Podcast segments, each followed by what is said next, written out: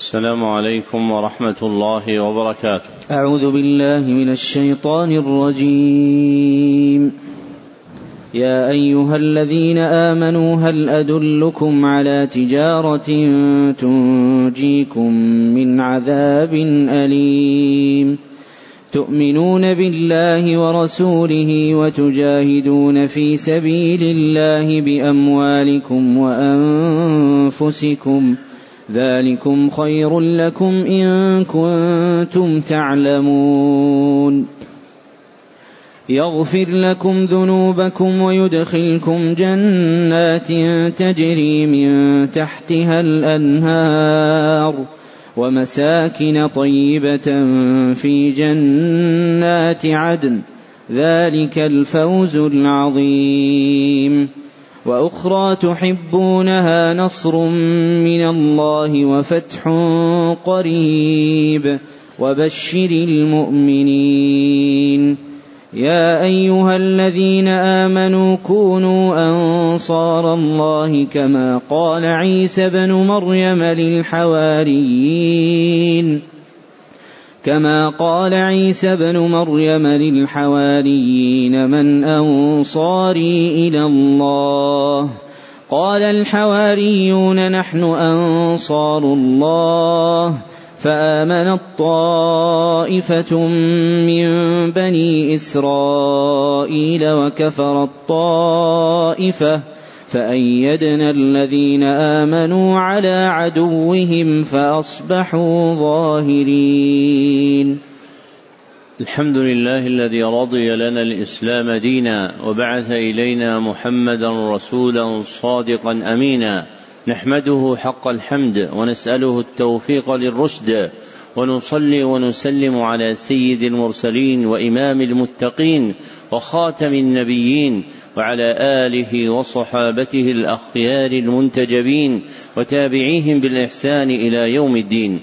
أما بعد فحدثنا الحسن بن عبد الهادي الحسني وهو أول حديث سمعته منه. قال حدثنا عبد الستار بن عبد الوهاب الدهلوي وهو أول حديث سمعته منه.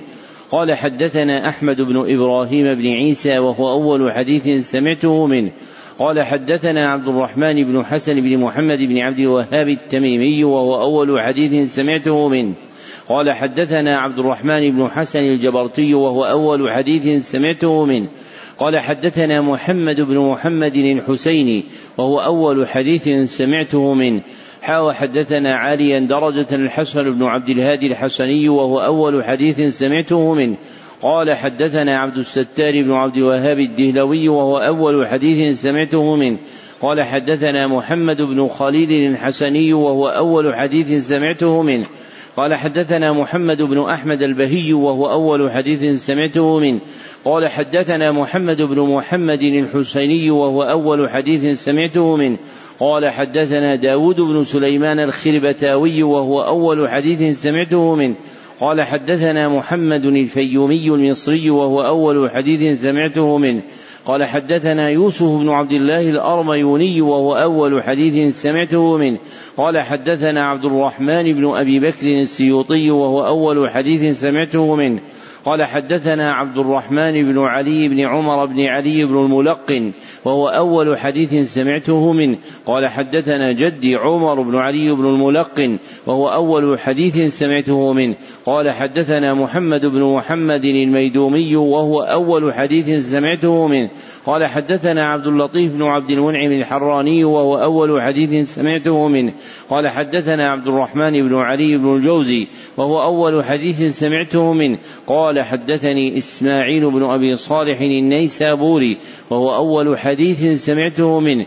قال حدثنا أبي أحمد بن عبد الملك النيسابوري وهو أول حديث سمعته منه. قال حدثنا محمد بن محمد الزيادي وهو أول حديث سمعته منه. قال حدثنا أحمد بن محمد البزاز وهو أول حديث سمعته منه.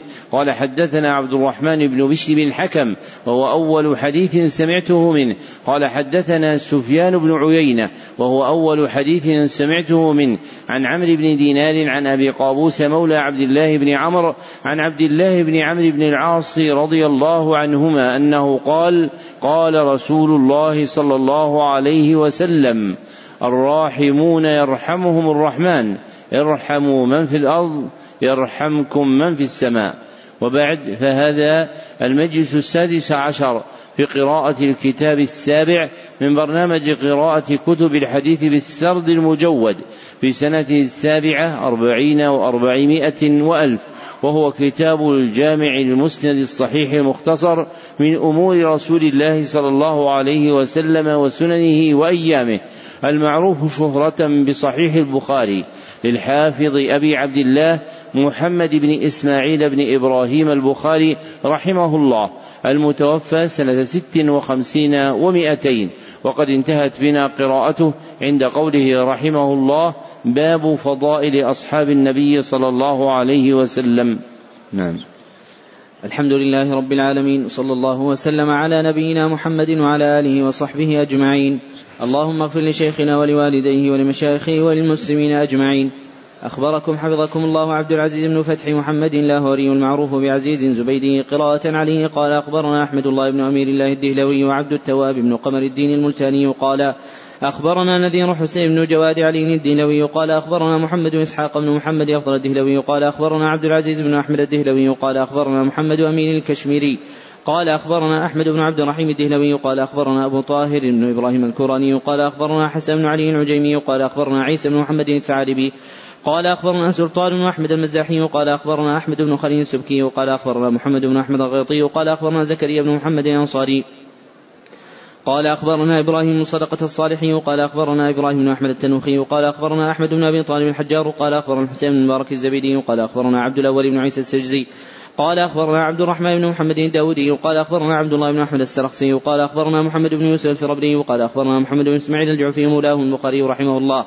أنه قال في صحيحه بسم الله الرحمن الرحيم باب فضائل أصحاب النبي صلى الله عليه وسلم ومن صحب النبي صلى الله عليه وسلم أو رآه من المسلمين فهو من أصحابه. قوله رحمه الله باب فضائل أصحاب النبي صلى الله عليه وسلم. تقدم أن من أمهات التراجم عند البخاري قوله رحمه الله باب فضل كذا وكذا وأنه ذكرها في ستة وسبعين موضعا.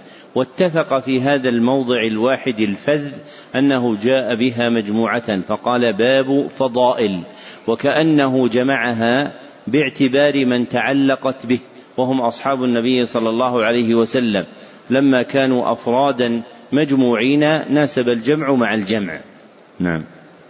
أحسن الله إليكم. قال حدثنا علي بن عبد الله قال حدثنا سفيان عن عمرو قال سمعت جابر بن عبد الله رضي الله عنه ما يقول حدثنا أبو سعيد الخدري رضي الله عنه أنه قال قال رسول الله صلى الله عليه وسلم يأتي على الناس زمان فيغزو فئام من الناس فيقولون فيكم من صاحب رسول الله صلى الله عليه وسلم فيقولون نعم.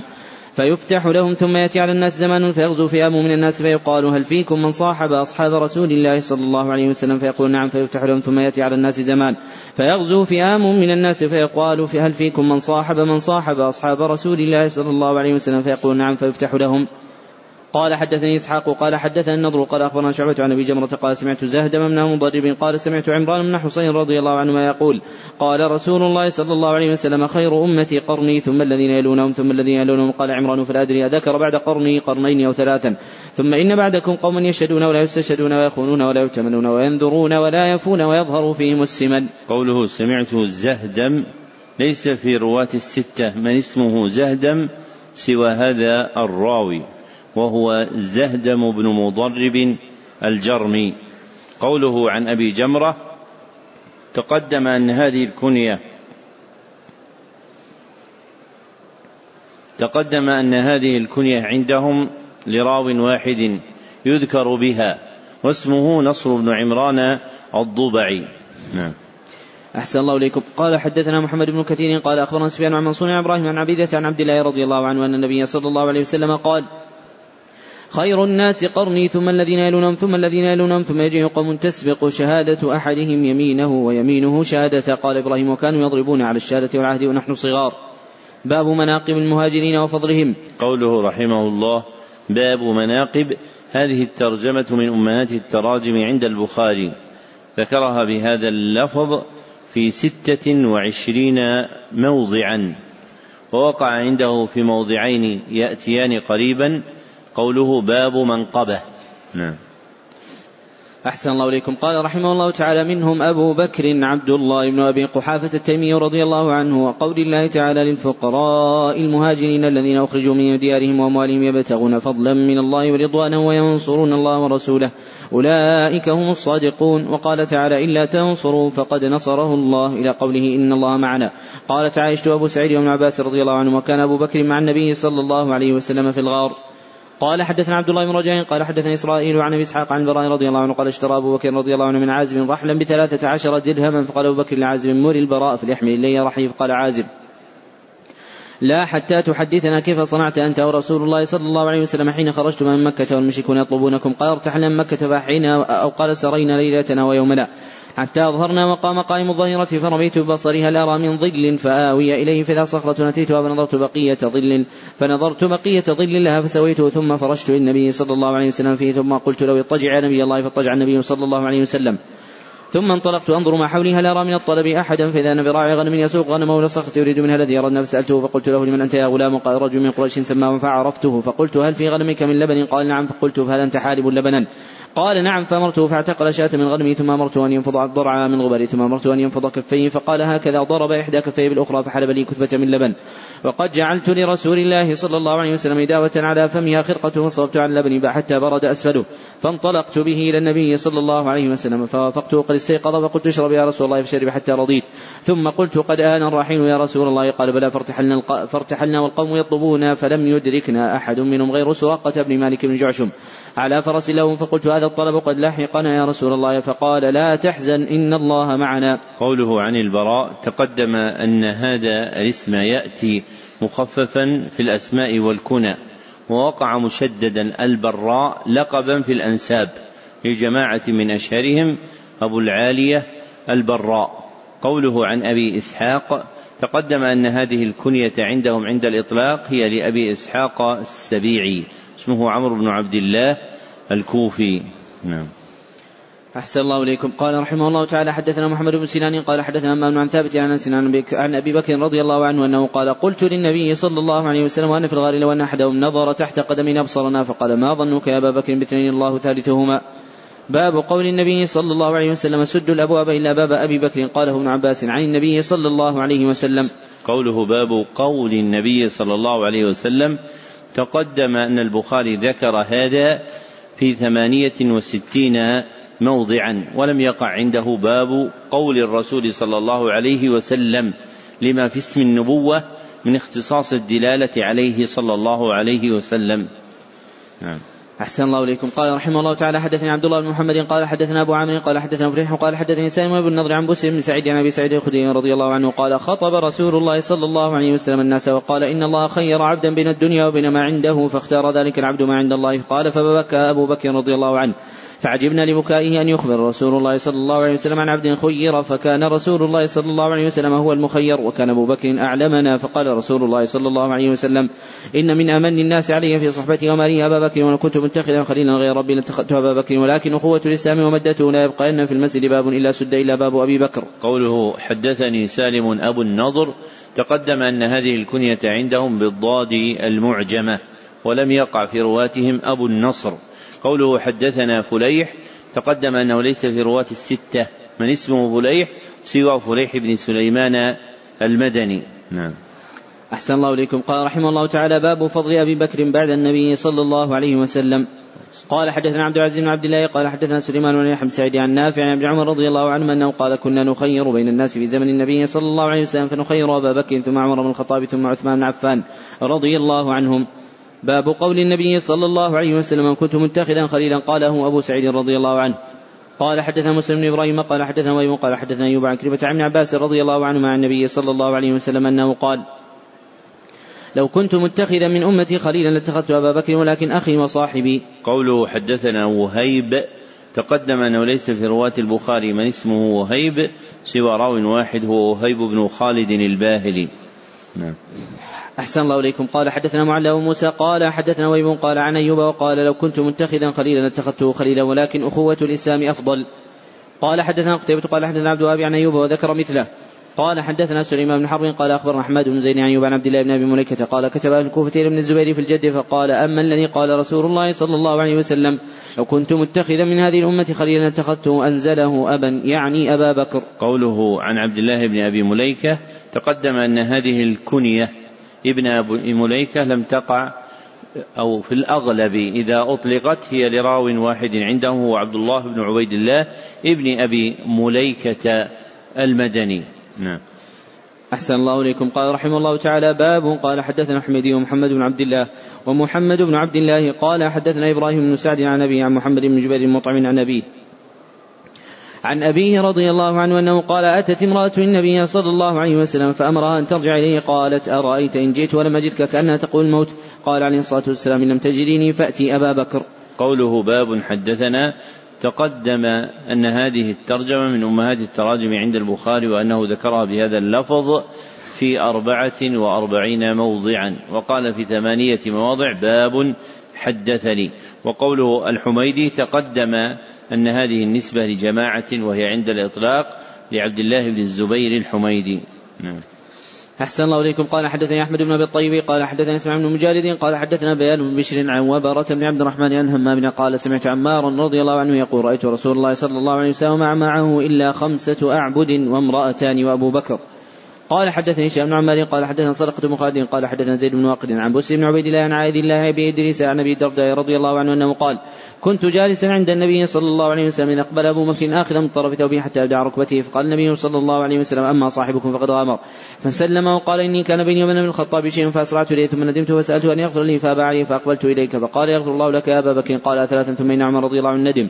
فأتى منزل أبي بكر فسأل ثم أبو بكر فقالوا لا فأتى إلى النبي صلى الله عليه وسلم فجعل وجه النبي صلى الله عليه وسلم يتمعر حتى أشفق أبو بكر فجثى عن ركبتيه فقال يا رسول الله والله أنا كنت أظلم. قالها مرتين فقال النبي صلى الله عليه وسلم إن الله بعثني إليكم فقلتم كذبت وقال أبو بكر صدق وواساني بنفسي ومالي فلأنتم تاركوني صاحبي. قال مرتين فما أوذي بعدها.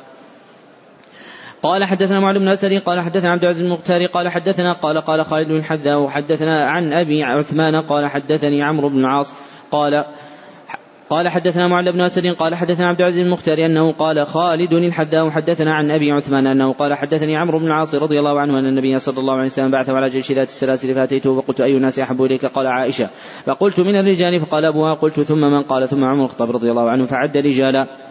قال حدثنا ابو اليماني قال أخبرنا شعيب عن قال أخبرني أبو سلمة بن عبد الرحمن أن أبا هريرة رضي الله عنه قال سمعت رسول الله صلى الله عليه وسلم يقول بينما راع في غنمه عدا عليه الذئب فأخذ منها شاة وطلبه الراعي فالتفت اليه الذئب فقال من لها يوم السبع يوم ليس لها راع غيري. وبين رجل يسوق بقرة قد حمل عليها فالتفتت إليه فكلمت فكلمته فقالت إني لم أخلق لهذا ولكني خلقت للحرث. قال الناس سبحان الله قال النبي صلى الله عليه وسلم فإني أؤمن بذلك وأبو بكر وعمر بن الخطاب رضي الله عنهما. قوله عن الزهري تقدم أن هذه نسبة جماعة من رواتهم وهي عند الإطلاق لمحمد بن مسلم الزهري. قوله حدثنا أبو اليمان تقدم أن هذه الكنية عندهم عند الإطلاق هي لأبي اليمان الحمصي واسمه الحكم بن نافع. نعم. أحسن الله إليكم. قال حدثنا عبدان قال أخبرنا عبد الله يعني وسعيد الزهري قال أخبرني ابن المسيب أنه سمع أبا هريرة رضي الله عنه قال سمعت النبي صلى الله عليه وسلم يقول بين أنا نائم رأيتني على قليب عن يدن فنزعت منها ما شاء الله ثم أخذ ابن أبي قحافة فنزع بي ذنوبا أو ذنوبين وفي نزعه ضعف والله يغفر له ضعفه ثم سعت غربا فأخذ ابن الخطاب فلم أرى فلم أرى عبقريا من الناس ينزع نزع عمر رضي الله عنه حتى ضرب الناس بعطن. قوله حدثنا عبدان تقدم أن هذا لقب لراو واحد عندهم يذكر به واسمه عبد الله بن عثمان بن جبلة العتكي المروزي.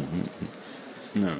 أحسن الله إليكم. قال حدثنا محمد بن قاتل قال أخبرنا عبد الله قال أخبرنا موسى بن عقبة عن سالم عبد الله عبد الله بن عمر رضي الله عنه أنه قال قال رسول الله صلى الله عليه وسلم من جر ثوبه خيلا لم ينظر الله عز وجل إليه يوم القيامة. قال أبو بكر رضي الله عنه إن أحد شقي ثوبي يسترخي إلا أن نتعهد ذلك منه. فقال رسول الله صلى الله عليه وسلم إنك لست تصنع ذلك خيلا قال موسى فقلت لسالم أذكر عبد الله من جر إزاره. قال لم أسمعه ذكر إلا ثوبه. قال حدثنا ابو اليماني قال حدثنا شعيب عن الزهري قال أخبرني محمد بن عبد الرحمن بن عوف أن أبا هريرة رضي الله عنه قال سمعت رسول الله صلى الله عليه وسلم يقول من أنفق زوجين من شيء من الأشياء في سبيل الله دعي من أبواب من أبواب يعني الجنة يا عبد الله هذا خير. فمن كان من أهل الصلاة دعي من باب الصلاة ومن كان من الجهاد دعي من باب الجهاد ومن كان من أهل الصدقة دعي من باب الصدقة ومن كان من أهل الصيام دعي من باب الصيام وباب الريان. فقال أبو بكر رضي الله عنه ما على هذا ما على هذا الذي يدعى من تلك الأبواب من ضرورة؟ وقال هل يدعى منها كلها أحد يا رسول الله؟ قال نعم وأرجو أن تكون منهم يا أبا بكر. قال حدثنا إسماعيل بن عبد الله قال حدثنا سليمان بن بلال عن هشام بن عروة عن عروة بن الزبير عن عائشة رضي الله عنها زوج النبي صلى الله عليه وسلم أن رسول الله صلى الله عليه وسلم أتى أبو بكر بالسنح. قال إسماعيل يعني بالعالية فقام عمر رضي الله عنه يقول والله ما مات رسول الله صلى الله عليه وسلم قالت وقال عمر والله ما كان يقع في نفسه إلا ذاك ولا يبعثنه الله عز وجل فلا يقطعن أيدي رجال وأرجلهم. فجاء أبو بكر رضي الله عنه فكشف عن رسول الله صلى الله عليه وسلم فقبله قال بأبي أنت وأمي طبت حيا وميتا والذي نفسي بيده لا يذيقك الله عز وجل الموتتين أبدا. ثم خرج فقال أيها الحارث على رسلك. فلما تكلم أبو بكر رضي الله عنه جلس عمر. فحمد الله أبو بكر وأثنى عليه وقال لمن كان يعبد محمدا صلى الله عليه وسلم فإن محمدا قد مات ومن كان يعبد الله فإن الله حي لا يموت. وقال إنك ميت وإنهم ميتون. وقال تعالى وما محمد إلا رسول قد خلت من قبله الرسل. أفإن مات أو قتل انقلبتم على أعقابكم ومن ينقلب على عقبيه فلن يضر الله شيئا وسيجزي الله الشاكرين. قال فنشج الناس يبكون. قال واجتمعت أنصار لسعد بن عبادة في سقيفة بني ساعدة وقالوا منا أمير ومنكم أمير فذهب إليهم أبو بكر وعمر الخطاب وأبو عبيدة بن الجراح فذهب عمر يتكلم فاسكته أبو بكر وكان عمر رضي الله عنه يقول والله ما أردت بذلك إلا أني قد هيأت كلاما قد أعجبني خشيت أن لا يبلغه أبو بكر. ثم تكلم أبو بكر رضي الله عنه تكلم أبلغ الناس فقال في كلام نحن الأمراء وأنتم الوزراء. فقال حباب بن منذر يا والله لا نفعل منا أمير ومنكم أمير. فقال أبو بكر لا ولكن الأمراء وأنتم الوزراء وهم أوسط العرب دارا وأعربهم أحسابا. فبايعوا عمر وابا عبيدة فقال عمر بل نبايعك أنت فأنت سيدنا وخيرنا وأحبنا إلى رسول الله صلى الله عليه وسلم. فأخذ عمر رضي الله عنه بيده فبايعه وبايعه الناس فقال قائل قتلتم سعد بن عبادة. فقال عمر رضي الله عنه قتله الله. وقال عبد الله بن سالم عن زبيدي قال عبد الرحمن القاسمي قال اخبرنا القاسم أن عائشة رضي الله عنها قالت شخص بصر النبي صلى الله عليه وسلم ثم قال في الرفيق الأعلى قال ثلاثة وقصر الحديث قالت فما كانت من خطبته ما من خطبة إلا نفع الله عز وجل بها لقد خوف عمر رضي الله عنه الناس وإن فيهم لنفاقا فردهم الله عز وجل بذلك ثم لقد بصر أبو بكر الناس الهدى وعرفهم الحق الذي عليهم وخرجوا به يتلون وما محمد إلا رسول قد خلت من قبله الرسل إلى قوله الشاكرين. قوله عن الزبيدي تقدم أن هذه النسبة عندهم عند الإطلاق هي لمحمد بن الوليد الزبيدي. نعم. أحسن الله إليكم. قال حدثنا محمد بن كثير قال أخبرنا سفيان قال حدثنا جامع أبي راشد قال حدثنا أبو يعلى محمد بن الحنفية أنه قال قلت لأبي أي الناس خير بعد رسول الله صلى الله عليه وسلم؟ قال أبو بكر قلت ثم من؟ قال ثم عمر وخشيت أن يقول عثمان قلت ثم أنت؟ قال ما أنا إلا رجل من المسلمين. قال حدثنا قتيبة بن سعيد عن مالك عبد الرحمن بن القاسم أن عن أبي عن عائشة رضي الله عنها أنها قالت خرجنا مع رسول الله صلى الله عليه وسلم بعض الأسفار حتى إذا كنا بالبداية وذات الجيش. انقطع عقد لي فقام رسول الله صلى الله عليه وسلم عن التماسه وقام الناس معه وليسوا على ماء وليس معهم ماء. فأتى الناس أبا بكر رضي الله عنه فقالوا لا ترى ما صنعت عائشة رضي الله عنها. قامت برسول الله صلى الله عليه وسلم بالناس معه وليسوا على ماء. وليس معهم ماء فجاء أبو بكر رضي الله عنه ورسول الله صلى الله عليه وسلم وضع رأسه على فخذي وقد نام فقال حبست رسول الله صلى الله عليه وسلم والناس على والناس وليسوا على ماء وليس معهم ماء. قالت فعتبني وقال ما شاء الله أن يقول وجعل يطعن بيده في خاصرتي فلا يمنعني من التحرك إلا مكان رسول الله صلى الله عليه وسلم فخذي فنام رسول الله صلى الله عليه وسلم حتى أصبح على غير ما فأنزل الله عز وجل آية التيمم فتيمموا فقال أسيد بن حضير ما هي بأول بركتكم يا آل أبي بكر وقالت عائشة رضي الله عنها بعث البعير الذي كنت عليه فوجدنا العقد تحته. قوله حدثنا قتيبة. تقدم أنه ليس في رواة الستة من اسمه قتيبة سوى قتيبة بن سعيد الثقفي. نعم. أحسن الله إليكم. قال حدثنا بن أبي قال حدثنا شعبة عن الأعمش قال سمعت ذكوان يحدث عن أبي سعيد الخدري رضي الله عنه قال قال النبي صلى الله عليه وسلم لا تسبوا أصحابي فلو أن أحدكم أنفق مثل أحد ذهبا ما بلغ مد أحدهم ولا نصيفا تابع جري وعبد الله بن داود وأبو معاوية محاضرون عن الأعمش. قال حدثنا محمد بن مسكين أبو الحسن قال حدثنا يحيى بن حسان. قال حدثنا سليمان عن شريك بن أبي بن عن سعيد المسيب قال أخبرني أبو موسى الاشعري رضي الله عنه توضأ في بيته ثم خرج فقلت لألزمن رسول الله صلى الله عليه وسلم ولأكونن معه يومي هذا. قال فجاء المسجد فسأل عن النبي صلى الله عليه وسلم فقالوا خرج ووجهها هنا فخرجت على إثره أسأل عنه حتى دخل بئر أريس. فجلست عند الباب وبابها من جلين حتى قضى رسول الله صلى الله عليه وسلم حاجته وتوضأ. فقمت لي فإذا وجلست على بئر أريس وتوسط قفها وكشف عن ساقيه ودلاهما في البئر. فسلمت عليه ثم انصرفت وجلست عند الباب فقلت لأكونن بواب رسول الله صلى الله عليه وسلم اليوم. فجاء أبو بكر مدفع الباب. فقلت من هذا؟ فقال أبو بكر. فقلت على رسلك ثم ذهبت فقلت يا رسول الله أبو بكر يستأذنه فقال أذن له وبشره بالجنة. فأقبلت حتى قلت يا أبي بكر أدخل ورسول الله صلى الله عليه وسلم يبشرك بالجنة. فدخل أبو بكر فجلس عن يمين رسول الله صلى الله عليه وسلم معه في القف ودل رجليه في البئر كما صنع النبي صلى الله عليه وسلم. وكشف عن ساقيه ثم رجعت فجلست. وقد تركت أخي يتوضا ويلحق ويلحقني فقلت إن يريد الله بفلان خيرا يريد أخاه يأتي به فالانسان يحرك الباب. فقلت من هذا؟ قال فقال عمر الخطاب رضي الله عنه.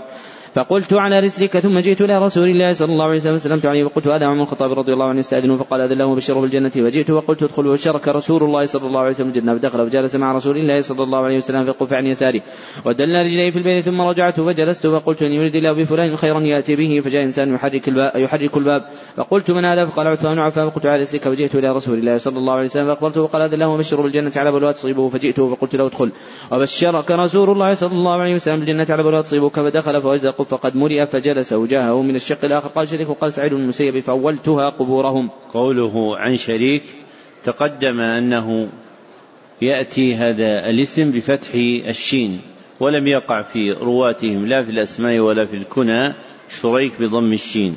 نعم. أحسن الله إليكم. قال حدثني محمد بن بشار قال حدثني يحيى عن سعيد عن قتادة عن أن أنس بن مالك رضي الله عنه حدثهم أن النبي صلى الله عليه وسلم صعد أحد وأبو بكر وعمر وعثمان رضي الله عنه فرجع بهم وقال أثبت أحد فإنما عليك نبي وصديق وشهيدان. قال حدثني أحمد بن سعيد أبو عبد الله قال حدثنا جنين قال حدثنا صخر عن نافع عن عبد الله بن عمر رضي الله عنهما قال قال رسول الله صلى الله عليه وسلم بينما أنا على بئر أنزع منها جاني أبو بكر رضي الله عنه وعمر رضي الله عنه فأخذ أبو بكر الدلو فنزع ذنوبا وذنوبين في نزع ضعف والله يغفر له ثم أخذ ابن الخطاب من يد أبي بكر واستحالت في يده غربا فالأمر عبقريا من الناس يفري فريه فنزع حتى ضرب الناس بعطن قال وهب العطن مبرك الإبل يقول حتى رويت الإبل فأناخت. قال حدثني وليد بن صالح قال حدثنا عيسى بن يونس قال حدثنا عمر بن سعيد بن أبي الحسين المكي وعن ابن أبي مليكة عن عباس رضي الله عنه قال إني لواقف في قوم فدعوا الله لعمر بن الخطاب فدعوا الله فدعوا الله لعمر بن الخطاب رضي الله عنه قد وضع على سريره إذا رجل من خلفي قد وضع مرفقه على منكبه فيقول رحمك الله إن كنت لا أرجو أن يجعلك الله مع صاحبك لأني كثيرا مما كنت أسمع رسول الله صلى الله عليه وسلم يقول كنت أبو بكر وعمر وفعلت وابو بكر وعمر انطلقت أبو بكر وعمر فإن كنت لأرجو أن يجعلك الله عز وجل معهما فالتفت إذا هو علي بن أبي طالب رضي الله عنه. قال حدثني محمد بن يزيد الكوفي وقال حدثني وليد عن وزعي عن يحيى بن أبي كثير عن محمد بن إبراهيم عن عروة بن الزبير قال سألت عبد الله بن عمرو رضي الله عنه عن أشد ما صنع المشركون برسول الله صلى الله عليه وسلم قرات عقبة بن أبي معيط جاء إلى النبي صلى الله عليه وسلم ويصلي فوضع رداءه في عنقه فخنقه به خنقا شديدا فجاء أبو بكر حتى دفع عنه فقال تقتل رجل أن يقول ربي الله قد جاءكم بالبينات من ربكم. قوله عن الأوزاعي تقدم أن هذه نسبة جماعة من رواتهم. وعند الإطلاق فالمراد بها أبو عمرو عبد الرحمن بن عمرو الأوزاعي. نعم. أحسن الله إليكم. قال رحمه الله تعالى باب مناقب عمر بن الخطاب أبي حفص القرشي العدوي رضي الله عنه. قال حدثنا حجاج بن هاني قال حدثنا عبد العزيز الماجشوني قال الماجشون قال حدثنا محمد بن كثير عن جابر بن عبد الله رضي الله عنه أنه قال قال النبي صلى الله عليه وسلم رأيتني دخلت الجنة فإذا أنا برميصه امراه أبي طلحة وسمعت خشبته فقلت من هذا؟ فقال هذا بلال. فقال هذا بلال. رأيت قصا بفنائه جارية فقلت لما هذا؟ فقال لعمر فأردت أن أدخل فأنظر إليه فذكرت غيرتك. فقال عمر بأبي وأب بأمي وأبي يا رسول الله أعليك أغار؟ قوله حدثنا عبد العزيز الماجشون تقدم أن الماجشون بيت من أهل المدينة. أقدمهم عبد الله بن أبي سلمة الماجشون ثم ابنه عبد العزيز وابن عم عبد العزيز يعقوب ابن يوسف الماجشون. نعم. أحسن الله إليكم. قال حدثنا سعيد بن مريم قال أخبرنا ليث قال حدثني عقل عن شاب قال أخبرني سعيد بن سيبان أبو هريرة رضي الله عنه قال بينا نحن عند رسول الله صلى الله عليه وسلم قال بين أنا نائم رأيتني بالجنة فإذا امرأة تتوضأ إلى جانب قصر قلت لمن هذا القصر؟ قال لعمر فذكرت غيرته فليت مدبرا فبكى وقال عليك غار يا رسول الله. قال حدثني محمد بن الصلت أبو جعفر الكوفي وقال حدثني مبارك عن يونس عن الزهري قال أخبرني حمزة عن أبي أن رسول الله صلى الله عليه وسلم قال بين ان نائم شربت يعني اللبن حتى أنظر إلى الذي يجري في ظفري أو قال في أظفاري ثم ناولت عمر رضي الله عنه فقالوا فما أولته؟ قال العلم. قال حدثنا محمد عبد الله بن نمير قال حدثنا محمد بن بشير قال حدثنا عبيد الله قال حدثني أبو بكر بن سالم عن سالم عبد الله بن عمر رضي الله عنه رضي الله عنهما أن النبي صلى الله عليه وسلم قال في المنام اني انزع بدلو بكرة على قريب فجاء أبو بكر فنزع ذنوبا وذنوبين نزعا ضعيفا والله يغفر له ثم جاء عمر الخطاب رضي الله عنه فساعد غربا فلم عبقريا يفري فريه حتى روي الناس وضربوا بعطن قال ابن جبير عبقري عتاق الزرابي. وقال يحيى الزرابي الطنافس لها خمل رقيق مبثوثة كثيرة. قال حدثنا علي بن عبد الله قال حدثني يعقوب بن إبراهيم قال حدثني أبي عن صالح بن شهاب قال أخبرني عبد الحميد أن محمد بن سعد اخبر أن أباه قال قال حدثني عبد العزيز بن عبد الله قال حدثني إبراهيم بن سعد عن صالح بن شهاب عبد الحميد بن عبد الرحمن بن زيد عن محمد بن سعد بن أبي وقاص عن أبي رضي الله عنه أنه قال استأذن عمر الخطاب رضي الله عنه على رسول الله صلى الله عليه وسلم. وعنده نسوة من قريش يكلمن ويستكثرن وعالية أصواته عالية أصواتهن على صوته. فلما استأذن عمر الخطاب رضي الله عنه قمنا فبادرنا الحجاب فأذن له رسول الله صلى الله عليه وسلم. دخل عمر رضي الله عنه ورسول الله صلى الله عليه وسلم يضحك وقال عمر أضحك الله سنك يا رسول الله. فقال النبي صلى الله عليه وسلم عجبت من هؤلاء اللاتي كن عندي. فلما سمعنا صوتك ابتغاء الحجاب فقال عمر رضي الله عنه فأنت فأنت أحق أن يهبنا يا رسول الله. ثم قال عمر يا عدوات أنفسهن أتهبنني ولا تهبنا رسول الله صلى الله عليه وسلم؟ فقلنا نعم أنت أفض وأغلظ من رسول الله صلى الله عليه وسلم. فقال رسول الله صلى الله عليه وسلم إيها يا ابن الخطاب؟ والذي نفسي بيدي ما لقيك الشيطان سالكا فجا قط إلا سلك فجا غير فجك. قال حدثنا محمد بن قال حدثني يحيى إسماعيل قال حدثنا قيس قال قال عبد الله رضي الله عنه ما زلنا عزة منذ أسلم عمر رضي الله عنه. قال حدثنا عبدان قال أخبرنا عبد الله قال حدثنا عمر بن سعيد عن ابن مليكة أنه سمع ابن عباس رضي الله عنه يقول وضع عمر على سريره فتكنفه الناس. يدعون ويصلون قبل أن يرفعون فيهم فلم ير فلم يرعني إلا رجل آخذ منكبي فإذا علي رضي الله عنه ترحم على عمر وقال ما خلفت احدا ما خلفت أحدا. أحب إلي أن ألقى الله عز وجل بمثل عملي منك. وإيم الله إن كنت لا أظن أن يجعلك الله عز وجل مع صاحبك وحسبت أني كنت كثيرا أسمع النبي صلى الله عليه وسلم يقول ذهبت أنا وأبو بكر وعمر ودخلت أنا وأبو بكر وعمر وخرجت أنا وأبو بكر وعمر. قال حدثنا مسدد قال حدثنا زيد بن زرعين قال حدثنا سعيد وقال لي خليفة حدثنا محمد بن سواء وكهمس بن منهال قال حدثنا سعيد عن قتادة عن مالك رضي الله عنه قال صعد النبي صلى الله عليه وسلم إلى أحدهم معه أبو بكر وعمر وعثمان رضي الله عنه فرجع بهم فضربه برجله قال اثبت أحد فما عليك إلا نبي أو صديق أو شهيدان. قوله حدثنا مسدد تقدم أنه ليس في رواتهم من اسمه مسدد سوى راو واحد هو مسدد بن سرهد الأسدي. نعم. أحسن الله إليكم قال حدثني أحمد سليمان قال حدثنا ابن وهب قال حدثني ابن وهب ابن وهب قال حدثني عمر وهو ابن محمد أن زيد بن أسلم حدثه عن أبيه أنه قال سألني ابن عمر رضي الله عنه بعض شأنه يعني عمر رضي الله عنه فأخبرته فقال ما رأيت أحدا قط بعد رسول الله صلى الله عليه وسلم حين قبض كان أجد وأجود حتى انتهى من عمر الخطاب رضي الله عنه. قوله حدثني ابن وهب تقدم أن هذه الكنية عندهم عند الإطلاق هي لابن وهب المصري واسمه عبد الله ابن وهب. أحسن الله إليكم. قال حدثنا سليمان بن حرب قال حدث أحمد بن زيد عن ثابت عن رضي الله عنه أن رجلا سأل النبي صلى الله عليه وسلم عن الساعة فقال متى الساعة؟ قال وماذا أعددت لها قال لا شيء إلا, إن إلا أني أحب الله ورسوله صلى الله عليه وسلم. قال أنت مع من أحببت؟ قال أنس فما فرحنا بشيء فرحنا بقول النبي صلى الله عليه وسلم أنت مع من أحببت؟ قال أنس فأنا أحب النبي صلى الله عليه وسلم وأبا بكر وعمر وأرجو أن أكون معهم بحبي إياهم وإلا مع من في أعمالهم. قال حدثني أحمد بن قزعة قال حدثني إبراهيم بن سعد عن ابي أبي سلمة عن أبي هريرة رضي الله عنه أنه قال قال رسول الله صلى الله عليه وسلم قد كان فيما قبلكم من الأمم محدثون. فإن يكن في أمتي أحد فإنه عمر زاد زكريا بن أبي زايده عن سعد عن أبي سلمة عن أبي هريرة رضي الله عنه قال قال النبي صلى الله عليه وسلم قد كان في من كان قبلكم من بني إسرائيل رجال يكلمون من غير أن يكونوا أنبياء. فإن يكن من أمتي منهم أحد فعمر قال حدثنا عبد الله بن يوسف قال حدثنا ليث قال حدثنا عقيل عن هشام عن سعيد بن مسيب وابي سلمة بن عبد الرحمن أنهما قال سمعنا أبا هريرة رضي الله عنه يقول قال رسول الله صلى الله عليه وسلم بينما راع في غنم عاد الذئب فأخذ منها شاة فطلب حتى استنقذها فالتفت إليه الذئب فقال لها فقال له من لها يوم السبع ليس لها راع غيري فقال الناس سبحان الله فقال النبي صلى الله عليه وسلم فإني أؤمن به وأبو بكر وعمر وما ثم أبو بكر وعمر رضي الله عنهما. قوله عن ابن شهاب تقدم أن هذه الكنية عندهم عند الإطلاق هي لابن شهاب الزهري واسمه محمد بن مسلم. قوله حدثنا عقيل تقدم أن هذا الاسم يأتي مصغرا في رواة الستة في رجلين أحدهما عقيل بن خالد بن عقيل الأيلي والآخر يحيى بن عقيل البصري. نعم. أحسن الله إليكم. قال حدثني أحمد بن قال حدثني وقال عن شام قال أخبرني أبو مات بن سهل بن حنيف عن أبي سعيد الخدري رضي الله عنه قال سمعت رسول الله صلى الله عليه وسلم يقول بين أنا نائم رأيت الناس عرضوا علي وعليهم قمص فمنها ما يبلغ الثدي ومنها ما يبلغ دون ذلك وعرض علي عمر رضي الله عنه عليه قميص اجتره قالوا فما أولته يا رسول الله؟ قال الدين. قال حدثنا صلت بن محمد قال حدثنا اسماعيل بن إبراهيم قال حدثنا أيوب عن ابن أبي ملكة عن المسور بن مخرمة رضي الله عنه أنه قال لما طعن عمر رضي الله عنه جعل يألم فقال له ابن عباس رضي الله عنه وكأنه يجزع يا امير المؤمنين وإن كان ذاك لقد صحبت رسول الله صلى الله عليه وسلم فأحسنت صحبته. ثم فارقته عنك راض ثم صحبت أبا بكر فأحسنت صحبته ثم فارقته عنك راض ثم صحبت صحابته ثم صحبت صحابتهم فأحسنت صحبتهم. ولئن فارقتهم لتفارقنهم وهم عنك راضون. قال أما ما ذكرت من صحبة رسول الله صلى الله عليه وسلم ورضاه فإنما ذاك من من الله تعالى.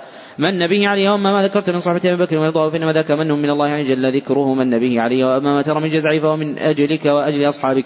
والله لو أن لي اطلاع الأرض ذهبا لافتديت به من عذاب الله عز وجل قبل أن أراه. قال حماد بن زيد حدثنا أيوب قال عن ابن عن عباس قال دخلت على عمر رضي الله عنه فحدث بهذا قوله عن المسور تقدم أنه ليس في رواة البخاري رجل اسمه المسور سوى راو واحد هو المسور ابن مخرمة القرشي رضي الله عنه. نعم. أحسن الله إليكم. قال حدثني يوسف بن موسى قال حدثنا أبو سامة قال حدثني عثمان بن غياث قال حدثنا أبو عثمان النادي عن أبي موسى رضي الله عنه قال كتب عن النبي صلى الله عليه وسلم في حيط من حيطان المدينة فجاء رجل فاستفتح فقال النبي صلى الله عليه وسلم افتح له بشر بالجنة فتحت له في أبو بكر فبشرته بما قال النبي صلى الله عليه وسلم حمد الله ثم جاء رجل فاستفتح. فقال النبي صلى الله عليه وسلم يفتح له وبشر بالجنة فتحت له في عمر رضي الله عنه فأخبرته بما قال النبي صلى الله عليه وسلم حمد الله ثم استفتح رجل فقال افتح. افتح له وبشر بالجنة على بلوى تصيبه في عثمان رضي الله عنه فأخبرته ما قال رسول الله صلى الله عليه وسلم فحمد الله ثم قال الله المستعان. قال حدثني أحمد سليمان قال حدثني وهب قال حدثني ابن قال أخبرني حيوة قال حدثني أبو عقيل زهرة بن معبد إنه سمع جده وعبد الله بن هشام. قال كنا مع النبي صلى الله عليه وسلم وهو آخذ بيد عمر الخطاب رضي الله عنه. قوله حدثني أبو عقيل زهرة ليس في رواة الستة من اسمه زهرة إلا هذا الراوي وهو زهرة بن معبد القرشي. نعم. أحسن الله إليكم. قال رحمه الله تعالى باب مناقب عثمان بن عفان أبي عمرو القرشي رضي الله عنه وقال النبي صلى الله عليه وسلم من يحفر بئر رومة فله الجنة فحفر عثمان رضي الله عنه. قال من جهز جيش العسرة فله الجنة فجهزه عثمان رضي الله عنه. قال حدثنا سليمان بن حرب قال حدث حماد عن أيوب عن أبي عثمان عن أبي موسى رضي الله عنه النبي صلى الله عليه وسلم دخل حائطا وأمرني بحفظ باب الحائط فجاء رجل يستأذن. فقال أذن له وبشروا بالجنة فإذا أبو بكر رضي الله عنه ثم جاء آخر يستاذن فقال أذن له وبشروا بالجنة فإذا عمر رضي الله عنه ثم جاء آخر يستاذن وسكت هنيهة ثم قال أذن له وبشروا بالجنة على بلوى ستصيبه فإذا عثمان بن عفان رضي الله عنه قال أحمد وحدثنا عاصم نحو علي بن الحكم إنه سمع أبا عثمان يحدث عن أبي موسى رضي الله عنه ذكر بنحوه وزاد فيه عاصم النبي أن النبي صلى الله عليه وسلم كان قاعدا في مكان فيه ماء قد انكشف عن ركبتيه أو ركبته فلما دخل عثمان رضي الله عنه غطاها قال حدثني أحمد بن شبيب بن سعيد قال حدثني أبي عن يونس قال قال من شهاب أخبرني عروة بن عبيد الله بن عبد بن عدي بن الخيار أخبره المسر بن أخرمة عبد الرحمن بن بن عبد يغوث قال ما يمنعك أن تكلم عثمان لاخيه الوليد؟ فقال أكثر الناس فيه فقصدت لعثمان حتى خرج صلاتي قلت إن لي إليك حاجة ونصيحة لك. قال يا, يا أيها المرء قال معمر الله قال أعوذ بالله منك. فانصرفت ورجعت إليه من جاء رسول عثمان فأتيته فقال ما نصيحتك؟ وقلت إن الله سبحانه بعث محمدا صلى الله عليه وسلم. الحق وانزعني كتاب وكنت ممن استجاب لله ولرسوله صلى الله عليه وسلم.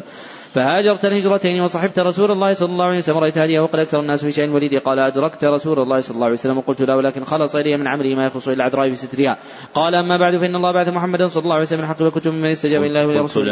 قلت لا ولكن أحسن الله إليكم. قلت لا قال قال قلت لا ولكن خلص إلي من علمه ما يخلص إلى العذراء في سترها. قال أما بعد فإن الله بعث محمدا صلى الله عليه وسلم بالحق فكنت من استجاب الله ولرسوله صلى الله عليه وسلم.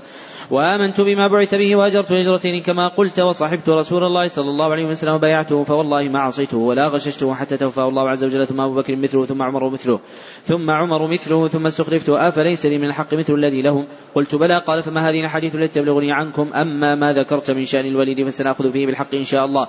ثم دعا علي رضي الله عنه فأمره أن يجلده فجلده ثمانين. قال حدثني محمد بن حاتم البزيع قال حدثنا شاذان قال حدثنا عبد العزيز بن أبي سلمة. قال حدثنا قال حدثنا شاذان قال حدثنا عبد العزيز بن أبي سلمة الماجشون وعن عبيد الله عن نافع بن عمر رضي الله عنه أنه قال كنا في زمن النبي صلى الله عليه وسلم لا نعدل بأبي بكر أحدا ثم عمر ثم عثمان ثم نترك أصحاب النبي صلى الله عليه وسلم. لا نفاضل بينهم. تابعه عبد الله عن عبد العزيز. قال حدثنا موسى بن إسماعيل قال حدثنا أبو عوانة قال حدثنا عثمان بن موهب قال جاء رجل من أهل مصر حج البيت فراى قوم جلوسا وقال من هؤلاء القوم؟ قالوا هؤلاء قريش. قال فمن الشيخ فيهم؟ قالوا عبد الله بن عمر. قال يا ابن عمر إني سائلك عن شيء فحدثني هل تعلم أن عثمان فر يوم أحد؟ قال نعم. قال تعلم أنه تغيب عن بدر ولم يشهد قال نعم. قال تعلم أنه تغيب عن بيعة الرضوان فلم يشهد قال نعم. قال الله أكبر. قال ابن عمر رضي الله تعالى وبين لك أما فرار يوم أحد فأشهد أن الله عز وجل عفى عنه وغفر له وأما تغيب عن بدر فإنه كان تحته بنت رسول الله صلى الله عليه وسلم وكانت مريضة فقال له رسول الله صلى الله عليه وسلم لك أجر رجل من شهد بدر وسهما وأما تغيب عن بيعة الرضوان فلو كان أحد أعز بطن مكة من عثمان لبعثه مكانه فبعث رسول الله صلى الله عليه وسلم عثمان وكانت بيعة الرضوان بعد ما ذهب عثمان إلى مكة. فقال رسول الله صلى الله عليه وسلم بيدي اليمنى هذه يد عثمان. فضرب به على يده فقال هذه لعثمان فقال له ابن عمر اذهب بها الآن معك. قوله حدثنا أبو عوانة تقدم أن هذه الكنية عندهم عند الإطلاق هي لأبي عوانة اليشكري واسمه الوضاح بن عبد الله. نعم. أحسن الله إليكم. قال حدثنا مسدد قال حدثنا يحيى عن سعيد عن قتادة أن أنس رضي الله عنه حدثهم قال صعد النبي صلى الله عليه وسلم أحد ومعه أبو بكر وعمر وعثمان رضي الله عنه فرجع وقال اسكن أحد. أظنه ضربه برجله قال فليس عليك إلا نبي وصديق وشهيدان. قصة البيعة والاتفاق على عثمان بن عفان رضي الله عنه. قال حدثنا موسى بن إسماعيل قال حدثنا أبو عونة عن حسين عن عمرو بن ميمون قال رأيت عمر الخطاب رضي الله عنه قبل أن يصاب بأيام بالمدينة. وقف على حذيفة بن يمان وعثمان بن حنيف قال كيف فعلتما اتخافان أن تكون قد حل اتخافان أن تكون قد حملتما الأرض ما لا تطيق. قال حملنا أمرا هي له مطيقة ما فيها كبير فضل. قال انظرا أن تكون حملتما الأرض ما لا تطيق. قال قال لا. فقال عمر رضي الله عنه لئن سلمني الله عز وجل دعا النار من أهل العراق. لا يحتجن إلى رجل بعدي أبدا. قال فما أتت عليه إلا رابعة حتى أصيب. قال إني لقائم ما بيني وبينه إلى عبد الله بن عباس غداة أصيب. وكان إذا مر بين الصفين قال استووا حتى إذا لم ير فيهن خللا تقدم فكبر ربما قرأ سورة يوسف أو النحل أو نحو ذلك في الركعة الأولى حتى يجتمع الناس وما إلى أن كبر فسمعته يقول قتلني وقال أكلني الكلب حين طعنه فطار العج بسكين ذات طرفين لا يمر على أحد يمين ولا شمال إلا طعنه حتى طعن ثلاثة عشر رجل ومات منهم سبعة. فلما رأى ذلك رجل من المسلمين يطرح عليه برنوسا فلما ظن العج أنه مأخوذ نحر نفسه وتلاون عمر رضي الله عنه. يد عبد الرحمن بن عوف فقدمه فمن يلي عمر.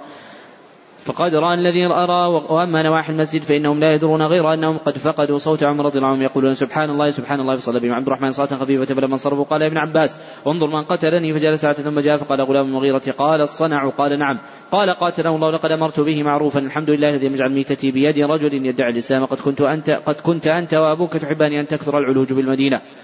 وكان أكثرهم رقيقا فقال إن شئت فعلت أي إن شئت قتلنا. قال كذبت بعدما تكلموا بلسانكم وصلوا قبلتكم وحجوا حجكم فاحتمل إلى بيته فانطلقنا معه. وكأن الناس تصيبهم مصيبة قبل قبل قبل يومئذ فقائل يقول لا بأس. وقائل يقول أخاف عليه فأتي بنبيذ فشربه فخرج من جوفه ثم أتي بلبن فشربه فخرج, فخرج من جرحه فعلموا أنه ميت ودخلنا عليه وجاء الناس يثنوا عليه وجاء رجل شاب فقال أبشر يا أمير المؤمنين بشر الله لك من صحبة رسول الله صلى الله عليه وسلم وقدم في الإسلام ما قد علمت.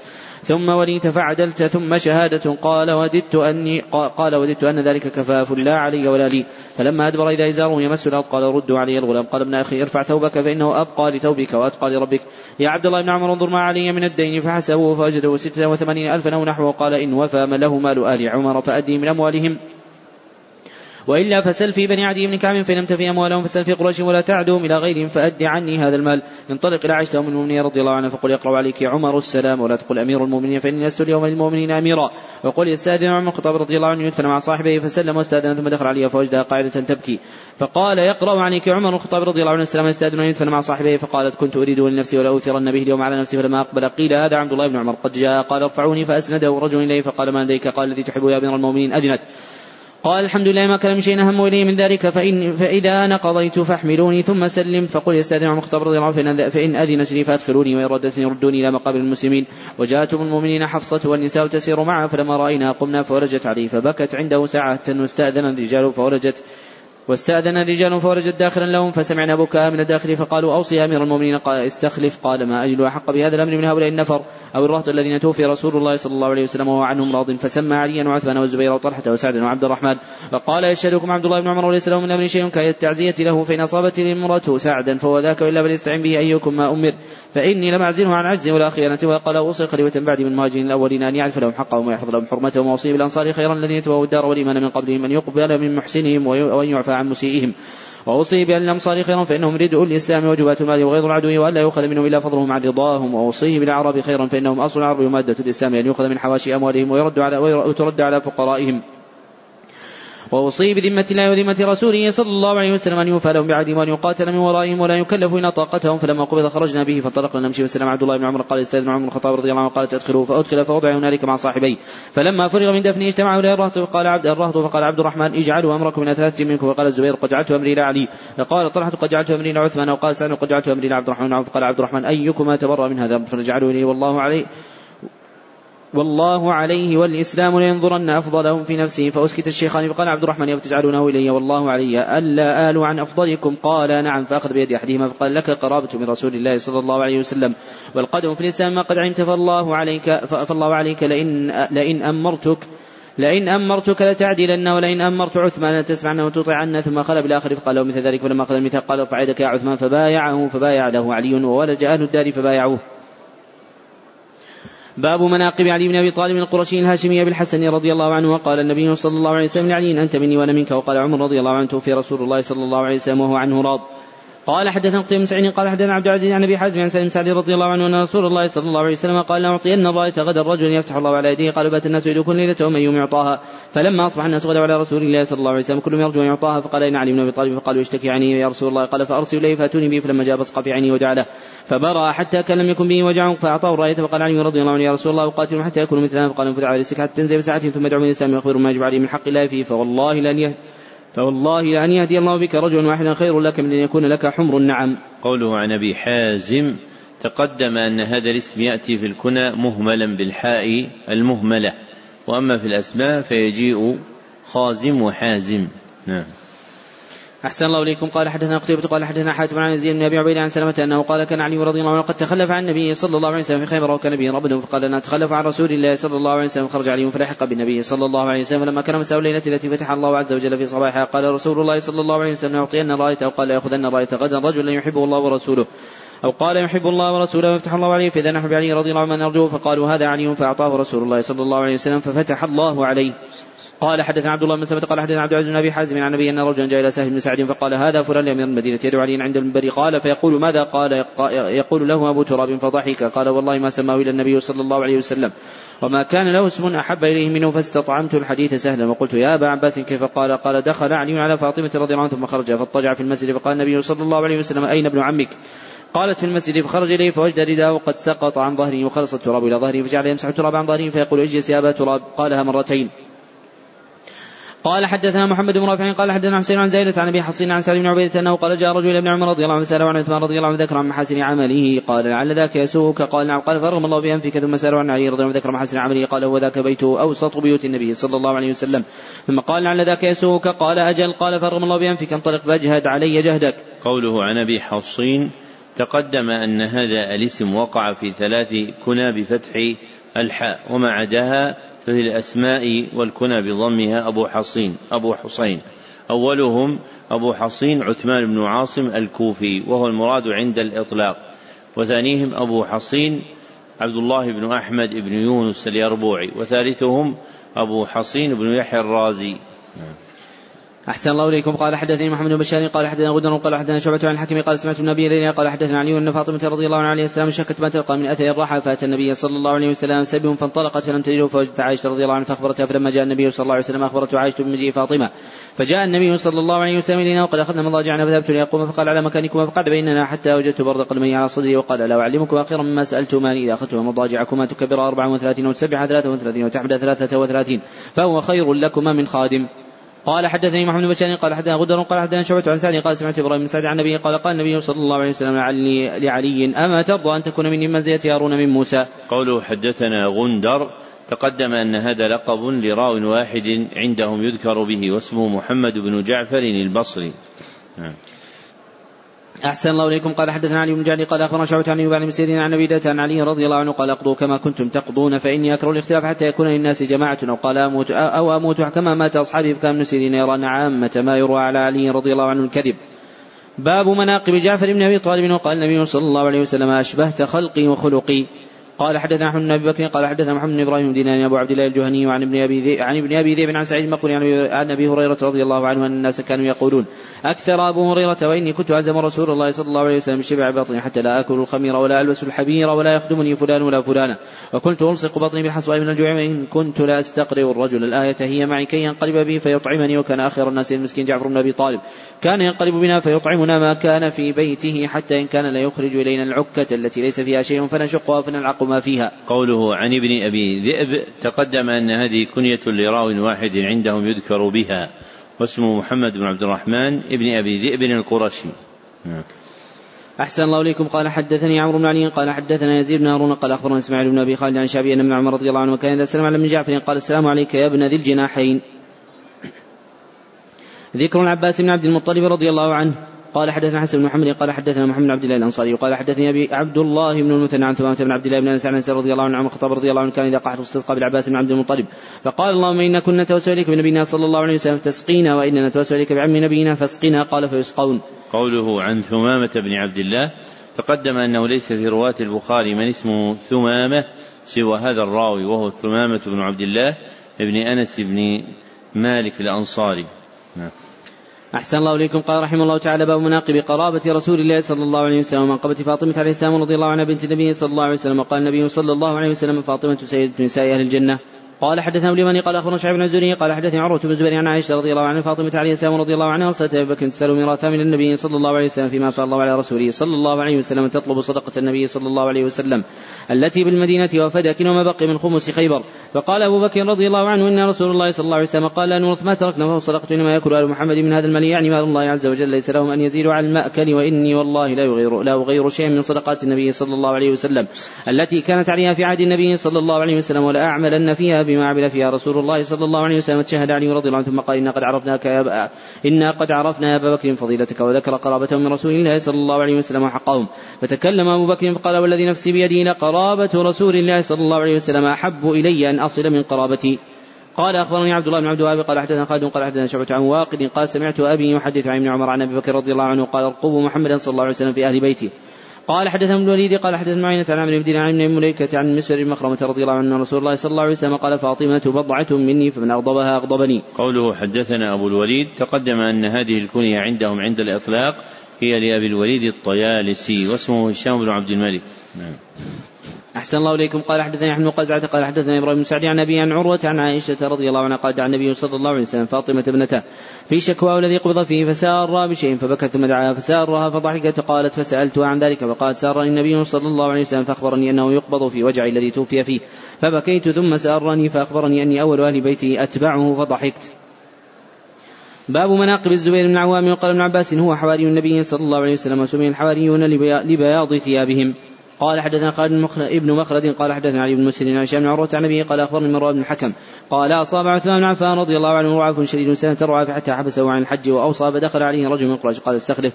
قال وقالوا قال نعم قال ومن ومن فسكت فدخل عليه رجل آخر وأحسبه الحارث. فقال استخلف قال عثمان وقالوا فقال نعم. قال ومن هو فسكت؟ قال فلعلهم قالوا الزبير. قال نعم قال اما أما والذي قال أما والذي نفسي بيده إنه لخيرهم. ما علمت إن إنه لخير ما علمت وإن كان لأحبهم إلى رسول الله صلى الله عليه وسلم. قال حدثني عبيد بن إسماعيل قال حدثنا مسامة عن هشام قال أخبرني أبي قال سمعت مروان قال كنت عند عثمان رضي الله عنه رجل فقال استخلف قال وقيل ذاك؟ قال نعم الزبير. قال أما والله إنكم تعلمون أنه خيركم. قال ثلاثة. قوله حدثنا أبو أسامة تقدم أن هذه الكنية عندهم عند الإطلاق هي لأبي أسامة الكوفي واسمه حماد بن أسامة. أحسن الله إليكم. قال حدث مالك بن إسماعيل قال حدثنا عبد العزيز بن أبي سلمة عن محمد بن كثير عن جابر رضي الله عنه قال قال النبي صلى الله عليه وسلم إن كل نبي حواريا وإن حواري الزبير بن عواب قال حدثنا أحمد بن محمد قال أخبرنا هشام بن عروه عن أبي عبد الله بن الزبير قال كنت يوم الأحزاب جعلت أنا وعمر بن أبي سلمة في النساء فنظرت فاذا فإذا أن فنظرت فإذا أنا بالزبير على فرسي يختلف إلى بني قريظة مرتين أو ثلاثا فلما رجعت قلت يا أبتي رأيتك تختلف. قال وهل رأيتني يا بني؟ قلت نعم. قال كان رسول الله صلى الله عليه وسلم. قال من يأتي بني قريظة فيأتيني بخبرهم. فانطلقت فلما رجعت جمع لي رسول الله صلى الله عليه وسلم أبوي. فقال فداك أبي وأمي.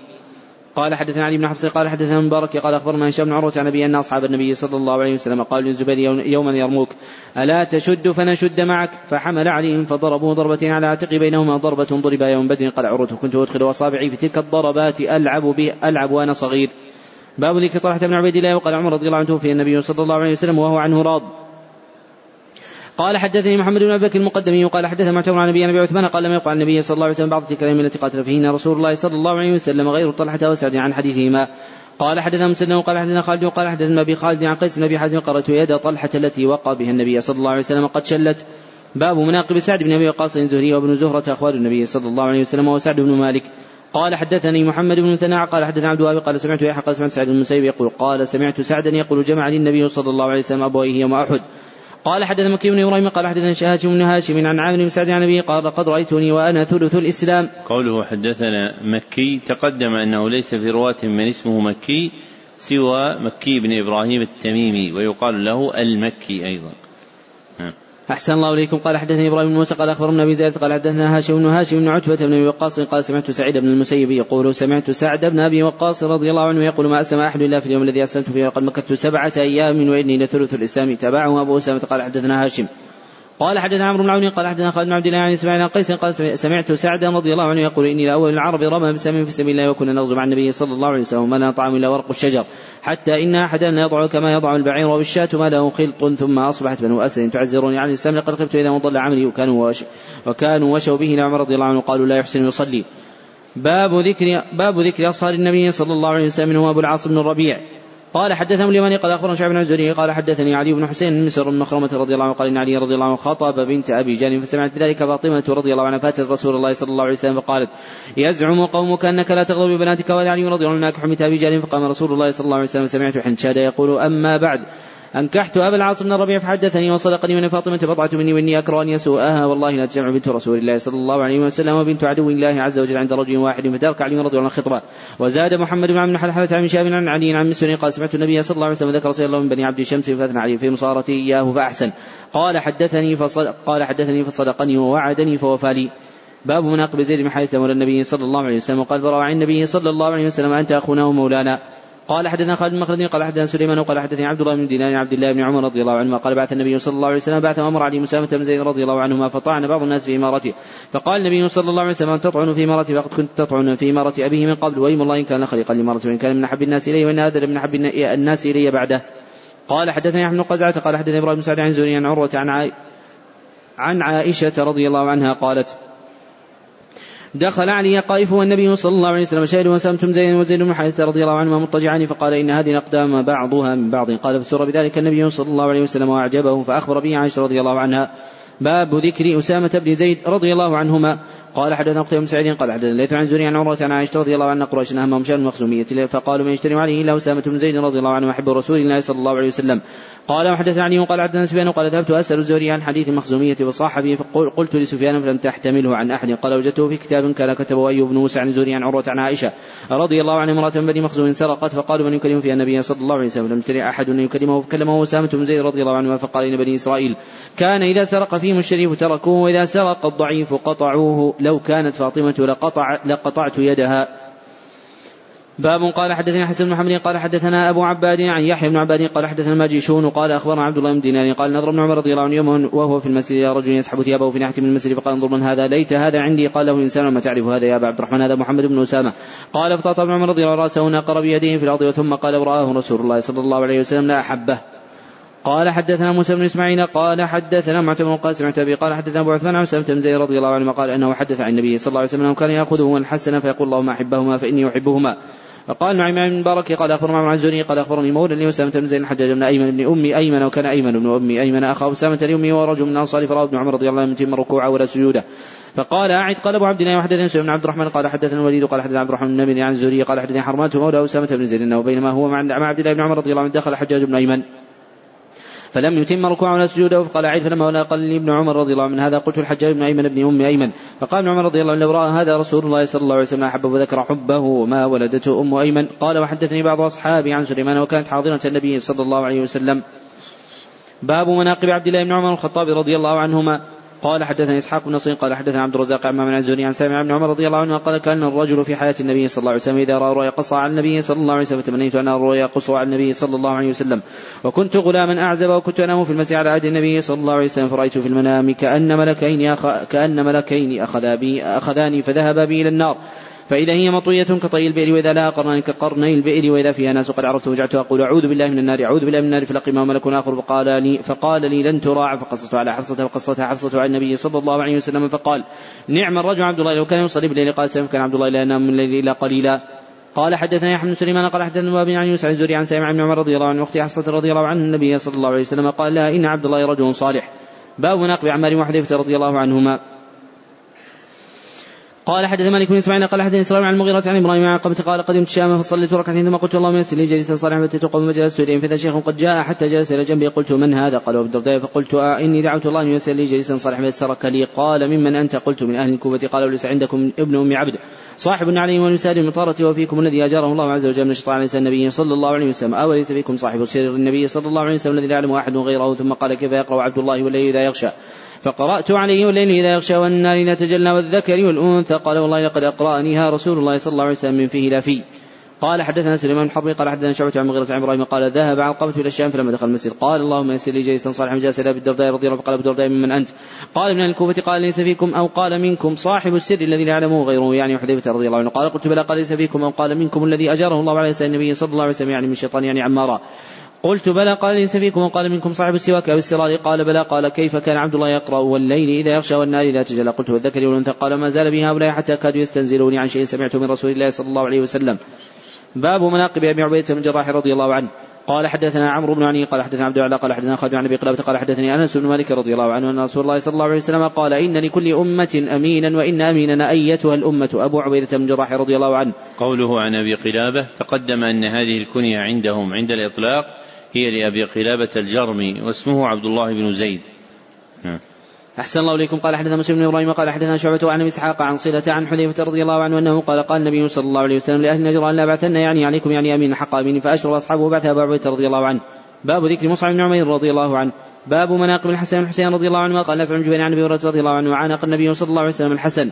قال حدثنا صدقة قال حدثنا ابن عيينة قال حدثنا أبو سامة عن الحسن أنه سمع أبا بكر رضي الله عنه قال سمعت النبي صلى الله عليه وسلم عن المنبر والحسن إلى جنبه ينظر إلى الناس مرة إليه وإليه مرة ويقول ابني هذا سيل عن الله عز وجل وصحبه بين فئتين من المسلمين.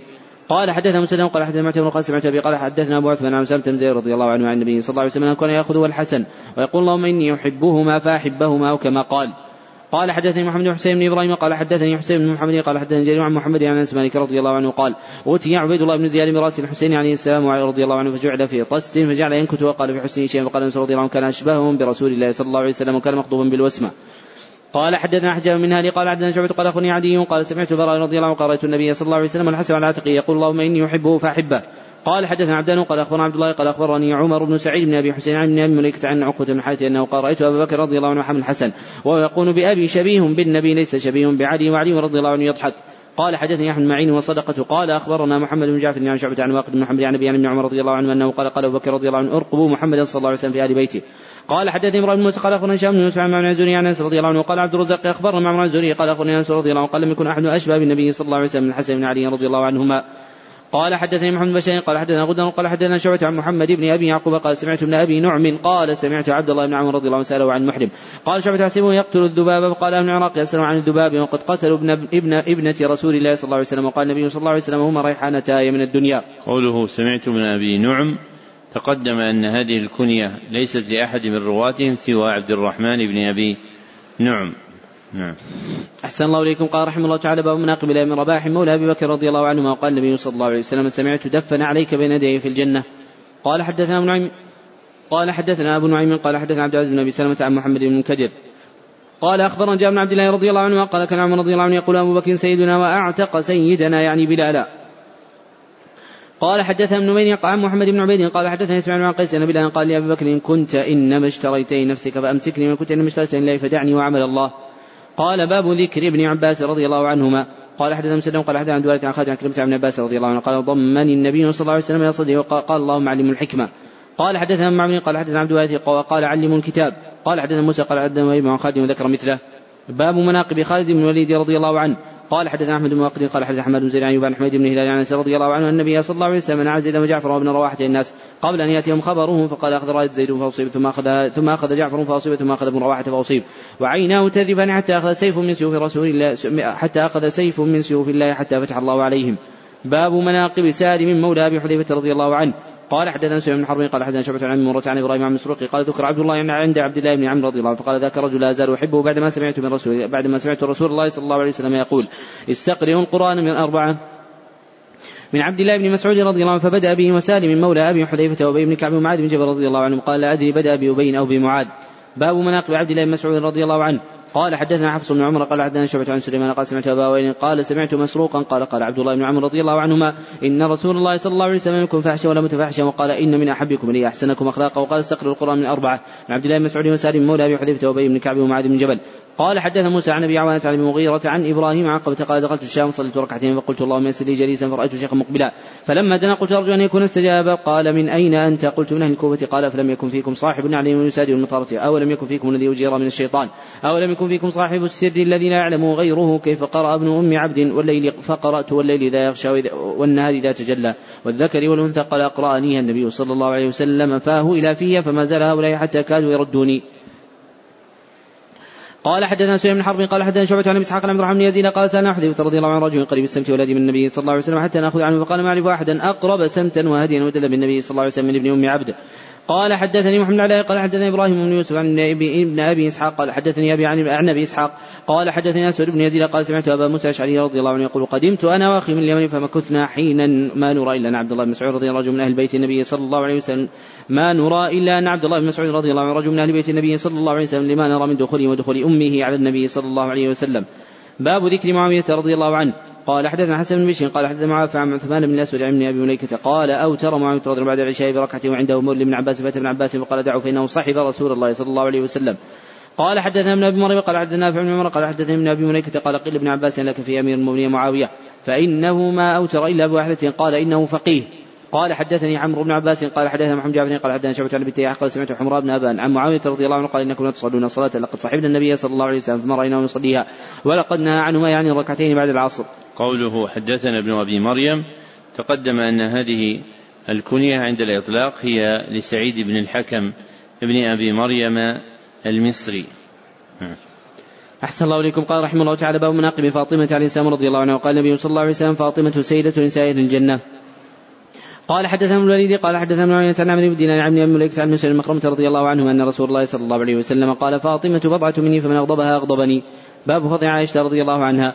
قال حدثني أحمد بن قال حدثني عن مسلم بن قال قال أبو سلمة إن عائشة رضي الله عنها قالت قال رسول الله صلى الله عليه وسلم يوما يا عائش هذا جبريل يقرئك السلام فقلت عليه السلام ورحمة الله وبركاته ترى ما لا أرى تريد رسول الله صلى الله عليه وسلم.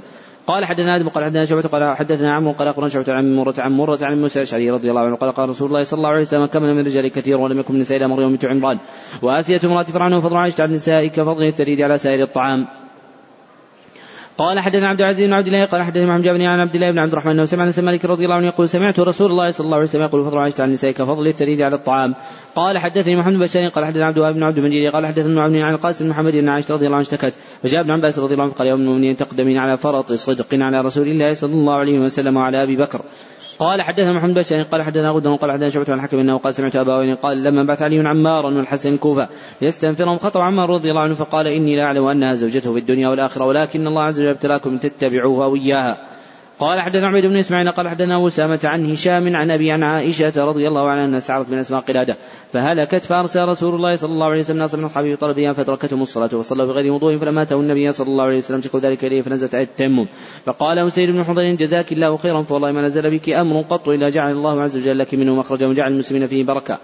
قال حدثني عبيد بن إسماعيل قال حدثنا أبو سلمة عن هشام عن النبي أن رسول الله صلى الله عليه وسلم لما كان في مرضه جعل يدور في نسائه ويقول أين أنا غدا؟ أين أنا غدا؟ حرصا على بيت عائشة رضي الله عنها قالت عائشة رضي الله عنها فلما كان كان يوم سكن.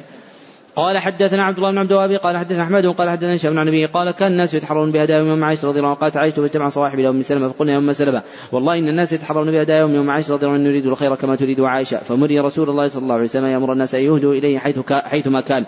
أو حيثما دار قالت فذكرت ذلك أم سلمة النبي صلى الله عليه وسلم قالت فأعرض عني فلما عاد إلي ذكرت له ذلك ذكرت له ذاك فأعرض عني فلما كان الثالثة ذكرت له فقال أم سلمة لا تؤذيني في عائشة فإنه والله ما نزع علي الوحي وأنا في لحاف امرأة من كن غيرها. باب مناقب الأنصار وقوله تعالى والذين تبوأوا الدار والإيمان من قبلهم يحبون من هاجر إليهم ولا يجدون في صدورهم حاجة مما أوتوا.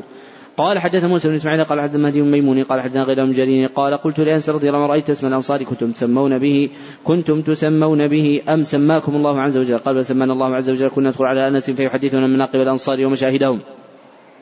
ويقبل علي وعلى رجل من أزدي فيقول فعل قومك يوم كذا وكذا كذا وكذا. قال حدثني عبيد بن إسماعيل قال حدثنا أبو سلمة عن هشام عن عن عائشة رضي الله عنها قالت كان يوم بعاث يوما قدمه الله لرسوله صلى الله عليه وسلم قدم رسول الله صلى الله عليه وسلم وقد افترق ملأهم وقتلت سرواتهم وجرحوا فقدمه الله لرسوله صلى الله عليه وسلم في دخولهم في الإسلام. قال حدثنا ابن الوليد قال حدثنا شعبة عن أبي قال سمعت أنس رضي الله عنه يقول قالت الانصار يوم فتح مكة وأعطى قريشا. والله إن هذا له العجب. إن سيوفنا تقطر من دماء قريش وغنائمنا ترد عليهم. فبلغ ذلك النبي صلى الله عليه وسلم ودعا الأنصار وقال فقال ما الذي بلغني عنكم وكانوا لا يكذبون؟ فقالوا هو الذي بلغك؟ فقال أولا ترضون يرجع الناس بالغنم إلى بيوتهم ترجعون برسول الله صلى الله عليه وسلم إلى بيوتكم. لو سلكت أنصار واديا أو شعبا لسلكت وادي أنصار أو شعبهم. قوله عن أبي التياح تقدم أن هذه كنية راو واحد عندهم يذكر بها. واسمه يزيد بن حميد الضبعي. نعم. أحسن الله إليكم. قال رحمه الله تعالى باب قول النبي صلى الله عليه وسلم لو الهجرة لكنت من الأنصار. قال وعبد الله بن زيد رضي الله عنه عن النبي صلى الله عليه وسلم. قال حدثني محمد بن قال حدثنا غدر قال حدثنا شعبة عن محمد زياد عن أبي هريرة رضي الله عنه عن النبي صلى الله عليه وسلم. وقال أبو القاسم صلى الله عليه وسلم لو أن الأنصار سلكوا واديا أو شعبا لسلكت في وادي الأنصار ولو الهجرة وكنت من الأنصار.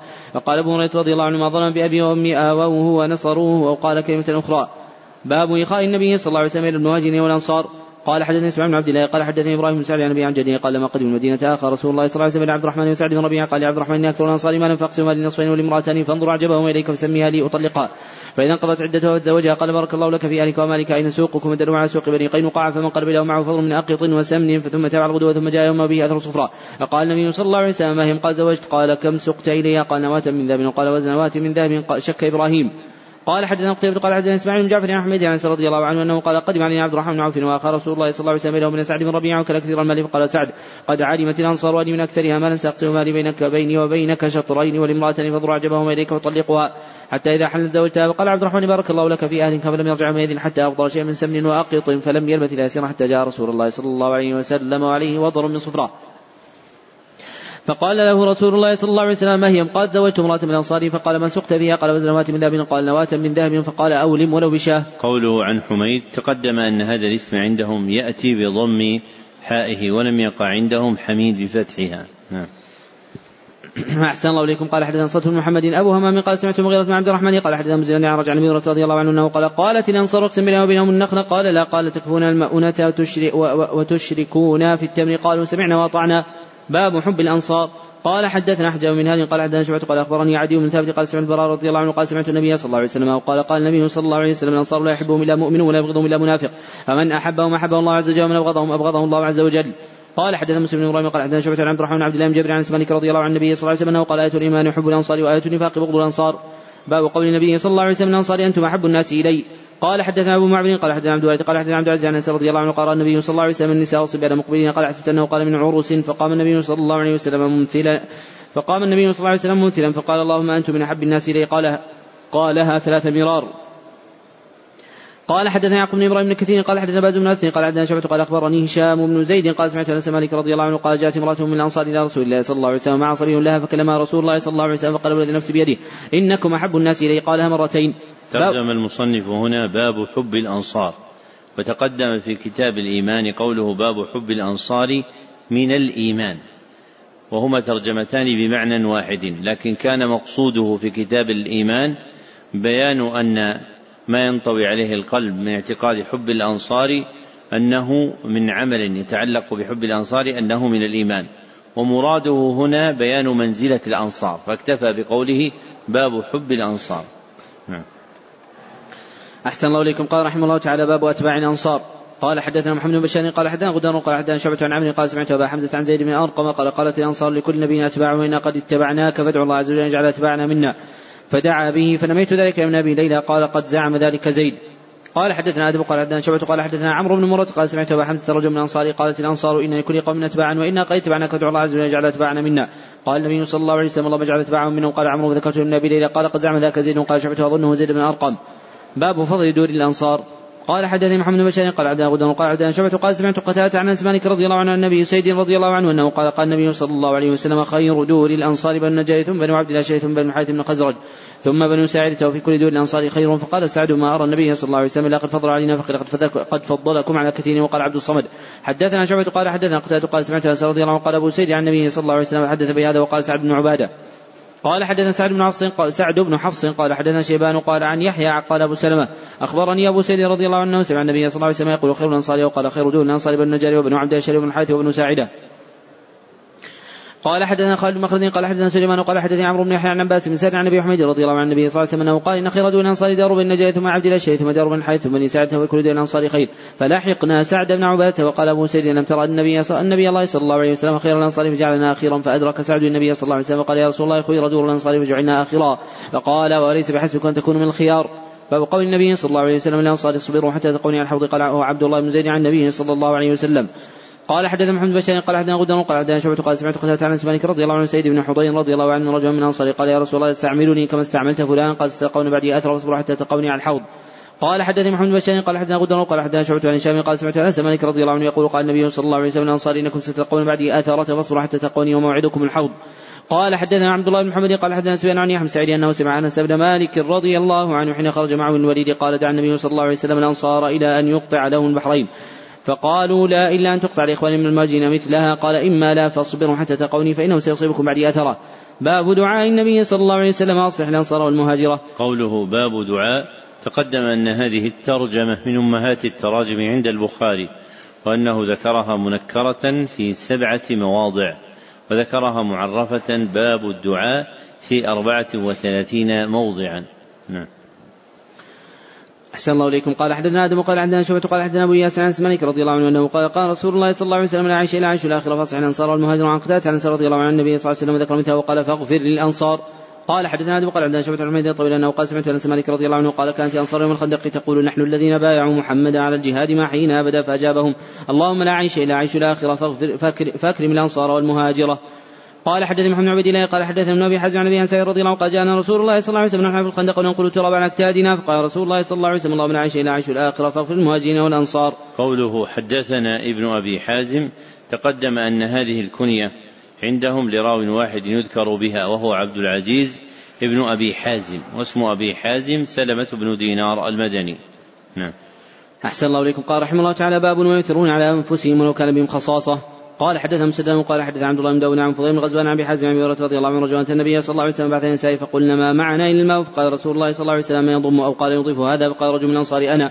فانطلق بين امراته فقال من ضيف رسول الله صلى الله عليه وسلم. قالت ما عندنا؟ قوت الصبيان فقال هيئ طعامك واصبحي سراجك ونومي صبيانك إذا أرادوا عشاء عشاء فهيئت طعامها وأصبحت سراجها ونومت صبيانها ثم قامت كأنها تصبح سراجا فاطفاته وجعل يريانه انهما يأكلان فباتا طاويين فلما اصبح غدا إلى رسول الله صلى الله عليه وسلم قال ضحك الله ليلة وقال عجب من فعالكما فأنزل الله عز وجل ويؤثرون على أنفسهم وكان بهم خصاصة وقول ومن يوق شح نفسه فأولئك هم المفلحون. باب قول النبي صلى الله عليه وسلم اقبلوا من محسنهم وتجاوزوا عن مسيئهم. قال حدثني محمد بن أبو علي قال حدثنا شهدان أخو عبدان قال حدثنا أبي قال أخبرنا شعبة عن ابن الحجاج عن هشام زين قال سمعت أنس مالك رضي الله عنه يقول مر أبو بكر والعباس رضي الله عنه مجلس مجالس الانصار يبكون فقال ما يبكيكم قالوا ذكرنا مجلس النبي صلى الله عليه وسلم منا فدخل على النبي صلى الله عليه وسلم فأخبره بذلك. قال فخرج النبي صلى الله عليه وسلم وقد عصر على رأسه حاشية برد. قال فصعد المنبر والمصعد بعد ذلك اليوم فحمد الله وأثنى عليه. ثم قال أوصيكم بالانصار فإنهم كرشي وعيبتي وقد قضوا الذي عليهم وبقي الذي لهم فقولوا محسنين وتجاوزوا عن مسيئهم. قال حدثنا أحمد بن يعقوب قال حدثنا الغسيل قال سمعت عكرمة يقول سمعت ابن عباس رضي الله عنهما يقول خرج رسول الله صلى الله عليه وسلم عليه حافة متعطفا بها على منكبيه وعليه عصابة دسماء. حتى جلس عن المنبر عبد الله تعالى ثم قال من بعده الناس فان الناس يكثرون وتقل الأنصار حتى يكونوا كالملح في الطعام فمن ولي منكم امرا يضر فيه احدا وينفعه فليقل محسنهم وتجاوز عن مسيئهم. قال حدثنا محمد بن بشير قال حدثنا غدن قال حدثنا شعبة قال سمعت قتادة عن سمانك رضي الله عنه عن النبي صلى الله عليه وسلم أنه قال أنصار كريشي وعيبتي والناس يكثرون ويقلون فاقبلوا المحسنين وتجاوزوا عن مسيئهم. قوله حدثنا ابن الغسيل تقدم أن هذه كنية يراد بها اللقب لراو واحد يذكر بها وهو عبد الرحمن بن سليمان بن عبد الله بن حنظلة الأسيدي والغسيل جده حنظلة غسيل الملائكة رضي الله عنه نعم أحسن الله إليكم. قال رحمه الله تعالى باب مناقب سعد بن معاذ رضي الله عنه. قال حدثني محمد بن قال حدثنا غدا قال حدثنا شعبة عن إسحاق قال اسمع البراء رضي الله عنه يقول أهديت النبي صلى الله عليه وسلم حلة حريم وجعل أصحابه يمسونها ويعجبون من لينها فقال تعجبون من لينها هذه لمناديل سعد بن معاذ رضي الله عنه خير منها وألين قرى وأقتات وزوري وأنهما سبعان ساعة النبي صلى الله عليه وسلم. قال حدثني محمد بن قال حدثنا فضل مساور قال انو أبي عوالة قال حدثنا أبو عوانة عن عن أبي سفيان عن جابر رضي الله عنه قال سمعت النبي صلى الله عليه وسلم يقول اهتز العرش يوم سعد بن معاذ وعن العمش قال حدثنا مصالح عن جابر رضي الله عنه عن النبي صلى الله عليه وسلم ذكر مثله. قال رجل جابر في المرأة يقول اهتز السرير. فقال إنه كان بين هذا الحيين ضغائن. سمعت النبي صلى الله عليه وسلم يقول اهتز عرش الرحمن لموت سعد بن معاذ رضي الله عنه. قوله عن الأعمش تقدم أن هذا لقب لراو واحد من رواتهم يذكر به كثيرا واسمه سليمان بن مهران الكاهلي. نعم.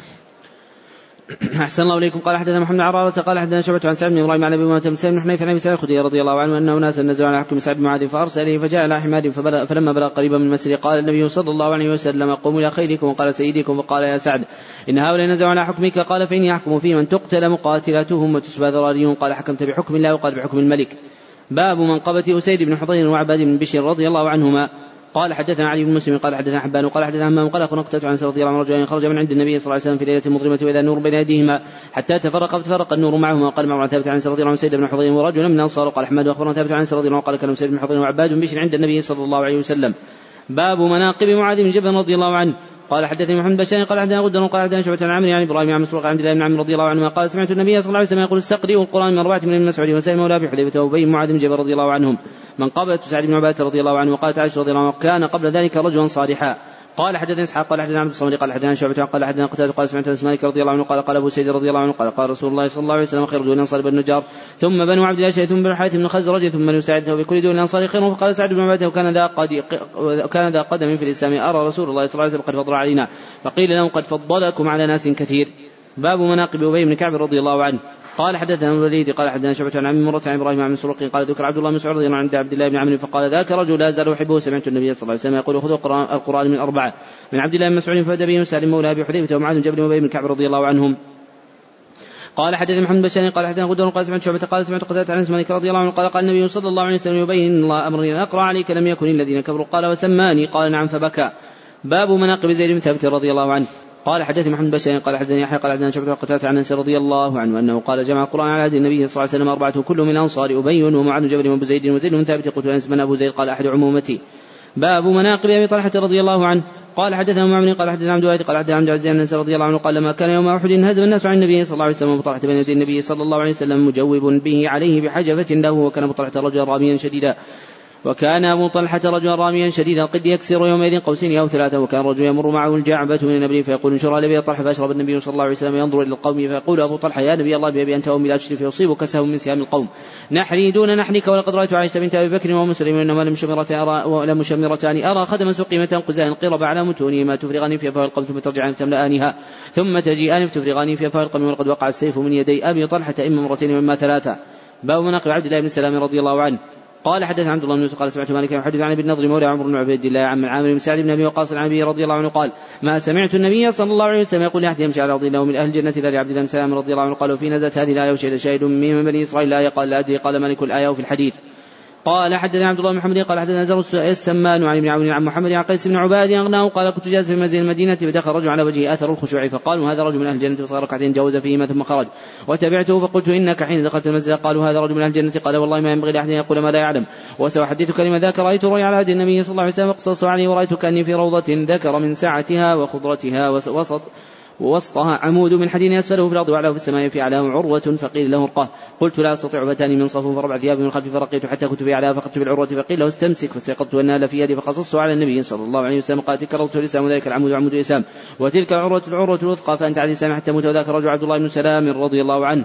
وقال لي خليفة حدثنا معاذ. قال حدثنا معاذ عن محمد. قال حدثنا قيس بن عباد عن الإسلام رضي الله عنه. قال وصيف مكان من صف. قوله حدثنا قيس بن عباد تقدم أن هذا الاسم عباد بفتح العين والباء مسددة وجاء خلافه في راويين أحدهما قيس بن عباد الضبعي وهو الراوي المذكور في هذا الحديث فبضم العين وفتح الباء مخففة والآخر ثعلبة بن عباد الليثي فبكسر العين وفتح الباء مخففة. نعم. أحسن الله إليكم. قال حدثنا سليمان بن حرب قال حدثنا شعبة عن سعيد النبي بردة عن أبي قال أتيت المدينة فلقيت عبد الله بن رضي الله عنه فقال لا تجيب فأطعمك سبقا وتمرا وتدخل في بيت ثم قال إنك بأرض ربا فيها بها فاش إذا كان لك عن رجل حق فأدنيك حملة ابن وحملة شعير وحملة قت ولا تأخذه فإنه ربا ولم يكن النضر. أبو داود ووهب عن شعبة البيت. باب تزويج النبي صلى الله عليه وسلم خديجة وفضلها رضي الله عنها. قوله باب تزويج تقدم أن هذه الترجمة من أمهات التراجم عند البخاري وأنه ذكرها بهذا اللفظ في ثمانية مواضع وذكرها بلفظ التزويج في موضع واحد. نعم. أحسن الله إليكم. قال حدثني محمد وقال أخبرنا عبد الله بن عروة عن أبي قال سمعت عبد الله بن جعفر رضي الله عنه قال سمعت علي رضي الله عنه يقول سمعت رسول الله صلى الله عليه وسلم يقول قال حدثني صدقة قال أخبرنا عبدة عن شام أبي قال سمعت عبد الله بن جعفر عن علي رضي الله عنه عن النبي صلى الله عليه وسلم أنه قال خير النساء يا مريم وخير النساء يا خديجة. قوله أخبرنا عبده تقدم أن هذا الاسم عندهم بسكون بائه ووقع عبده في راويين. أحدهما بجالة بن عبدة التميمي والآخر عامر بن عبدة البجلي وذكر في الثاني سكون بائه أيضا. نعم. أحسن الله إليكم. قال حدثنا سعيد بن عفير قال حدثنا الليث قال كتب لي هشام عن أبي عائشة رضي الله عنها قالت ما غرت على امرأة النبي صلى الله عليه وسلم ما غرت على خديجة أهلكت قبل أن يتزوجني لما كنت أسمعه يذكرها وأمره الله عز وجل بشرا بيت من قصب من كان لا يذبح الشاة فيهدي في خلائلها فيهدي في خلائلها منها ما يسعهن. قال حدثنا قتيبة بن سعيد قال حدثنا أحمد بن عبد الرحمن هشام بن عروة عن أبي عائشة رضي الله عنها أنها قالت ما غرت على امرأة ما غرت على خديجة رضي الله عنها من كثرة ذكر رسول الله صلى الله عليه وسلم قالت وتزوجني بعدها بثلاث سنين وأمره ربه عز وجل وقال جبريل عليه السلام أن يبشر أن يبشرها ببيت في الجنة من قصب. قال حدثني عمر بن محمد بن حسين قال حدثنا أبي قال حدثنا حفص عن هشام عن النبي عن عائشة رضي الله عنها أنها قالت ما غرت على أحد من نساء النبي صلى الله عليه وسلم ما غرت على خديجة رضي الله عنها رأيتها ولكن كان النبي صلى الله عليه وسلم يكثر ذكرها وربما ذبح الشاة ثم يقطع أعضاء ثم يبعثها في صداق خديجة رضي الله عنها فربما قلت له كأنه لم يكن في الدنيا امرأة إلا خديجة فيقول إنها كانت وكانت وكان لي منها ولد. قال حدثنا مسلم قال حدثنا يحيى بن قال قلت عبد الله بن ابي رضي الله عنهما بشر النبي صلى الله عليه وسلم خديجة قال نعم ببيت من قصر لا صخب فيه ولا نصب. قال حدثنا قتيبة بن سعيد قال حدثنا محمد بن فضيل عن عمارة عن أبي زرعة عن أبي هريرة رضي الله عنه قال أتى جبريل النبي صلى الله عليه وسلم قال يا رسول الله هذه خديجة قد معها بناهم في إدام أو طعام. أو شراب فإذا هي أتتك فقع عليها السلام من ربها ومني وبشرها بيت في الجنة من قصر لا صخب فيه ولا نصب قال اسمع بن خليل أخبرنا علي بن مسلم عن شام عن أبي عن عائشة رضي الله عنها أنها قالت استأذنت هالة بنت خويلد أخت خديجة رضي الله عنها رسول الله صلى الله عليه وسلم فعرض سيدنا خديجة فارتاع, فارتاع لذلك. فقال اللهم هالة قالت فغرت فقلت ما تذكر عجوز من عجائز قريش حمراء الشقين هلكت في الدار قال ابدلك الله عز خيرا منها. قوله عن أبي زرعة تقدم أن هذه الكنية عندهم عند الإطلاق هي لأبي زرعة بن عمرو بن جرير قوله عن عمارة تقدم أن هذا الاسم عندهم في الأسماء وأسماء الآباء والكنى بضم عينه إلا في أبي بن عمارة رضي الله عنه صحابي له حديث في المسح على الخفين نعم. أحسن الله إليكم. قال رحمه الله تعالى باب ذكر جرير بن عبد الله البجلي رضي الله عنه. قال حدثنا إسحاق بن أسطي وقال حدثنا خالد عن بيان عن بيان عن قيس قال سمعته يقول قال جرير بن عبد الله رضي الله عنه ما حجبني رسول الله صلى الله عليه وسلم منذ اسلمت لا راني إلا ضحك. وعن قيس عن جرير بن عبد الله قال كان الجارية بيت يقال له ذو الخلاصة وكان يقال له الكعبة يمانية وقال الكعبة الشامية فقال لي رسول الله صلى الله عليه وسلم أنت بريحي من ذي الخلاصة. قال فنفرته إليه في خمسين ومائة فارس من أحمس قال وكسرنا وقتلنا ما وجدنا من عنده فاتناه فأخبرناه فدعا لنا ولأحمس باب ذكر حذيفة بن يمان العبسي رضي الله عنه. قال حدثني إسماعيل بن خليل قال أخبرنا ثابت بن رجاء عن هشام بن عروة عن ابي عائشة رضي الله عنها قالت لما كان يوم أحد ينزل المشك هزيمه بينة فصاح ابليس اي عباد الله أخراكم فرجعت لها من اخراهم فاجتهدت أخراهم فنظر رضي الله عنه بابي فنادى أي عباد الله أبي أبي فقالت فوالله ما احتجزوا حتى قتلوه فقال حذيفة رضي غفر الله لكم قال أبي فوالله ما زالت في حذيفة منها بقية بقية خير حتى لقي الله عز وجل. باب ذكر هند, هند بنت عتبة بن ربيعة رضي الله عنها. وقال عبد أخبرنا عبد الله قال أخبرنا مسعود الزني قال حدث عمرو بن عائشة رضي الله عنها قالت جاءت هند بنت عتبة قالت يا رسول الله ما كان على الأرض من أهل خبائك أحب إلي من يذل من أهل خبائك ثم أصبح اليوم على الأرض أهل خبائك أحب لي أن يعز من أهل خبائك. قالت وأيضا والذي نفسي بيده قالت يا رسول الله نبأ سفيان رجل مسيكم فلا عليه حرج يطعم من الذي له عيالنا قال لا أراه إلا بالمعروف باب حديث زيد بن عمرو بن نفيل. قوله رحمه الله باب حديث هذه الترجمة من أمهات التراجم عند البخاري. ذكرها في ثمانية مواضع ووقع في بعض نسخ البخاري أقل من ذلك. نعم. أحسن الله إليكم. قال حدثني محمد بن أبي بكر قال حدثنا فضل بن سليمان قال حدثنا موسى قال حدثنا بن عبد الله عبد الله بن عمر رضي الله عنه النبي صلى الله عليه وسلم لقي زيد بن عبد نوفل بأسفل بأسفل بلدح قبل أن ينزل على النبي صلى الله عليه وسلم الوحي فقدمت إلى النبي فقدمت إلى النبي صلى الله عليه وسلم سفرة فأبى أن يأكل منها ثم قال زيد إني لست آكل مما تتبعون عن أصحابكم ولا آكل إلا ما ذكر اسم الله عليه وأنا زيد بن عمرو كان يعيب وكان يعيب على قريش ذبائحهم ويقول الشاة خلق الله وأنزلها من السماء الماء وأنبت لها من الأرض ثم تذبحون على غير اسم الله إنكروا لذلك وعظما له. قال موسى حدثني سالم بن عبد الله ولا أعلم لا تحدث به عن ابن عمر أن زيد بن عمرو فإن خرج إلى الشام يسأل عن دين ويتبعه فلقي ويتبعه فلقي عالما من اليهود فسأله عن دينه فقال إني لعلي إني لعلي أن أدين دينكم فأخبرني فقال لا تكون على ديني حتى تأخذ من نصيبك من غضب الله. قال زيد فما أفر إلا من غضب الله عز وجل ولا أحمل من غضب الله شيئا أبدا وأن أستطيع وأن أستطيعه فهل تدلون على غيره قال ما أعلم إلا أن يكون حنيفا. قال زيد ومن حنيف قال دين إبراهيم عليه السلام لم يكن يهوديا ولا نصرانيا ولا يعبد إلا الله عز وجل. فقال زيد فلقي عالما من نصارى وذكر مثله وقال لن تكون على ديننا. حتى تأخذ من نصيبك من لعنة الله قال ما أفر إلا من لعنة الله ولا أحمل من لعنة الله ولا من غضبه شيئا أبدا وأن أستطيع فهل تدل على غيره قال ما أعلمه إلا أن يكون حنيفا قال من حنيف قال دين إبراهيم لم يكن يهوديا وناصرانيا ولا يعبد إلا الله عز وجل فلما رأى قولهم في إبراهيم عليه السلام خرج فلما برز رفع يديه فقال اللهم إني أشهد أني على دين إبراهيم. وقال ليث كتب الي هشام عن أبي اسماء بنت أبي بكر رضي الله عنه وقالت رايت زيد بن عمرو النفيل قائما مسلما ضاربا الكعبه يقول يا معاشر قريش والله ما منكم على دين إبراهيم غيري وكان يحيي الموت وكان يحيي الموؤود. يقول للرجل إذا اراد اذا إذا أراد أن يقتل ابنته لا تقتل أنا اكفيكها مؤونتها فيأخذها فإذا ترعرعت قال يا أبي إن شئت دفعتها إليك وإن شئت كفيتك مؤونتها. باب بنيان الكعبة. قال حدثني محمود قال حدثنا عبد الرزاق قال أخبرنا مجرد قال أخبرني عمرو بن دينار سمع جابر بن عبد الله رضي الله عنه وقال لما بنيت كعبه دعا النبي صلى الله عليه وسلم وعباس ينقل الحجاره قال عباس عباس للنبي صلى الله عليه وسلم اجعل ازارك على رقبتك يقيك من الحجاره فخر إلى الأرض وطمحت عيناه إلى السماء ثم فاق فقال إزاري إزاري فشد عليه إزاره. قوله أخبرني ابن جريج تقدم أن هذه الكنية عندهم عند الإطلاق هي لابن جريج المكي واسمه عبد الملك بن عبد العزيز. أحسن الله إليكم. قال حدثنا ابن عماني قال حدث أحمد بن زيد عن عامر بن دينار وعبيد الله بن أبي يزيد قال لم يكن على عهد النبي صلى الله عليه وسلم حول البيت حائط وكان يصنع حول البيت حتى كان عمر رضي الله عنه فبنى حوله حائط. قال عبيد الله جدره قصير فبناه ابن الزبير. باب أيام الجاهلية. قال حدثنا مسدد وقال حدثنا قال حدثنا يحيى قال قال هشام حدثني أبي عن عائشة رضي الله عنها قد كان عاشوراء يوم يوما تصوم قرج الجاهلية. وكان النبي صلى الله عليه وسلم يصومه فلما قدم المدينة صامه وأمر بالصيام فلما نزل رمضان كان من شاء صامه ومن شاء لا يصومه. قال حدثنا مسلم قال حدثنا قال حدثنا طاووس عن أبي عن عباس رضي الله عنه قال كانوا يرون أن العمرة في أشهر الحج من الفجور في الأرض وكانوا يسمون المحرم صفراء ويقولون إذا برأ الدبر إذا برأ الدبر عفى الأثر حلت العمرة يوم اعتمر. قال فقدم رسول الله صلى الله عليه وسلم واصحابه رابعة مهلين من الحج وامره النبي صلى الله عليه وسلم يجعلها عمرة. قالوا يا رسول الله الحل قال الحل كله. قال قوله حدثنا ابن طاووس عن ابي تقدم أنه ليس في رواة من اسمه طاووس سوى راو واحد. وهو طاووس بن كيسان اليماني. وقوله في الحديث كانوا يرون أن العمرة في أشهر الحج من الفجور في الأرض يعني لأن أشهر الحج للحج عندهم. نعم. أحسن الله إليكم. قال حدثنا علي بن عبد الله قال حدثنا سفيان قال كان عمرو يقول حدثنا سعيد بن مسيب عن النبي عن جده قال جاء سيل في الجاهلية فكسى فكسى ما بين الجبلين. قال سفيان يقول إن هذا الحديث له شأن. قال حدثنا ابن عمر قال حدثنا أبو عوانة عن بيان أبي بشر عن قيس بن أبي حزم قد دخل بكر رضي الله عنه من احمس يقال لها زينب فرآها لا تكلم فقال ما لا لا تكلم. قالوا حجت مصمتة فقال لا تكلم فإن هذا لا يحل هذا من عمل أهل الجاهلية فتكلمت فقالت من أنت؟ قال من المهاجرين قالت أي المهاجرين قال من قريش؟ قالت من أي قريش؟ قال أنت. من أي قريش أنت؟ قال إنك لسؤول. أنا أبو بكر قالت ما بقانا على هذا من الصالح الذي جاء الله عز وجل به بعد الجاهلية. قال بقاؤكم عليه ما استقامت بكم أئمتكم قالت وما الأئمة. قال أما كان قومك رؤوس وأشراف يأمرونهم فيطيعونهم. قالت قال فهم أولئك على الناس.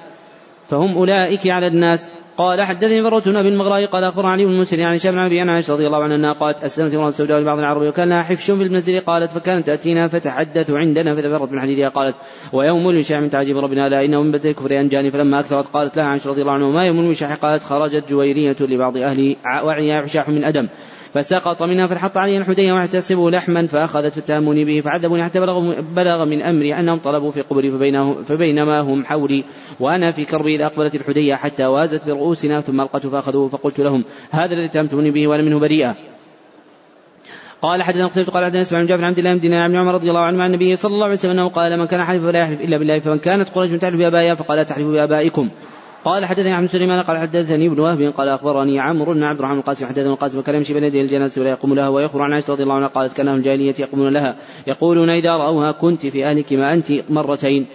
قال حدثني عمرو بن عباس قال حدثني عبد الرحمن قال حدثنا سفيان عن أبي إسحاق عن عبد الميمون قال قال عمر رضي الله عنه إن المشركين كانوا لا يفضون من جمع حتى تشرق الشمس على ثبير فخالفهم النبي صلى الله عليه وسلم فافاض قبل أن تطلع الشمس. قال حدثني إسحاق بن إبراهيم قال قلت لأبي اسامه حدثكم يا بن مهلب قال حدثنا حسين عن كلمة وك... قال حدثنا حسين عن عن عكرمة وكأسا دهاقا. قال ملأ متتابعة. قال وقال ابن عباس رضي الله عنه سمعت أبي يقول في الجارية إسقنا كأسا دهاقا. قال حدثنا ابن قال حدثنا سفيان عن عبد الملك عن أبي سلمة عن أبي هريرة رضي الله عنه قال قال النبي صلى الله عليه وسلم أصدق كلمة. قال الشاعر كلمة العبيد ألا كل شيء ما خلق الله ما خلق الله ألا كل شيء ما خلق الله باطل. وكاد أمية بن أبي الصلت أن يسلم. قال حدثنا إسماعيل وقال حدثني أخي عن سليمان عن يحيى سعيد عن عبد الرحمن القاسم عن القاسم بن محمد عن عائشة رضي الله عنها قالت كان لأبي بكر غلام يخرج له الخراج وكان أبو بكر رضي الله عنه من خراجه فجاء يوما بشيء فأكل أبو بكر رضي الله عنه قال الغلام تدري ما هذا؟ فقال بكر رضي الله عنه وقال كنت تكهنت بانسان الجاريه مع الكهانة إلا أني خدعت فلقيني فأعطاني بذلك فهذا الذي أكلت منه. فأدخل بكر رضي الله عنه يده فقاء كل شيء في بطنه. قال حدثنا مسدد قال حدثني عن بجري قال أخبرنا نافع عن ابن عمر رضي الله عنه قال كان أهل الجاريه تباع لحم لحوم الجزور. إلى حبل الحبلة قال وحبل الحبلة أن تجزى الناقة ما في بطنها ثم تحمل التي نتجت فنهاهم النبي صلى الله عليه وسلم عن ذلك. قال حدثنا ابن عمر قال حدثنا مدين قال غيلان بن جرير كنا نأتي أنس بن مالك رضي الله عنه عن الانصار وكان يقول لي فعل قومك كذا وكذا يوم كذا وكذا وفعل قومك كذا وكذا يوم كذا وكذا. القسامة في الجاهلية قال حدثنا ابو معمر قال حدثنا عبد الوارث قال حدثنا قطن وابو الهيثم قال حدثنا أبو يزيد المدني وعن كلمة عن عباس رضي الله عنهما قال إن أول قسامة كانت في الجانية لفينا بني هاشم كان رجل بني هاشم استأجر رجل مقرش من فخذ أخرى فانطلق معه في ابنه فمر رجل به من بني هاشم. قد انقطعت عروة جوالقه قد انقطعت عروة جوالقه فقال أغثني بعقال أشد به عروة جوالقه. لا تنفر الإبل فاعطاه عقالا فشد به عروة جوا عروة جوالقه. فلما نزلوا فلما نزلوا عقلت الإبل إلى بعير واحد فقال الذي استأجره ما شأن هذا البعير؟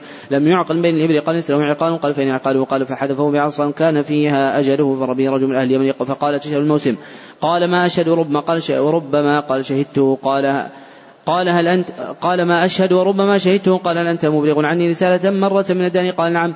قال فكنت إذا أنت شهدت موسم فنادي آل قريش فإذا جابوك فنادي آل بني هاشم فإذا جابوك سأل عن أبي طالب فأخبره أن فلان قتلني في عقال ومات ومات المستأجر. فلما قدم الذي استأجر وأتاه أبو طالب فقال ما فعل صاحبنا؟ قال ما يضى فأحسنت القيام عليه فوليت دفنه. قال قد كان أهل ذاك منك فمكث حين ثم الرجل الذي أوصى إليه أن يبلغ عنه فأوى الموسم. فقال يا آل قريش قالوا هذه قريش قال يا آل بني هاشم قالوا هذا بني هذه بنو هاشم.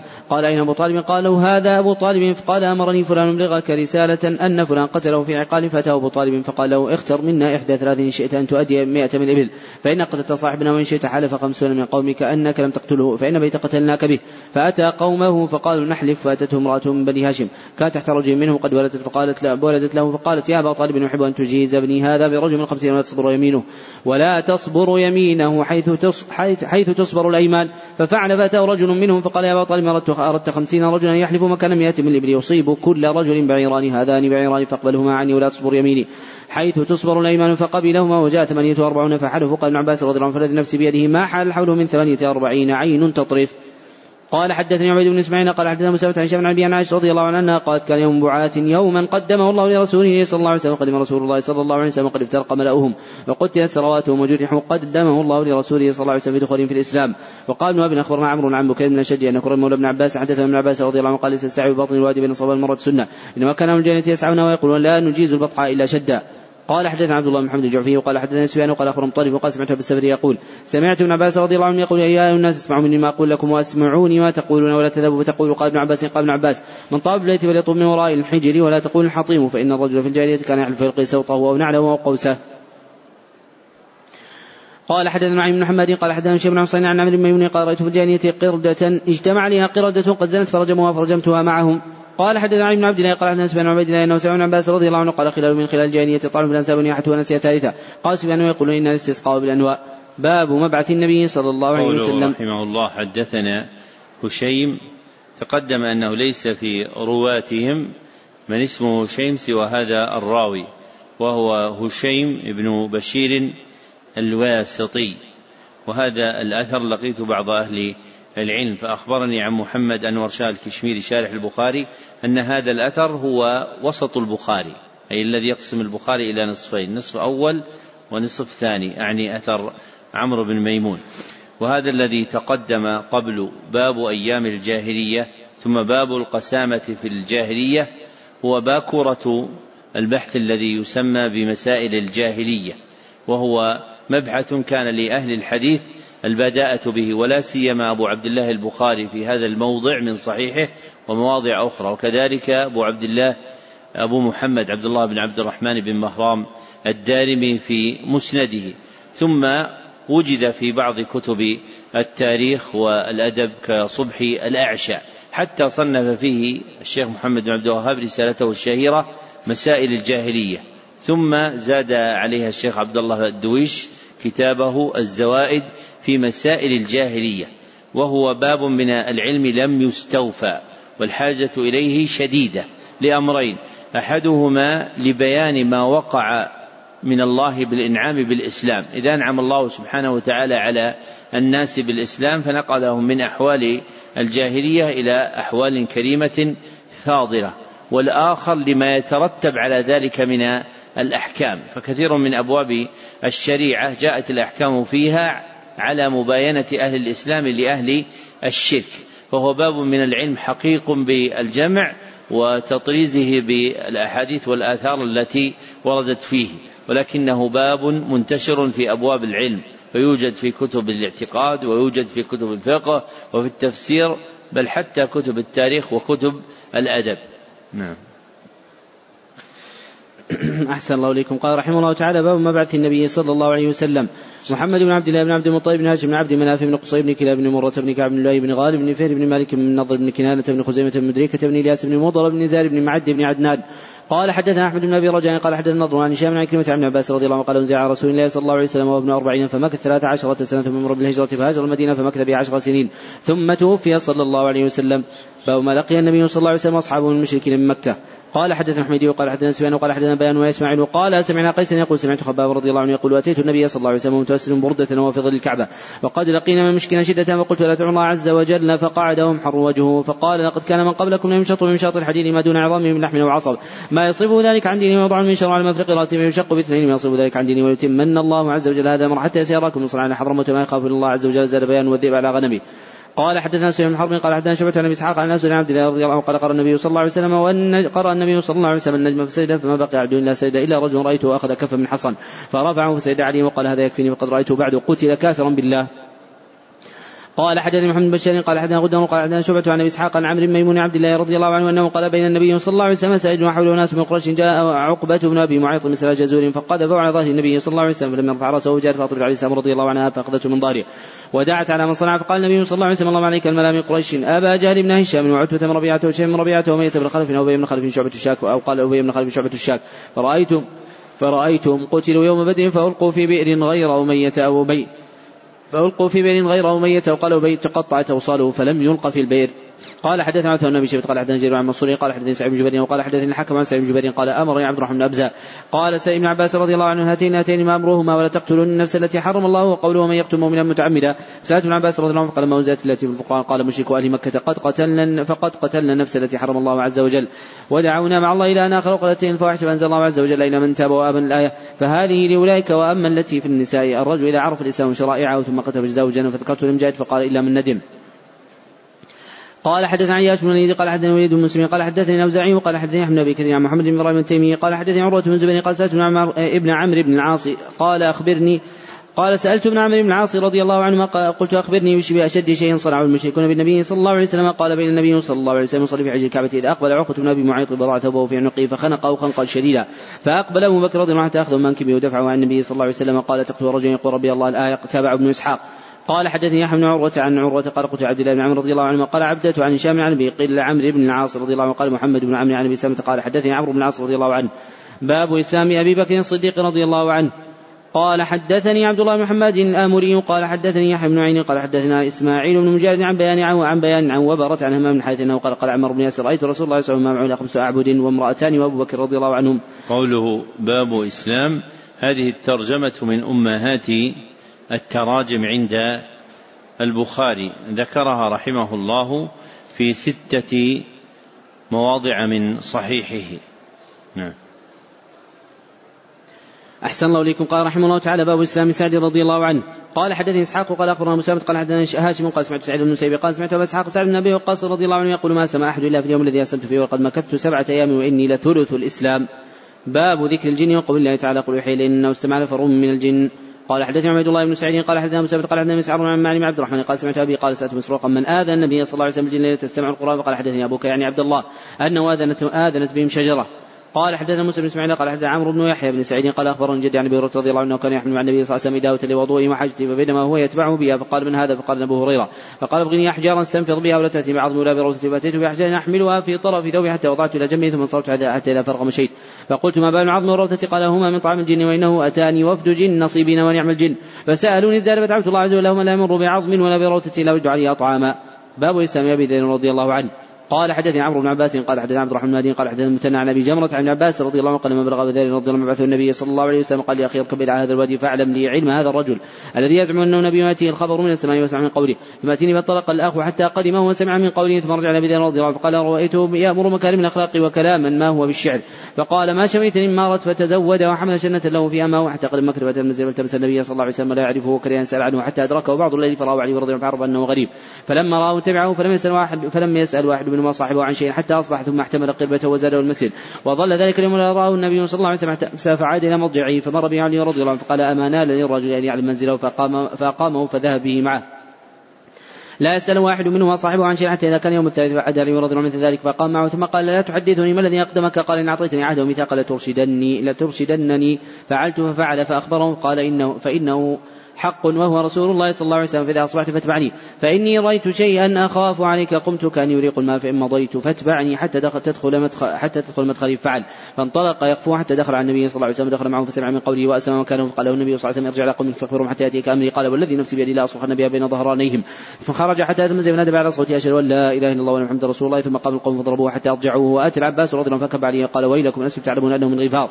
وأن طريق تجاركم إلى الشام فأنقذه منهم ثم عاد من غد مثلها فضربوه إليه فأكب العباس رضي الله عنه عليه. باب إسلام سعيد بن زيد رضي الله عنه.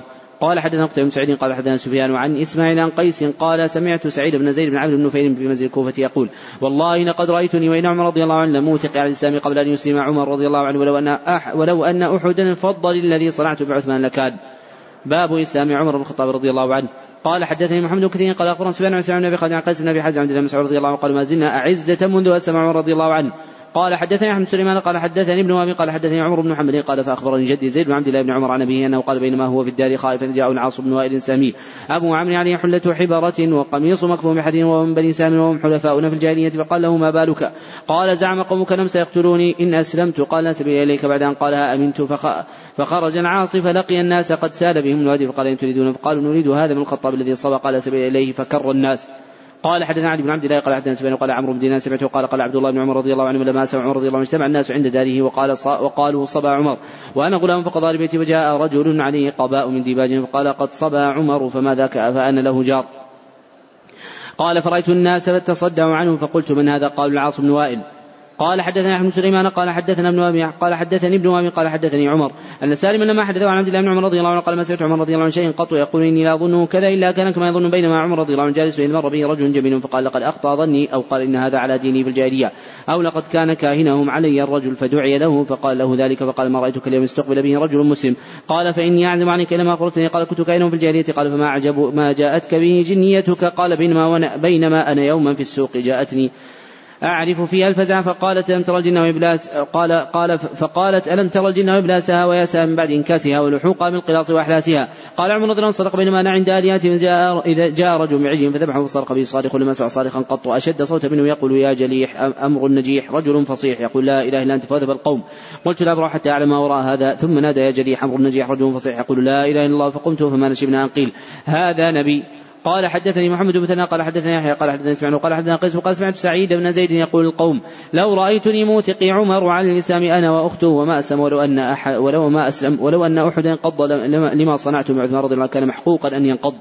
باب انشقاق القمر. المصنف رحمه الله بين هذه التراجم التي فيها بدايات الإسلام لجماعة من الصحابة. هل تعرفون أحد صنف في بدايات الإسلام؟ هذا مبحث نفيس. بدايات الإسلام وما فيها من الفوائد والأحكام سواء كانت في الأفراد مثل هذه القصص وما كان من جنسها أو كانت في الأمم كالجن وإذ صرفنا إليك نفرا من الجن يستمعون القرآن أو في القبائل كقصة المرأة صاحبة المزادتين التي تقدمت غير مرة في صحيح البخاري أو غيرها من القبائل والأمم عبر تاريخ الإسلام. فهي محتاجة إلى الجمع واستنباط ما يتعلق بها من الفوائد والأحكام. نعم.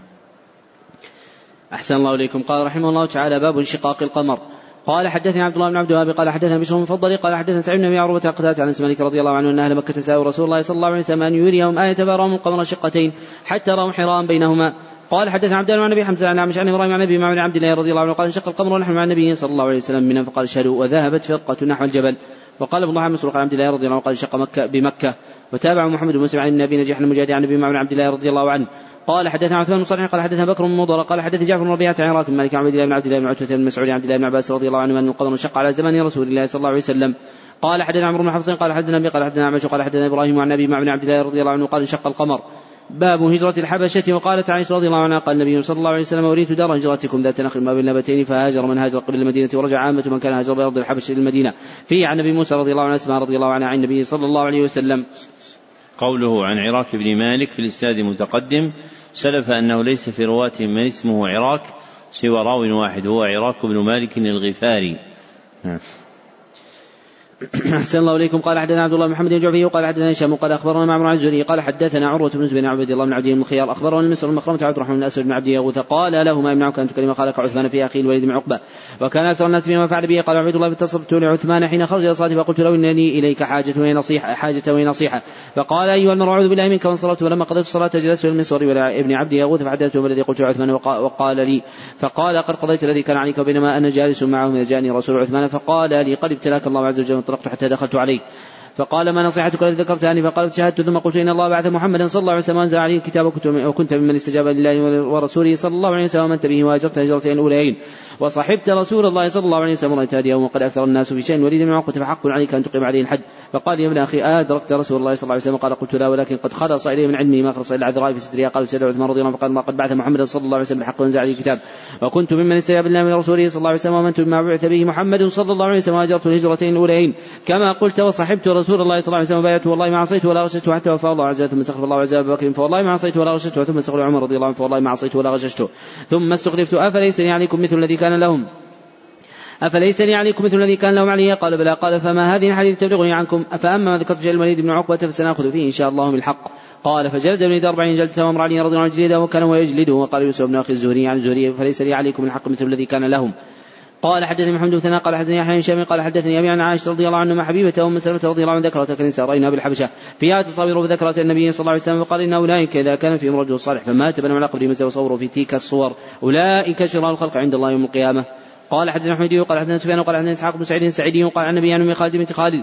قالت قدمت من أرض الحبشة وأنا جويريت فكساني رسول الله صلى الله عليه وسلم خمس الله اعلم فجعل رسول الله صلى الله عليه وسلم يمسح العلم بيده ويقول سناه سناه قال الحميدي يعني حسن حسد.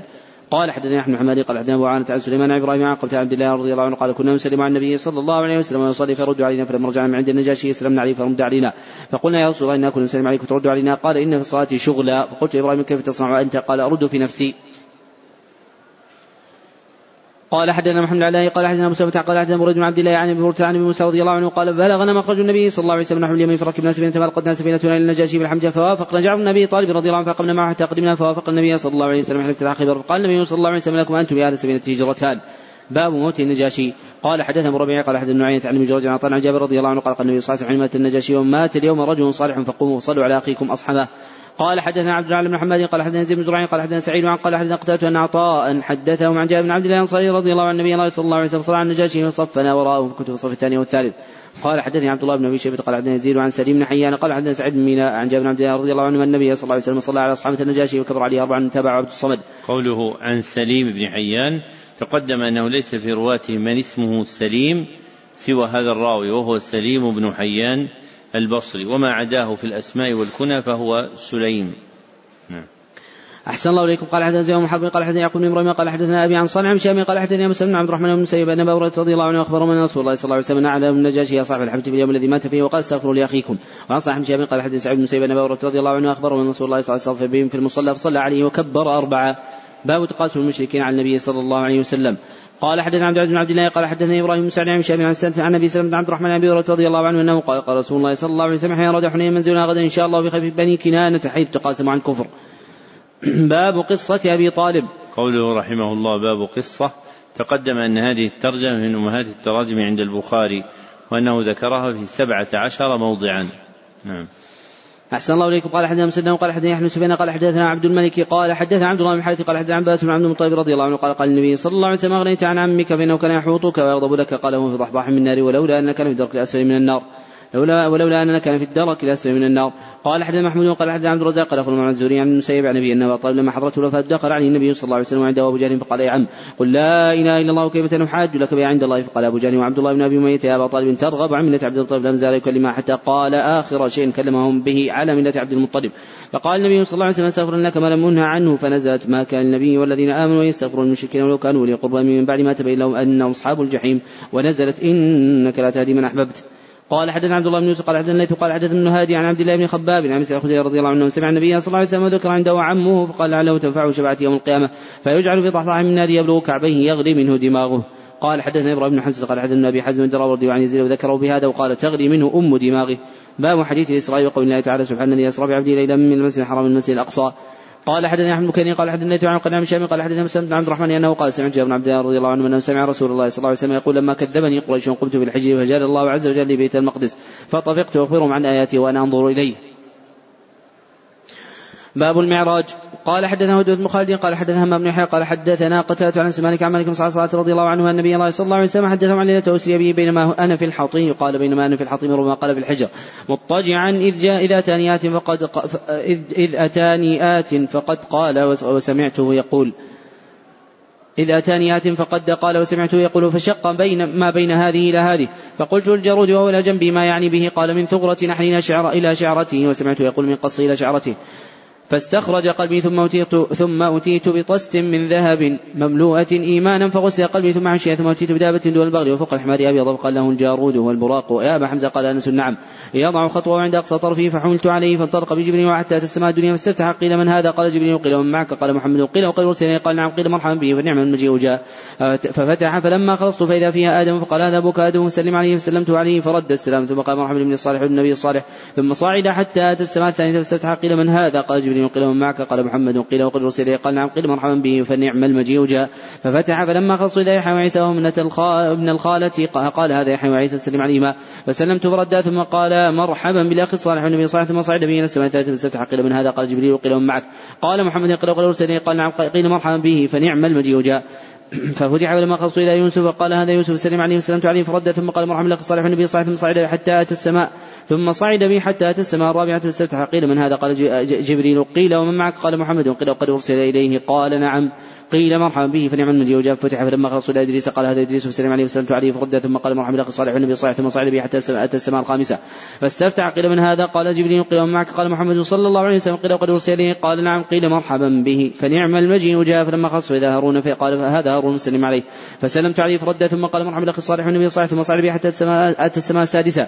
فاستفتح قيل من هذا؟ قال جبريل. قيل من معك؟ قال محمد. قيل وقد ارسل اليه قال نعم. قال مرحبا به فنعم المجيء جاء. فلما خلصوا إلى موسى قال هذا موسى. فسلم عليه وسلمت عليه فرد ثم قال مرحبا لك الصالح النبي الصالح. فلما جاوزت بكى قيل له ما أبكيك؟ قال أبكي لأنه لم بعث بعدي يدخل الجنة من أمتي أكثر ممن يدخلها من أمتي.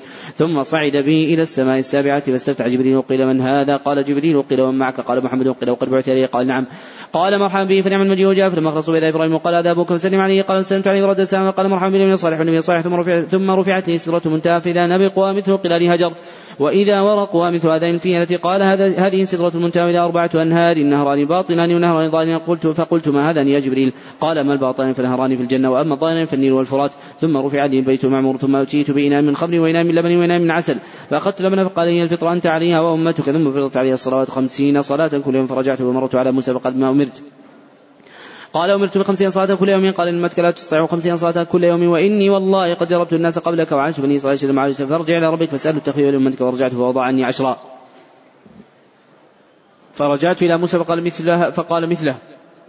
فرجعت فوضع عني عشر فرجعت إلى موسى فقال مثله. فرجعت فوضع عني عشر فرجعت إلى موسى فقال مثله. فرجعت فأمرت بعشر صلوات كل يوم فرجعت فقال مثله فرجعت فأمرت بخمس صلوات كل يوم فرجعت إلى موسى فقال بما أمرت قلت أمرت بخمس صلوات كل يوم قال إن أمتك لا تصنع خمس صلوات كل يوم وإني قد جربت الناس قبلك وعالجت بني إسرائيل أشد معالجة فرجع إلى ربك فسألت تخبير أمتك قال سألت ربي حتى استحييت ولكن أرضى وسلم قال فلما جاوزت نادى مناد أمضيت فريضتي وخففت عن عبادي. قوله حدثنا هدبة بن خالد تقدم أنه ليس في رواته ما اسمه هدبة سوى هدبة بن خالد الأزدي. البصري ويقال له أيضا هداب بفتح الهاء. نعم. أحسن الله إليكم. قال حدثنا أحمد وقال حدثنا سفيان وقال حدثنا عمرو عن كلمة عن ابن رضي الله عنهما في قوله تعالى وما جعلنا الرؤيا التي أريناك لفتنة الناس قال يا رؤيا عيني يريها رسول الله صلى الله عليه وسلم يتوسي به إلى بيت القدس. قال بشرت منعونة في القرآن. قال هي شجرة الزقوم. باب وفود أنصار النبي صلى الله عليه وسلم مكة وبيعة العقبة. قال حدثنا بيح بن مكين قال حدثنا قال حدثنا عن عقين عن شهاب قال حدثنا أحمد بن صالح قال حدثنا عن بس قال حدثنا يوسف عن شامي قال أخبرني عبد الرحمن عبد الله بن كعب مالك عبد الله بن كعب قال قاعد كعب حين عمي قال سمعت كعب مالك رضي الله عنه حديث حين تخلف عن النبي صلى الله عليه وسلم في غزوة تبوك وذكره بطول قال مكين في حديثه. ولقد شهدت مع النبي صلى الله عليه وسم يتعاقبت حين توافقنا على ما احب ان لي بها مشهد بدر وإن كانت بدر أذكر في الناس منها. قال حدثنا عن ابن عبد الله قال حدثنا سفيان قال كان عمرو يقول سمعت جابر بن عبد الله رضي الله عنه ما يقول شهد بي خالايا العقبه قال أبو عبد الله قال ابن أحدهم البراء بن معرور. قال حدثني إبراهيم بن موسى قال أخبرني هشام بن رجل أخبره قال عطاء قال جابر أنا وأبي وخالي من أصحاب العقبة. قال حدثني إسحاق بن منصور قال أخبرنا يعقوب بن إبراهيم قال حدثنا ابن اخ بن شهاب عن عمه قال أخبرني أبو إدريس عايض الله أن معبة بن صامت رضي الله عنه من الذين شهدوا بدرا مع رسول الله صلى الله عليه وسلم من أصحاب ليلة العقبة. اخبره أن رسول الله صلى الله عليه وسلم قال محمد وعصابه من أصحابه تعالوا بايعوني على أن تشركوا بالله شيئا لا تشركوا بالله شيئا ولا تسرقوا ولا تزنوا ولا تقتلوا أولادكم ولا تتبعوا تفترون بين ايديكم بين أيديكم وأرجلكم. ولا تعصوني في معروف فمن وفى منكم فأجروا على الله ومن أصاب من ذلك شيئا فعوقب في الدنيا فهو له كفارة ومن أصاب من ذلك شيئا فستره الله فأمره إلى الله إن شاء عاقب وإن شاء عفى عنه قال بايعت على ذلك قال حدثنا قتيبة قال حدثنا الليث عن يزيد بن أبي حبيب عن بالخير عن الصلاه حين بات صلت رضي الله عنه أنه قال إني من النقباء الذين بايعوا رسول الله صلى الله عليه وسلم وقال بايعناه, بايعناه على أن لا نشرك بالله شيئا وننسق ولا نزني ولا نقتل النفس التي حرم الله ولا ننتهي ولا نعصي بالجنة إن فإن فعلنا ذلك فإن غشينا من ذلك شيئا كان قضاء ذلك إلى الله عز وجل. باب تزويج النبي صلى الله عليه وسلم عائشه وقدومها المدينة وبنائه بها قال حدثني فروة بن أبي المغراء قال حدثني علي بن مسهر قال عن هشام عن أبيه عن عائشة رضي الله عنها قال تزوجني النبي صلى الله عليه وسلم وأنا بنت ست سنين فقدمنا المدينة فنزلنا في بني الحارث بن خزرج فوعكت فتمرق فتمرق شعري فوفى جميمة فأتتني أمي أم رومان وإني لفي ارجوحه ومعي صواحب لي فصرخت بي فأتيتها لا أدري ما تريد بي فأخذت بيدي حتى وقفت على باب الدار وإني لأنهج حتى سكن بعض نفسي ثم أخذت شيئا من ماء فمسحت به وجهي ورأسي وثم ادخلت دار فاذا نسوت من أنصاري في البيت وقلنا عن خير وبركت على خير طائر فأسلمت فأسلمتني إليهن من شأني. فلم يرعني إلا رسول الله صلى الله عليه وسلم ضحى فاستمني إليه وأنا يومئذ بنت تسع سنين. قال حدث معلا قال حدثنا وهيب بن عائشة بن عروة عن أبي عائشة رضي الله عن النبي صلى الله عليه وسلم قال أريتك في المنام مرتين وأرى أنك في سرقة من حرير. ويقول هذه امرأتك فاكشف عنها فإذا هي أنت فأقول إن يك هذا من عند الله يمضي. قال حدثني عبيد بن إسماعيل قال حدثنا أبو سعود عن هشام بن قال توفيت خديجة رضي الله عنها قبل مخرج النبي صلى الله عليه وسلم المدينة بثلاث سنين فلبث, فلبث سنتين أو قريب من ذلك هناك عائشة وهي بنت ست سنين. ثم بنى بها وبنت تسع سنين. باب هجرة النبي صلى الله عليه وسلم واصحاب المدينة. قال عبد الله بن زيد وابو هريرة رضي الله عنه عن النبي صلى الله عليه وسلم هجرة كتب من الأنصار. وقال أبو موسى عن النبي صلى الله عليه وسلم رأيته في المنام ان يهاجر من مكة إلى أرض بها نخل. فذهب واهلي إلى انها اليمامة. أو هجر فإذا هي المدينة يثرب. قال حدثنا أحمد وقال حدثنا سفيان وقال حدثنا عبد قال سمعت ابا يقول عدنا خباما فقال هاجرنا مع النبي صلى الله عليه وسلم نريد وجه الله عز وجل فوقع اجرنا على الله عز وجل فمنا من مضى. لم يأخذ من أجله شيئا منه مصعب بن عمر قتل يوم واحد وترك نمرة فكنا إذا غطينا بها رأسه بدت رجلاه وإذا غطينا رجليه بدا رأسه. فأمرنا رسول الله صلى الله عليه وسلم غطي رأسه ونجعل رجليه شيئا من اذخر ومن من له ثمرته فهو يهدبها. قال حدثنا مسدد قال حدثنا أحمد بن زيد عن يحيى عن محمد عن إبراهيم ابن إبراهيم عن قبته بن وقاص قال سمعت عمر رضي الله عنه قال سمعت النبي صلى الله عليه وسلم يقول الأعمال بالنيات من كانت هجرته إلى دنيا وصف امرأة يتزوجها هجرته لما هجر من كانت هجرته إلى الله ورسوله هجرته إلى الله ورسوله صلى الله عليه وسلم. قال حدثني إسحاق بن يزيد الدمشقي قال حدثني يحيى بن حمزة قال حدثنا أبو عمرو الأوزاعي وعن عبد بن أبي عن مجاهد بن جابر المكي عن عبد الله بن عمر رضي الله عنه كان يقول لا هجره بعد الفتح. قال وحدثنا اوزاعي وعن طيب بن ابي رباح قال زرت عائشة رضي الله عنها عبيد بن عمر التي فسالنا عن الهجره فقالت لا هجره اليوم كان المؤمنون يفر أحد بدينه إلى الله تعالى وإلى رسوله صلى الله عليه وسلم خفت يفتن عليه فلما اليوم فقد الله عز وجل الإسلام واليوم يعبد واليوم يعبد ربه حيث شاء ولكن جهاد ونية. قال حدثني زكريا بن يحيى قال حدثني قال هشام فأخبرني أبي عن عائشة رضي الله عنها سعد رضي الله عنه قال اللهم إنك تعلم أنه ليس أحد أحب إلي أن اجاهدهم فيك من قوم كذبوا رسولك صلى الله عليه وسلم وأخرجوه. اللهم فإني أظن أنك قد وضعت الحرب بيننا وبينهم وقال بن يزيد حدثني هشام بن ابي قال أخبرتني عائشة رضي الله عنه من قوم كذبوا نبيك وأخرجوه من قريش. قال حدثنا مطر من فضل قال حدثنا روح قال حدثنا هشام. قال حدثنا عن كلمة عن عباس رضي الله عنه قال بعث رسول الله صلى الله عليه وسلم أربعين سنة وما كث ثلاث عشرة سنة. يوحى إليه ثم مر بالهجرة فهجر عشرة سنين ومات وابن ثلاث وستين. قال حدثني مطر من فضل قال حدثنا محمد بن قال حدثنا زكريا بن إسحاق قال حدثنا عمرو بن دينار عن عباس رضي الله عنه قال مكث رسول الله صلى الله عليه وسلم مكث عشرة وتوفي ثلاث وستين قال حدثنا إسماعيل بن عبد الله قال حدثنا مالك عن ابن النضر مولى عمرو بن عبد الله عن عبيد يعني ابن حنين عن أبي سعيد الخدري رضي الله عنه رسول الله صلى الله عليه وسلم جلس على المنبر فقال عبدا خيره الله بين يؤتيه من زار الدنيا ما شاء. وبينما عنده فاختار ما عنده فبكى أبو بكر رضي الله عنه قال بديناك بآبائنا وامهاتنا فعجبنا له وقال الناس انظروا إلى هذا الشيخ يخبر رسول الله صلى الله عليه وسلم عن عبد خيره الله عز وجل بين أن يؤتيه من زارة الدنيا وبين ما عنده. وهو يقول فديناك بآبائنا وامهاتنا فكان رسول الله صلى الله عليه وسلم والمخير وكان أبو بكر رضي الله عنه واعلمنا به وقال رسول الله صلى الله عليه وسلم إن من أمن الناس علي في صحبتي ومالي أبا بكر. ولو كنت منتخنا خليل من امتي لاتخذت أبا بكر إلا خلة الاسلام لا يبقى في المسجد. خوقة الا خوقة أبي بكر. قال حدثني احمد بن قال حدثني ابي عن قال قال مشابه فأخبرني عروة بن زبير عائشة رضي الله عنها زوج النبي صلى الله عليه وسلم قالت لم اعقل أبوي قط إلا وهما يدينان الدين ولم يمر علينا يوم ولم يمر علينا يوم لم إلا يأتينا فيه رسول الله صلى الله عليه وسلم انها لبكرة وعشية فلم تر المسلمون خرج أبو بكر مهاجرا نحو أرض الحبشة. حتى بلغ أرك الغماد لقيه ابن الدغنة وهو سيد القارة فقال أن تريد أبا بكر فقال أبو بكر أخرجني قومي يفردون نسيح في الأرض وأعبد ربي قام الدغنة فإن مثلك بكر لا يخرج ولا يخرج إنك تكسب المعدوم وتصل الرحم وتحمل الكلى وتقري الضيف وتعين على نواب الحق فإن لك جار ارجع واعبد ربك ببلدك فرجع وارتحل معه من دغنة فطاف من دغنة عشية فأشرف قريش فقال, فقال له من أبا بكر لا يخرج مثله ولا يخرج. أتخرجون رجل يكسب المعدوم ويصل الرحم ويحمل الكلى ويقري الضيف ويعين على نواب الحق فلم تكذب قريش من جوار من الدغنة وقالوا لمن الدغنة مر أبا بكر فليعبد ربه في داره ويصلي فيها وليقرأ ما شاء ولا يؤذين بذلك ولا يستعلن به فإن نخشى أن يفتن نساء أن, يفت أن يفتن نساءنا وأبناءنا. فقال ذلك من دغنة أبي بكر فلبث أبو بكر ذلك يعبد ربه في داره ولا يستعلن من صلاته ولا يقرأ في غير داره ثم دل بكر مبتلى منزلا بفناء داره وكان يصلي فيه ويقرأ القرآن. فينقذف على الإنسان المشركين وأبناؤهم ويعجبون منه وينظر إليه. وكان أبو بكر رضي الله عنه بكى لا يملك عينيه. إذا قرأ القرآن وأفزع ذلك أشراف قريش من المشركين فأرسلوا إلى الدغنة فقدم عليهم. قالوا إنا كنا أجرنا أبا بكر بجوارك على يعبد ربه في داره فقد جاوز ذلك وابتلى منزلا بفناء داره فعلم بالصلاة والقراءة فيه وإنا قد خشينا يفتن نساءنا وأبناءنا فانهه. فإن حب أن يقتصر عن يعبد ربه بداره فعله وإن أبى إلا أن يعلن بذلك فاسأله أن يرد إليك ذمتك. فإن قد كرهنا أن نغفرك ولسنا مقرين. لأبي بكر استعلانا قالت عائشة رضي الله عنها فات ابن الدغنة إلى أبي بكر رضي الله عنه قال قد علمت الذي قد عاقدت لك عليه فإما أن تقتصر على ذلك وإما أن ترجع إلى ذمتي فإني لا أحب أن تسمع العرب أني أخبرت برجل عقدت له. فقال أبو بكر رضي الله عنه فاني ارد إليك جوارك وأرضى بجوار الله عز وجل والنبي صلى الله عليه وسلم من مكه وقال النبي صلى الله عليه وسلم المسلمين أن يريد دار ذات نخل بين لابتين ومن الحرتان فهاجر ما هاجر قبل المدينة رجع عامة من كان من كان ورجع من كان عامة من كان هاجر بأرض الحبس إلى المدينة وجهز أبو بكر قبل المدينة.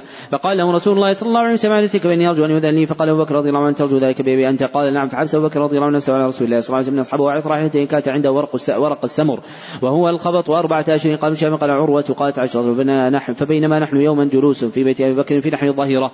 قال قال أبي بكر هذا رسول الله صلى الله عليه وسلم متقنع من ساعة لم يكن ياتنا فيها. قال أبو بكر رضي الله عنه فداء له أبي وأمي. والله ما جاء بي في هذه الساعة لا أمر قالت فجاء رسول الله صلى الله عليه وسلم استاذن فأذن له فدخل فقال النبي صلى الله عليه وسلم يا بكر أخرج من عندك فقال أبو بكر رضي الله ما هم أهلك بأبي أنت يا رسول الله قال فإني قد أذن لي في الخروج فقال أبو بكر رضي الله عنه الصحابة بأبي أنت يا رسول الله قال رسول الله صلى الله عليه وسلم نعم قال أبو بكر فخذ بأبي أنت يا رسول الله إحدى راحلتي هاتين قال رسول الله صلى الله عليه وسلم بثمن قالت رضي الله جهزناهما أحث الجهاز وصنعناهما له وصنعنا لهما سفرة من جراب فقطعت أسماء بنت أبي بكر قطعة من نطاقها فربطت به على فم جراب في ذلك سمي ذات النطاق قالت ثم لحق رسول الله صلى الله عليه وسلم بكر بغار في جبل ثور فكمنا فيه ثلاث ليال يبيت عنده مع عبد الله بن أبي بكر وغلام شاب ثقب لقن فيدلج من عندهما بسحر فيصبح مع قريش من مكة كبائت فلا يسمع أمرا يكتادان به لا وعاه حتى يوم قبل ذلك. حين يختلط الظلام ويرعى عليهما عامر بن فيرة مولى أبي بكر منحة من غنم فيريحها عليهما حين, حين تذهب ساعة من عشاء. فيبيتان في رسم وهو لبن منحتهما ورضيفهما حتى ينعق بها عبر فيرة بغلس يفعل ذلك في كل ليلة من تلك الليالي الثلاث. واستاجر رسول الله صلى الله عليه وسلم وبكر رجل من بني الدين ومن بني عبد بن عدي هاديا خريته والخريت الماهر بالهداية قد غمس حلفا في آل العاص بن وائل سهمي وهو العدين كفر قريش فأمناه فدفع لي راحلتيهما وواعداه غار ثور بعد ثلاث ليال براحلتيهما صبح ثلاث. وانطلق معهما عمرو فيرة ودليل فأخذ بهم طريق السواحل. قال ابن شهاب وأخبرني عبد الرحمن مالك المدلجي وابن أخي سراقة مالك بن جعشم. أن أبا أخبرنا سمع سراقة بن جعشم يقول جاءنا رسل كفار قريش يجعلون في رسول الله صلى الله عليه وسلم أبي بكر دية كل واحد منهما من قتله وأسره. فبينما أنا جالس في مجلس مجالس قوم من بني مدلج أقبل رجل منهم حتى قام علينا ونحن جلوس فقال يا سراقة إني قد رأيت انفا أسودة بالساحل وراهما محمد وأصحابه وقال سرقت وعرفت أنهم هم فقلت له إنهم ليسوا بهم ولكنك رأيت ابنهم فلان فانطلقوا بأعيننا ثم لبثت المسجد ساعة ثم قلت ودخلت وأمرت جارية ان تخرج بفرسي وهي من وراء اكمه فتحبسها علي وأخذت وأخذت رمحي فأخرجت به من ظهر البيت فحططت بزجه الأرض وخفضت عاليه حتى أتيت فرسي فركبتها فرفعتها تقرب بي فرفعتها تقرب بي حتى دنوت منهم فعثرت بي فرسي فخررت عنها فقمت فأهويت يدي إلى كنانتي فاستخرجت منها الأزلام فاستقسمت به أضرهم أم لا؟ فخرج الذي أكره فركبت فرسي وعصيت الأزلام تقرب بي حتى إذا سمعت قراءة رسول الله صلى الله عليه وسلم وهو لا يلتفت وأبو بكر يكثر الالتفات. ساقت يدا فرسي في الأرض حتى بلغت ركبتين فخرجت عنها ثم زرتها فنهضت فلم تكد تخرج يديها فلما استوت قائمة. فلما استوت قائمة إذا فلما استوت قائمة إذا إذا لا فلما استوت قائمة إذا الأثر إذا إذا الأثر يديها عثان ساطع في السماء. إذا لأثر أحسن الله إليكم. فلما استوت قائمة إذا لأثر يديها عثان ساطع في السماء مثل الدخان فاستقسمت الأزام فخرج الذي أكره فناديتهم بالأمان فوقفوا فركبت فرسي حتى جئتهم. ووقع في نفسي حين لقيت ما لقيت من حبسي عنهم أن سيظهر أمر رسول الله صلى الله عليه وسلم. قلت له إن قومك قد جعلوا فيك الدية. وأخبرتهم أخبار أخبار ما يريد الناس بهم وعرضت عليهم الزاد والمتاع فلم يرزآني ولم يسألاني إلا أن قال أخف إلا أن قال أخف عنا فسألته أن يكتب لي فسألته أن يكتب لي كتاب أمن فأمر عمرو فيرة وكتب في رقعة من أديم ثم مضى رسول الله صلى الله عليه وسلم. قال فأخبر أخبرني عروة بن زبير رسول الله صلى الله عليه وسلم لقي زبير في ركب المسلمين كانوا تجارا قافلين من الشأم. فكسى الزبير رسول الله صلى الله عليه وسلم بكر ثياب بيض و... و... ثياب بياض وسمع المسلمون بالمدينة مخرج رسول الله صلى الله عليه وسلم مكة. فكانوا يغدون كل غداة الحرة فينتظرون حتى يردهم حر طائرة فانقلبوا يوم بعدما أطالوا انتظارهم فلما أووا إلى بيوتهم أوفى رجل من اليهود على أطر من أطعامهم لأمر ينظر إليه فبصر برسول الله صلى الله عليه وسلم وأصحابه مبيضين يزول بهم السراء فلم يكن يهوديا وانقلب على صوته معشر العرب. هذا جدكم الذي تنتظرون أكثر المسلمين السلاح فتلقوا رسول الله صلى الله عليه وسلم ظل الحرة وعدل بهم ذات اليمين حتى نزل بهم في بني عمرو معه في ذلك ومن اثنين من شهر ربيع الأول. فقام بكر للناس وجلس, رسول الله صلى الله عليه وسلم صاب ميتا فطلق من جاب الانصار ممن لم يرى رسول الله صلى الله عليه وسلم يحيي أبا بكر حتى أصابت شمس رسول الله صلى الله عليه وسلم. فأقبل أبو بكر حتى ظل عليه بردائه فعرف الناس رسول الله صلى الله عليه وسلم عند ذلك ولبث رسول الله صلى الله عليه وسلم بني عمرو بن عوف بضع عشرة, عشرة ليلة. وأسس المسجد الذي وسع التقوى وصلى فيه رسول الله صلى الله عليه وسلم ركب راحلته فسار يمشي معه الناس حتى بركت عند منزل الرسول صلى الله عليه وسلم المدينة ويصلي فيه يومئذ رجال من المسلمين. وكان مربدا للتمن سهيل وسهل غلامين يتيمين في حجه سعد أسعد بن زرارة. فقال رسول الله صلى الله عليه وسلم حين مركت به راحلته هذا إن شاء الله المنزل ثم دعا رسول الله صلى الله عليه وسلم الغلامين فساومهما بالمربد ليتخذه منزلا فقال لا بل نهبوا لك يا رسول الله ثم بناه منزلا وطفق رسول الله صلى الله عليه وسلم ينقل معهم اللبن في بنيانه ويقول وهو ينقل اللبن هذا الحمال لا حمال خيبر هذا أبر ربنا وأطهر. ويقول اللهم إن الأجر أجر الآخرة فارحم الأنصار والمهاجر وتمثل بشعر رجل من المسلمين لم يسمى لي قال ابن شهاب ولم يبلغنا في الأحاديث أن رسول الله صلى الله عليه وسلم تمثل بيت شعر تام من غير هذا البيت. ولم يبلغنا أن رسول الله صلى الله عليه وسلم تمثل بيت شعر تام من غير هذا البيت. قال حدثنا عبد الله بن أبي شبت قال حدثنا أبو سلمة قال حدثنا هشام بن أبي وفاطمة عن أسماء رضي الله عنها أنها قالت صنعت سفرة النبي صلى الله عليه وسلم وأبي بكر حين أراد المدينة فقلت لأبي ما أجد شيئا أربطه إلى نطاق قال فشقه ففعلت ففعلت فسميت ذات النطاقين. قال حدث محمد بن قال حدثنا غندر قال غندر قال حدثنا شعبة عن أبي إسحاق قال سمعت براء رضي الله عنه قال ما قال النبي صلى الله عليه وسلم المدينة تبعه سرقة مالك بن جعشم.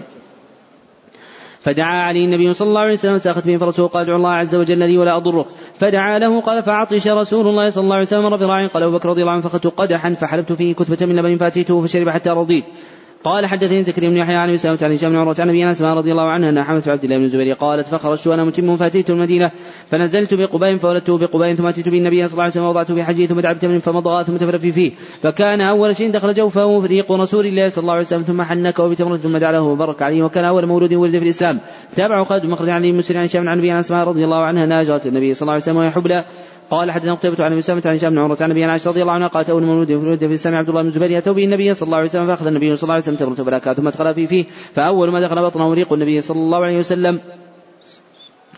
قال حدثني محمد قال حدثنا عبد الصمد قال حدثنا أبي قال حدثنا عبد العزيز بن صهيب قال حدثنا أنس مالك رضي الله عنه قال أقبل نبي الله صلى الله عليه وسلم المدينة ومردف أبا بكر وأبو بكر شيخ يعرف نبي الله صلى الله عليه وسلم شاب لا يعرف. قال فيلقى الرجل أبا بكر ويقول يا أبا بكر من هذا الرجل الذي بين يديك؟ ويقول هذا الرجل يهدي يهديني السبيل. قال فيحسب الحاسب أنه إنما يعني الطريق وإنما يعني سبيل الخير فالتبدا أبو بكر رضي الله عنه فارس قد لحقهم فقال يا رسول الله هذا فارس وقد لحق بنا فالتفت نبي الله صلى الله عليه وسلم فقال اللهم اصرعه فصرعه الفرس. ثم قامت تحمحم فقال النبي الله صلى الله عليه وسلم بما شئت. قال فقف مكانك لا تركن احد يلحق بنا. قال فكان أول النهار جاهدا على نبي الله صلى الله عليه وسلم وكان آخر النهار مسلحة له. فنزل رسول الله صلى الله عليه وسلم جانب الحارة ثم بعث الانصار وجاءوا إلى نبينا صلى الله عليه وسلم عليهما. وقالوا اركبوا امنين مطاع مطاع اركبوا امنين مطاعين. فركب نبي الله صلى الله عليه وسلم أبو بكر وحفوا دونهما بالسلاح فقيل في المدينة جاء نبي الله جاء نبي الله صلى الله عليه وسلم فأسروا وينظرون ويقولون جاء نبي الله جاء نبي الله. فأقول يسيرون حتى نزل جانب دار ابي ايوب رضي الله عنه. فإنه يحدث أهله من سمع به عبد الله بن سلام رضي الله عنه في نخل لأهله يختلف لهم فعجل أن يضع الذي يختلف لهم فيها فجاء وهي معه. فسمع من نبي الله صلى الله عليه وسلم ثم رجع لاهله فقال نبي الله صلى الله عليه وسلم أي بيوت أهلنا؟ أقرب قال ابو ايوب أنا يا نبي الله هذه داري. وهذا بابي؟ قال فانطلق فهي لنا مقيلا. قال قم على بركة الله. فلما جاء نبي الله صلى الله عليه وسلم جاء عبد الله بن سلام رضي الله عنه قال أشهد أنك رسول الله وأنك جئت بحق وقد علمت يهود أني سيدهم وابن سيدهم وأعلم وابن علم فادعهم فاسألهم عني. قبل أن يعلموا أني قد أسلمت فإنهم يعلموا أني قد أسلمت. قالوا فيها ما ليس فيه فأرسل نبي الله صلى الله عليه وسلم فأقبلوا فدخلوا عليه فقال لهم رسول الله صلى الله عليه وسلم معشر اليهود.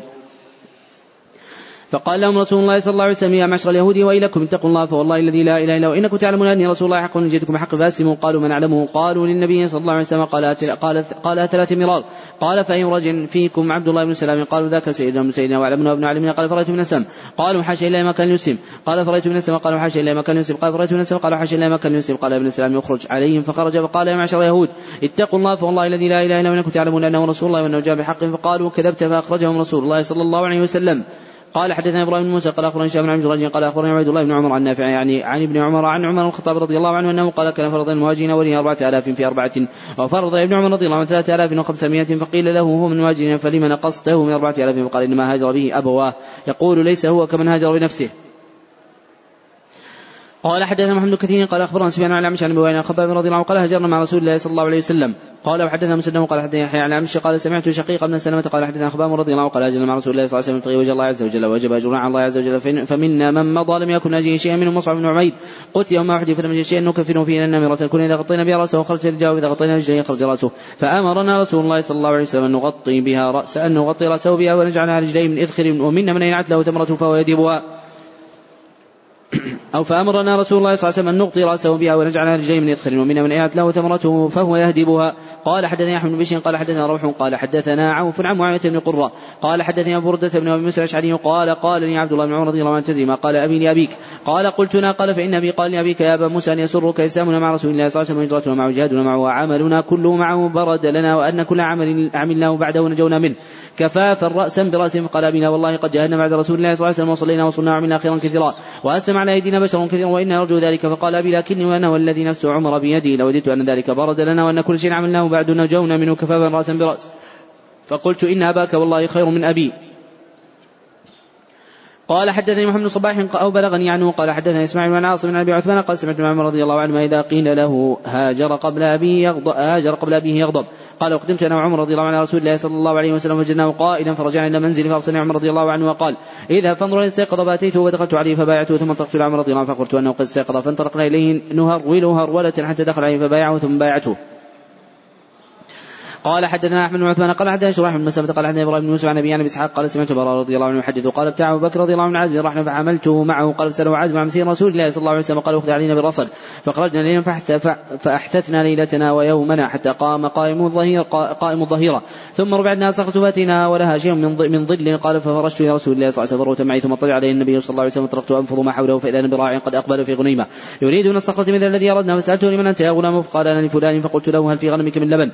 قال نعم. قلت له هل أنت حارم؟ قال نعم فاخذ شاة من غنمه فقلت له انفض الضرع. قال فحلب كثبة من لبن معي داوة ماء عليها خرقة.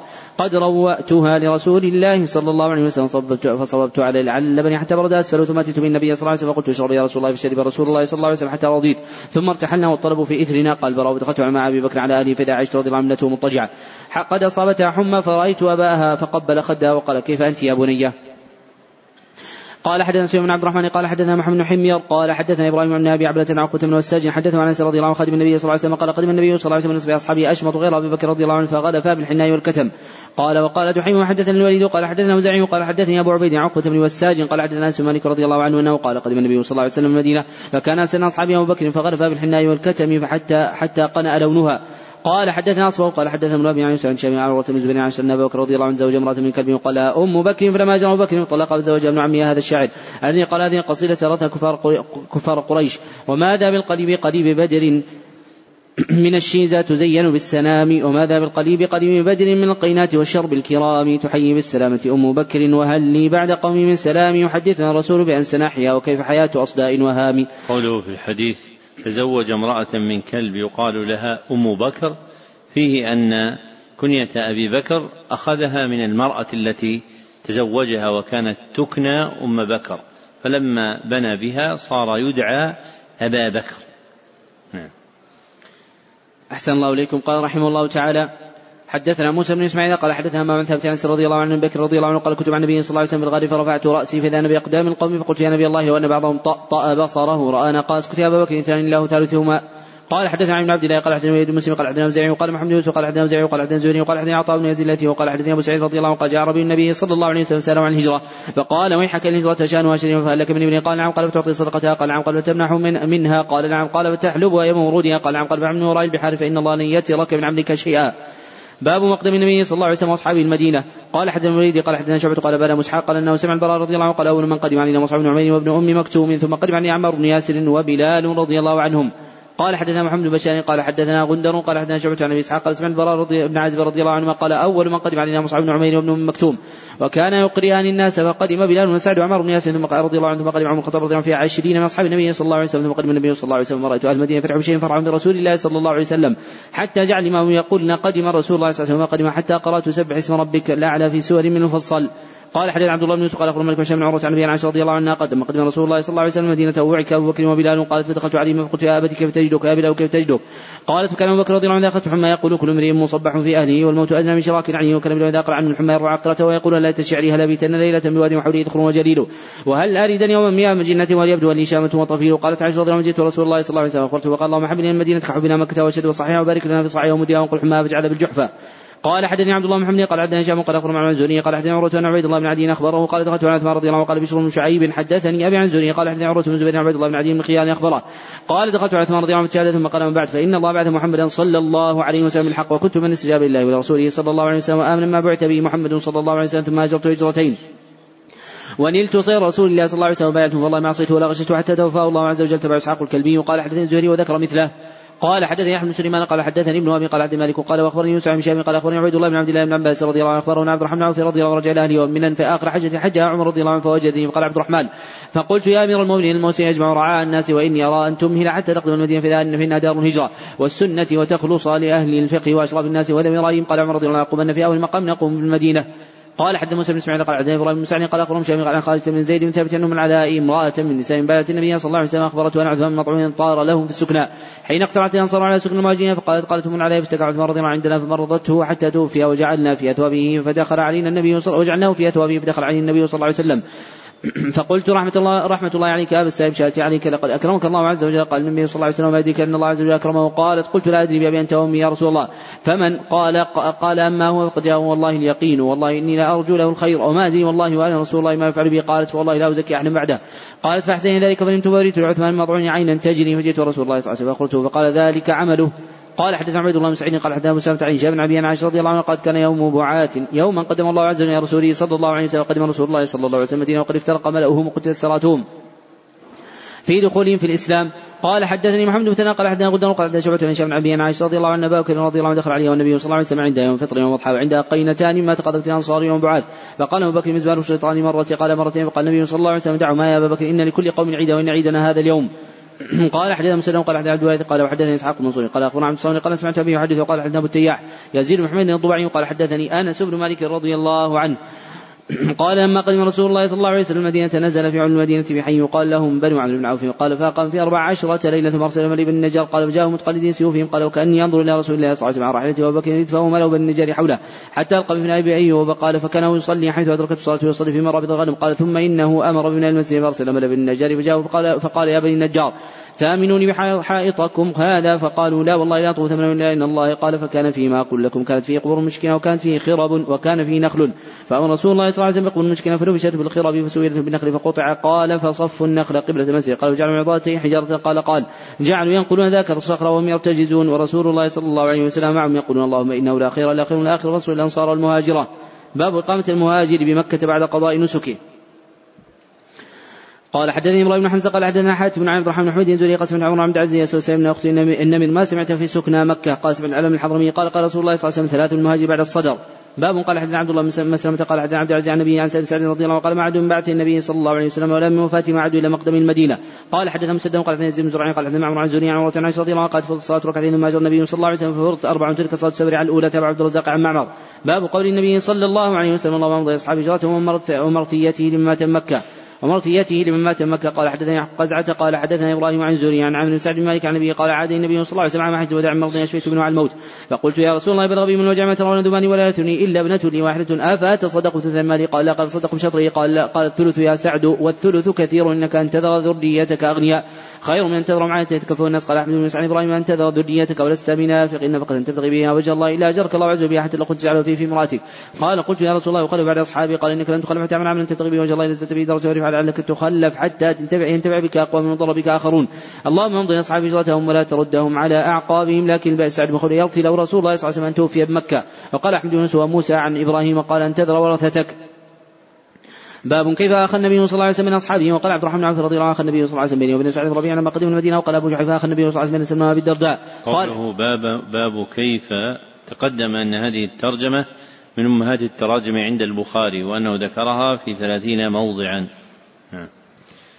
أحسن الله إليكم. قال حدثنا محمد يوسف قال حدثنا سفيان بن أحمد عن رضي الله عنه قال قدم عبد الرحمن بن عوف رضي الله عنه فأخى النبي صلى الله عليه وسلم بينه وبين سعد بن ربيعة الأنصاري فعرض عليه أن يوصفه وله وماله فقال عبد الرحمن بارك الله لك في أهلك ومالك دون عن سوق وربح شيئا من آقط وسلم فرأى النبي صلى الله عليه وسلم بعد أيام عليه وضر من صفرة. فقال النبي صلى الله عليه وسلم يا عبد الرحمن؟ قال يا رسول الله زوجت امرأة من الأنصار قال ما سقت فيها؟ قال فقال وزن وات من دم وقال النبي صلى الله عليه وسلم أولم ولو بشاة.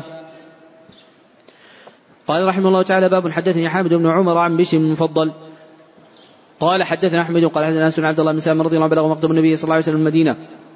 فأتاه يسأله عن الشافق قال يسألك عن ثلاث يعلمون إلى النبي وما أول أشراط الساعة وما أول طعام يأكل أهل الجنة وما بال الولد. ينزع بها وإلى أمي قال أخبرني به جبريل آنفا قال مسلم ذاك عدو اليهود والملائكة؟ قال ما أول أشراط الساعة فنام تحشر من المشرق المغرب. وأما الطعام يأكل أهل الجنة زيادة كبد حوتي وأما الولد فإذا سبق ما رجل مع المرأة نزع الولد إذا سبق مع المرأة مع الرجل. نزعت الولد قال أشهد أن لا إله إلا الله وأنك رسول الله صلى الله عليه وسلم. قال يا رسول الله اليهود قوم بهت. قال يا رسول الله اليهود قوم بوت فسالوا عني قبل أن يعلموا بإسلام جاءته فقال النبي صلى الله عليه وسلم يرجع عبد الله بن سلام فيكم؟ قالوا خير من خير وافضل من أفضل. فقال النبي صلى الله عليه وسلم رجل الناس مع عبد الله بن سلام قالوا وعد الله من ذلك وعد عليهم فقالوا مثل ذلك فخرج عبد الله فقال اشهد أن لا إله إلا الله محمد رسول الله. قالوا شرنا من شرنا وتلقصوه قال هذا كنت أخاف يا رسول الله. قال حدث عن ابن عبد الله قال عن سفيان عن عمرو بن بن عبد الرحمن بن مطعم قال باع شريك لي دراهم في السوق نسيتها فقلت سبحان الله يصح هذا وقال سبحان الله والله لقد بعته في السوق فما عابه. فما عاب واحد براء بن عازم فقال قدم النبي صلى الله عليه وسلم نحن نتبايع هذا البيع فقال ما كان يدا بيد فليس به باس وما كان سيدا فلا يصح والقى زيد بن أرقم فاسأله فإنه كان اعظمنا تجاره فسجل بن أرقم فقال مثله وقال سبحان مرة فقال قدم علي النبي صلى الله عليه وسلم المدينة ونحن نتبايع قال نسيئة الموسم أو الحج باب اتيان يهود النبي صلى الله عليه وسلم حين قدم المدينة هادوا صاروا يهود أما قوله هدنا تبنى هائد تائب. قال حدثنا مسلم بن إبراهيم قال حدثنا قرة عن محمد عن ابي هريره رضي الله عنه عن النبي صلى الله عليه وسلم أنه قال وآمن بي عشرة يهود آمن بي اليهود. قال حدثني أحمد أو محمد بن عبيد الله الغداني. قال حدثنا محمد بن اسامه قال أخبرنا أبو عميس عن قيس بن عن طارق بن شاب عن موسى رضي الله عنه قال دخل النبي صلى الله عليه وسلم المدينة. وإذا وإذا أناس من اليهود يعظمون عاشوراء ورأى وإذا وإذا أناس من اليهود يعظمون عاشوراء يصومون. وقال النبي صلى الله عليه وسلم وإذا أناس يعظمون من اليهود يعظمون عاشوراء يصومون وقال النبي صلى الله عليه وسلم نحن أحق بصومه فأمر بصومه. قوله أخبرنا أبو عميس تقدم أن هذه الكنية عندهم لراو واحد يذكر بها واسمه عتبة بن عبد الله ابن عتبة بن عبد الله بن مسعود الهذلي. نعم. أحسن الله إليكم. قال حدثنا زياد بن أيوب قال حدثنا شيء قال حدثنا أبو بشر عن سعيد بن جبير عن عباس رضي الله عنه قال قدم النبي صلى الله عليه وسلم المدينة تولي اليهود يصومون عاشوراء فسئلوا عن ذلك فقالوا هذا اليوم الذي أظفر الله عز وجل فيه موسى وبني إسرائيل على فرعون نحن نصوم تعظيما له فقال رسول الله صلى الله عليه وسلم نحن أولى بموسى منكم ثم أمر بصومه. قال حدثنا عبد قال حدثنا عبد الله يعني يوسف عن قال أخبرنا عبد الله بن عبد الله بن عبد الله بن عباس رضي الله عنه النبي صلى الله عليه وسلم كان يزدر شعره وكان المشركون يفرقون رؤوسهم وكان أهل الكتاب يزدرون رؤوسهم وكان النبي صلى الله عليه وسلم يحب موافقه الكتاب في لم يمر فيه بشيء ثم فرق النبي صلى الله عليه وسلم رأسه. قال حدثني زياد بن أيوب قال عبد شيء قال أخبرنا أبو بشر عن سعيد بن جبير عن عباس رضي الله عنه قال هم أهل الكتاب جزأوه أجزاء فأمنوا بعضه وكفروا بعض. قوله أخبرنا أبو بشر قدم أن هذه الكنية عندهم عند الإطلاق هي لسعيد بن أبي وحشية لجعفر بن أبي وحشية اليشكري واسم أبي وحشية إياس. نعم. أحسن الله إليكم قال رحمه الله تعالى باب إسلام سلمان الفارسي رضي الله عنه قال حدثني حسن بن عمرو شقيق قال حدثنا معتم وقال أبي وحدثنا أبو عثمان عن سلمان الفارسي رضي الله عنه تاوله بضعة, بضعة عشر من رب لا رب. قال حدثنا محمد يوسف قال حدثنا سفيان عن عوف عن أبي عثمان بن سلمان رضي الله عنه يقول أنا من رام هرمز قال حدثني حسن مدرك قال حدثني احمد حماد قال أخبرنا عن عاصم نحو عن أبي عثمان عن سلمان رضي الله قال فترة بين عيسى ومحمد صلى الله عليه وسلم 600 سنة. باب غزوة عشيرة أو العشيرة قال ابن إسحاق أول ما غزا النبي صلى الله عليه وسلم الأبواء ثم بواطة من عشيرة. قوله باب غزوة هذه الترجمة من أمهات التراجم عند البخاري. ذكرها بهذا اللفظ باب غزوة في تسعة عشر موضعا وذكرها بلفظ باب غزو في موضعين. نعم. أحسن الله إليكم. قال حدثني عبد الله بن محمد قال حدثنا أبو قال حدثنا شعبة عن إسحاق قال كنت إلى جنب زيد بن أرقم فقيل له كم غزا النبي صلى الله عليه وسلم من غزوة قال تسع عشرة قيل كم غزوت أنت معه قال سبع عشرة قلت فأيهم كانت أول؟ قال العسيرة أو قال العشير فذكرت لقتادة فقال العشير باب ذكر النبي صلى الله عليه وسلم من يقتل بدر قال حدثني أحمد بن عثمان قال حدثنا شرح بن مسلمة قال حدثنا إبراهيم بن يوسف عن ابي عن أبي إسحاق قال حدثني عمرو بن ميمون بن عبد الله بن مسعود رضي الله عنه حدث عن سعد بن معاذ رضي الله عنه قال كان صديقا لأنه قال كان صديقا لأمية بن خلف وكان أمية اذا مر من نزع على سعد رضي الله عنه كان سعد اذا مر بمكه نزع على أمية فلما قدم رسول الله صلى الله عليه وسلم المدينة انطلق سعد معتمرا فنزع على أمية مكة فقال اميه انظر لي ساعة خ... انظر لي ساعة خلوة لعلي ان اطوف ببيتي فخرج به قديما من نصف النار فلقمه أبو جهل فقال يا صفوان من هذا معك فقال هذا سعد قال أبو جهل أنا بمكه امنا وقد أويتم الصبات وزعمتم أنكم تنصرونهم وتعينونهم أما والله لولا أنك مع بصبا ما رجعت إلى أهلك سالما فقاله سعد ورفع صوته عليه. أما والله لئن منعتني هذا من عنك ما هو أشد عليك منه. طريقك إلى المدينة. طريقك على المدينة. وقال أمية ترفع صوتك يا سعد على أبي الحكم سيد أهل الوادي. فقال سعد دعنا عنك. يا أمية فوالله لقد سمعت رسول الله صلى الله عليه وسلم يقول إنه قاتلوك. قال بمكة. قال لا أدري فزع ذاك أمية فزعا شيئا ولما رجع أمية الآن قال يا أم صفوان. ألم تر ما قال إنسان؟ قالت وما قال لك؟ قال زعم محمد أخبرهم أن أنهم قاتلي. فقلت له من مكة. قال أدري. فقال أمية والله لا أخرج من مكة. فلما كان يوم بدر استنفر أبو جهل الناس قال أدركوا عيركم فكره ميت أن يخرج فأتاه أبو جهل فقال يا بصر إنك متى ما يراك الناس قد خلفت وأنت سيد أهل ما تقرب معك من نزل به أبو جهل حتى قال أما إذ غلبتني فوالله لا أجود بعيد من مكة. ثم قال من يا مصفان جهزيني. فقالت له يا مصفان قد نسيت ما قال لك. أخوك الذي قال لا ما أريد أن أجوز معه من أقرب فلم اخرج ميت أخذ لا ينزل منزل إلا عقل بعيره فلم يزل بذلك حتى قتله الله عز وجل بدر. باب قصة غزوة بدر. وقول الله تعالى وقد نصركم الله بدر وأنتم أذلة. فاتقوا الله لعلكم تشكرون. إذ تقول للمؤمنين ألن يكفيكم أن يمدكم ربكم بثلاثة آلاف من الملائكة منزلين. بلى إن تصبروا وتتقوا يأتوكم من فورهم. هذا يمددكم ربكم بخمسة آلاف من الملائكة مسومين. وما جعله الله إلا بشرى لكم أن تطمئن قلوبكم به ومن النصر إلا من عند الله العزيز الحكيم ليقطع طرفا من الذين كفروا أو يكبتهم فينقلبوا خائبين. وقال محشي قدر حمزة طعيمة بن عدي من الخيار يوم بدر. وقوله تعالى وإذ يعيدكم الله إحدى الطائفتين أنها لكم الآية قال حدثني أحمد بن قال حدثني عن عن شيخ بن عبد الرحمن عبد الله بن كعب بن عبد الله بن كعب قال سمعت كعب بن مالك رضي الله عنه يقول لما تخلف عن رسول الله صلى الله عليه وسلم في غزوة غزائنا في غزوة تبوك غير أني تخلفت عن غزوة بدر ولم عاتب أحد تخلف عنها إنما خرج رسول الله صلى الله عليه وسلم يريد عير قريش حتى جمع الله بينه وبين عدوهم على غير ميعاد. باب قول الله تعالى إذ تستغيثون ربكم فاستجاب لكم أني يمدكم بألف من الملائكة مردفين وما جعله الله إلا بشرى تطمئن به قلوبكم ومن نصر من عند الله. إن الله عزيز حكيم. إذ يغشيكم النعاس آمنة منه وينزع عليكم من السماء ماء يطيركم به ويذهب عنكم رجز الشيطان ويربط على قلوبكم ويثبت بالأقدام إذ يوحي ربك الملائكة أني معكم. فثبتوا الذين آمنوا سألقي في قلوب الذين كفروا الرعب فاضربوا فوق الأعناق واضربوا منهم كل بنان ذلك بأنهم شاقوا الله ورسوله ومن يشاقق الله ورسوله فإن الله شديد العقاب. قال حدثنا أبو نعيم قال حدثني إسرائيل عن مخارق عن طارق بن قال سمعت ابن مسعود رضي الله عنه يقول شهدت من بن اسود مشهدا لأن اكون صاحبه احب الي مما عدل به أتى النبي صلى الله عليه وسلم وهو يدعو على المشركين فقال لا نقول كما قال قوم موسى اذهب أنت وربك فقاتلا ولكننا نقاتل عن يمينك وعن شمالك وبين يديك وخلفك رايت النبي صلى الله عليه وسلم أشرق وجهه وسره يعني قوله. قال حدثنا محمد بن عبد الله بن حوشب قال حدثنا عبد الوهاب قال حدثنا خالد عن عكرمة عن ابن عباس رضي الله عنه قال قال النبي صلى الله عليه وسلم يوم بدر اللهم أنشدك عهدك ووعدك اللهم إن شئت لم تعبد فأخذ أبو بكر رضي الله عنه بيده فقال حسبك فخرج وهو يقول سيهزم الجمع ويولون الدبر. باب حدثني إبراهيم بن موسى قال أخبرني شاب بن جرج أخبره قال أخبرني عبد الكريم بن سعد مقسما ولا عبد الله بن حاتم يحدث عن عباس رضي الله عنه سمعه ويقول يسوي القاعدون من عن بدر والخارجون إلى بدر. باب عدة أصحاب بدر. قال حدث مسلم قال حدثنا شعبة عن إسحاق البراء رضي الله قال استصغرت أنا وابن عمر. قال حدثني محمود قال حدثنا وابن عن شعبة عن إسحاق عنه قال استصغرت أنا وابن عمر يوم بدر. وكان مهاجرون من بدر نيفا عن ستين والأنصار نيفا وأربعين ومائتين قال حدثنا عمرو بن خالد قال حدثنا زياد قال حدثنا أبو إسحاق قال سمعت المرأة رضي الله عنه يقول حدثني أصحاب محمد صلى الله عليه وسلم من شهر بدر انهم كانوا عدة أصحاب طالوت جازوا معه النار بضعة عشر وثلاثمائة وثلاثمائة قال لا والله ما جاوز معه النار إلا النهر إلا مؤمن. قال حدثنا عبد الله بن رجاء قال حدثنا إسرائيل عن إسحاق البراء رضي الله عنه قال كنا أصحاب محمد صلى الله عليه وسلم تحدثوا عنا عدة أصحاب بأن عدة أصحاب بدر على عدة أصحاب طالوت الذين جاوزوا معه النار ولم يجاوز معه إلا مؤمن بضعة عشر وثلاثمائة. قال حدثني عبد الله بن أبي شبت قال حدثني يحيى عن سفيان عن إسحاق المرى رضي الله عنه قال وحدثنا محمد كثير قال أخبرنا سفيان عن إسحاق المرى رضي الله عنه قال كنا نتحدث أصحاب بدر ثلاثمائة وبضعة عشر بعدة أصحاب طالوت الذين جاوزوا معه النار وما جاوز معه إلى مؤمن. باب دعاء النبي صلى الله عليه وسلم على كفار قريش شيبة وعتبة والوليد وابي بن هشام وهلاكهم. قال حدثني عمرو بن خالد قال حدثنا زهير قال حدثنا إسحاق عن عمرو بن عبد الله مسعود رضي الله عنه قال استقى النبي صلى الله عليه وسلم كعتبة على نفر من قريش على شيبة ربيعة وعتبة ربيعة والوليد بن عتبة وابي بن هشام. فأشهد بالله لقد رأيتهم صرعى يوم قد غيرتهم الشمس وكان يوما حارا باب قتل أبي جهل. قال حدثنا ابن قال حدثنا مسلمة قال حدثنا إسماعيل قال أخبرنا قيس عبد الله رضي الله عنه اتى أبا جهل أنه أتى أبا جهل وبه رمق يوم بدر. فقال أبو جهل هل أعمد من رجل قتلتموه؟ قوله باب قتل هذه الترجمة من أمهات التراجم عند البخاري. ذكرها في ثلاثة عشر موضعا. أحسن الله إليكم. قال حدثنا أحمد بن يوسف قال حدثنا زيد قال حدثنا سليمان تيمية أنس رضي الله عنه حدثهم قال قال النبي صلى الله عليه وسلم وقال وحدثني عمرو بن خالد قال حدثنا زيد عن سليمان تيمية أنس رضي الله عنه قال قال النبي صلى الله عليه وسلم ينظر ما صنع أبو جهل فطلق بن مسعود رضي الله عنه ضربه ابن عفراء حتى برد. قال أنت أبو جهل؟ قال فأخذ بلحيته وقال قال وهل فوق رجل قتلتموه؟ قال رجل قتله قومه. قال أحمد بن أنت أبو جهل. قال حدثني محمد بن قال حدثنا أبي عدي عن سليمان تيمي عن رضي الله عنه قال قال النبي صلى الله عليه وسلم بدري من ينظر ما فعل أبو جهل فطق بن مسعود فسجد وقد ضرب ابن عفراء حتى برد فأخذ بلحيته فقال أنت أبا جهل؟ قال وان فوق رجل قتل قومه قال قتلتموه. قال حدثنا قال أخبرنا معاذ بن معاذ قال حدثنا سليمان قال أخبرنا مالك رضي الله عنه ذكر نحوه. قال حدثنا عن بن عبد الله قال كتبت عن يوسف بن الماجشون عن صالح بن إبراهيم عن النبي عن جده في بدر يعني حديث ابن عفراء.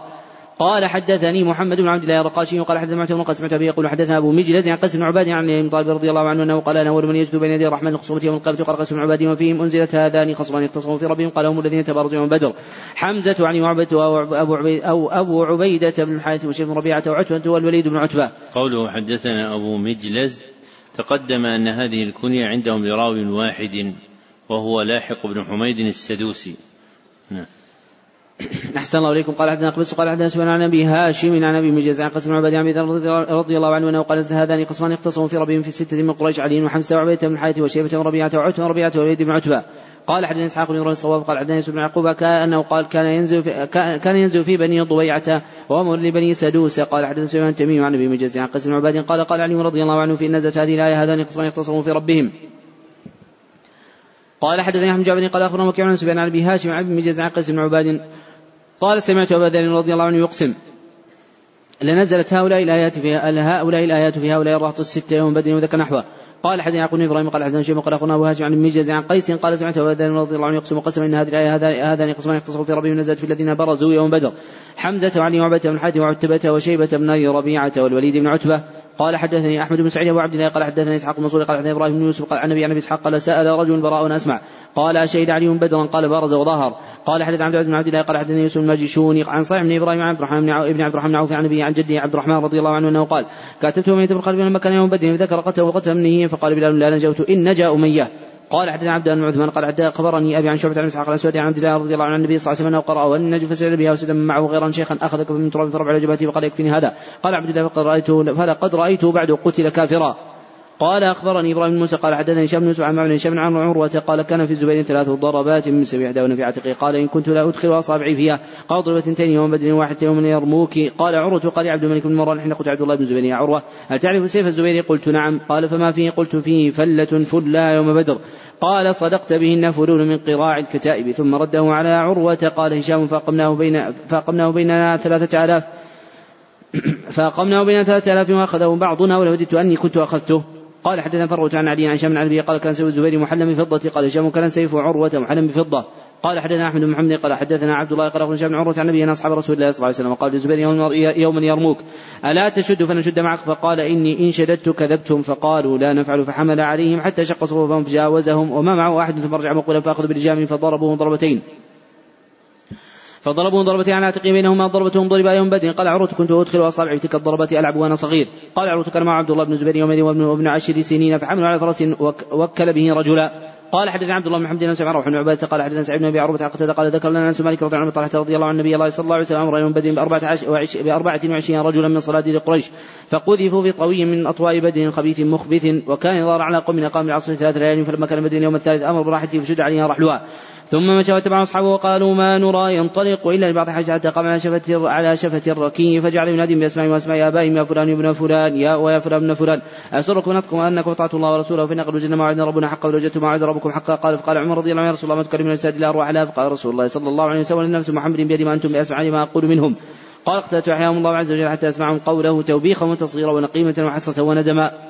قال حدثنا احمد قال عبد سفيان قال عبد عمرو عطاء عن عباس رضي الله عنه قال في قوله تعالى الذين بدوا نعمة الله كفرا قال هم الله كفار قريش قال عمرو وهم قريش ومحمد صلى الله عليه وسلم نعمة الله نعمة الله واحلوا قومهم دار البور قال النار يوم بدر. قال حدثني عبيد بن إسماعيل قال حدثنا أبو سامة عن هشام عن النبي أنه قال ذكر عند عائشة رضي الله عنها أن ابن عمر رضي الله عنه رفع النبي صلى الله عليه وسلم إن الميت يعذب في قبر مكياله فقالت إنما قال رسول الله صلى الله عليه وسلم إنه يعذب بخطيئته وذنبه وأن أهله ليبكون عليه الآن قالت وذاك مثل قوله إن رسول الله صلى الله عليه وسلم قال عن قلبهم في قتل بدر من المشركين فقال لهم ما قال إنهم لا يسمعون ما أقول إنما قال إنهم الآن يعلمون أن ما كنت أقول لهم حق ثم قرأت إنك لا تسمعون وما أنتم مسمعين من في القبور تقول حين تبوى مقاعدهم من النار قال حدثنا عثمان قال حدثنا عبدة بن هشام عن أبي ان عمر رضي الله عنه قال وقف النبي صلى الله عليه وسلم على قلب يدين فقال وجدت ما عند ربكم حقا ثم قال إنهم الآن يسمعون ما أقول فذكر عائشه رضي فقالت انما قال النبي صلى الله عليه وسلم إنهم الآن لا يعلمون انني كنت أقول لهم هو الحق. ثم قرأت إنك لا تسمعون حتى قرأت الآية. باب فضل من شهد بدرا. قال حدثنا عبد الله بن محمد قال حدثنا معاوية بن عمرو قال حدثنا أبو إسحاق عن حميد قال سمعت انس رضي الله عنه يقول صبحت يوم بدر. يوم بدر وغلام فجاءتم إلى النبي صلى الله عليه وسلم وقالت يا رسول الله قد عرفت من زيد حالة مني فان يكون في الجنة. أصبر وأحتسب وإن تكن الاخرى ترى ما أصنع. فقال ويحك أو قال بلتي أو جاء وجنة واحدة هي إنها جنان كثيرة وإنه في جنة الفردوس. قال حدثني إسحاق بن إبراهيم قال اخبر عبد الله بن إدريس قال سمعت حسين عبد الرحمن عن سعد بن عبيده عن أبي عبد الرحمن السلمي عن علي رضي الله عنه قال بعثني رسول الله صلى الله عليه وسلم وأبا مرثد والزبير وكلنا فارس قال حتى تاتوا روضة خاخ فإن بها امرأة من المشكلة مع كتاب من حاطب النبي ولتعتنا المشكلة فأدركناها تسير على بعير الله.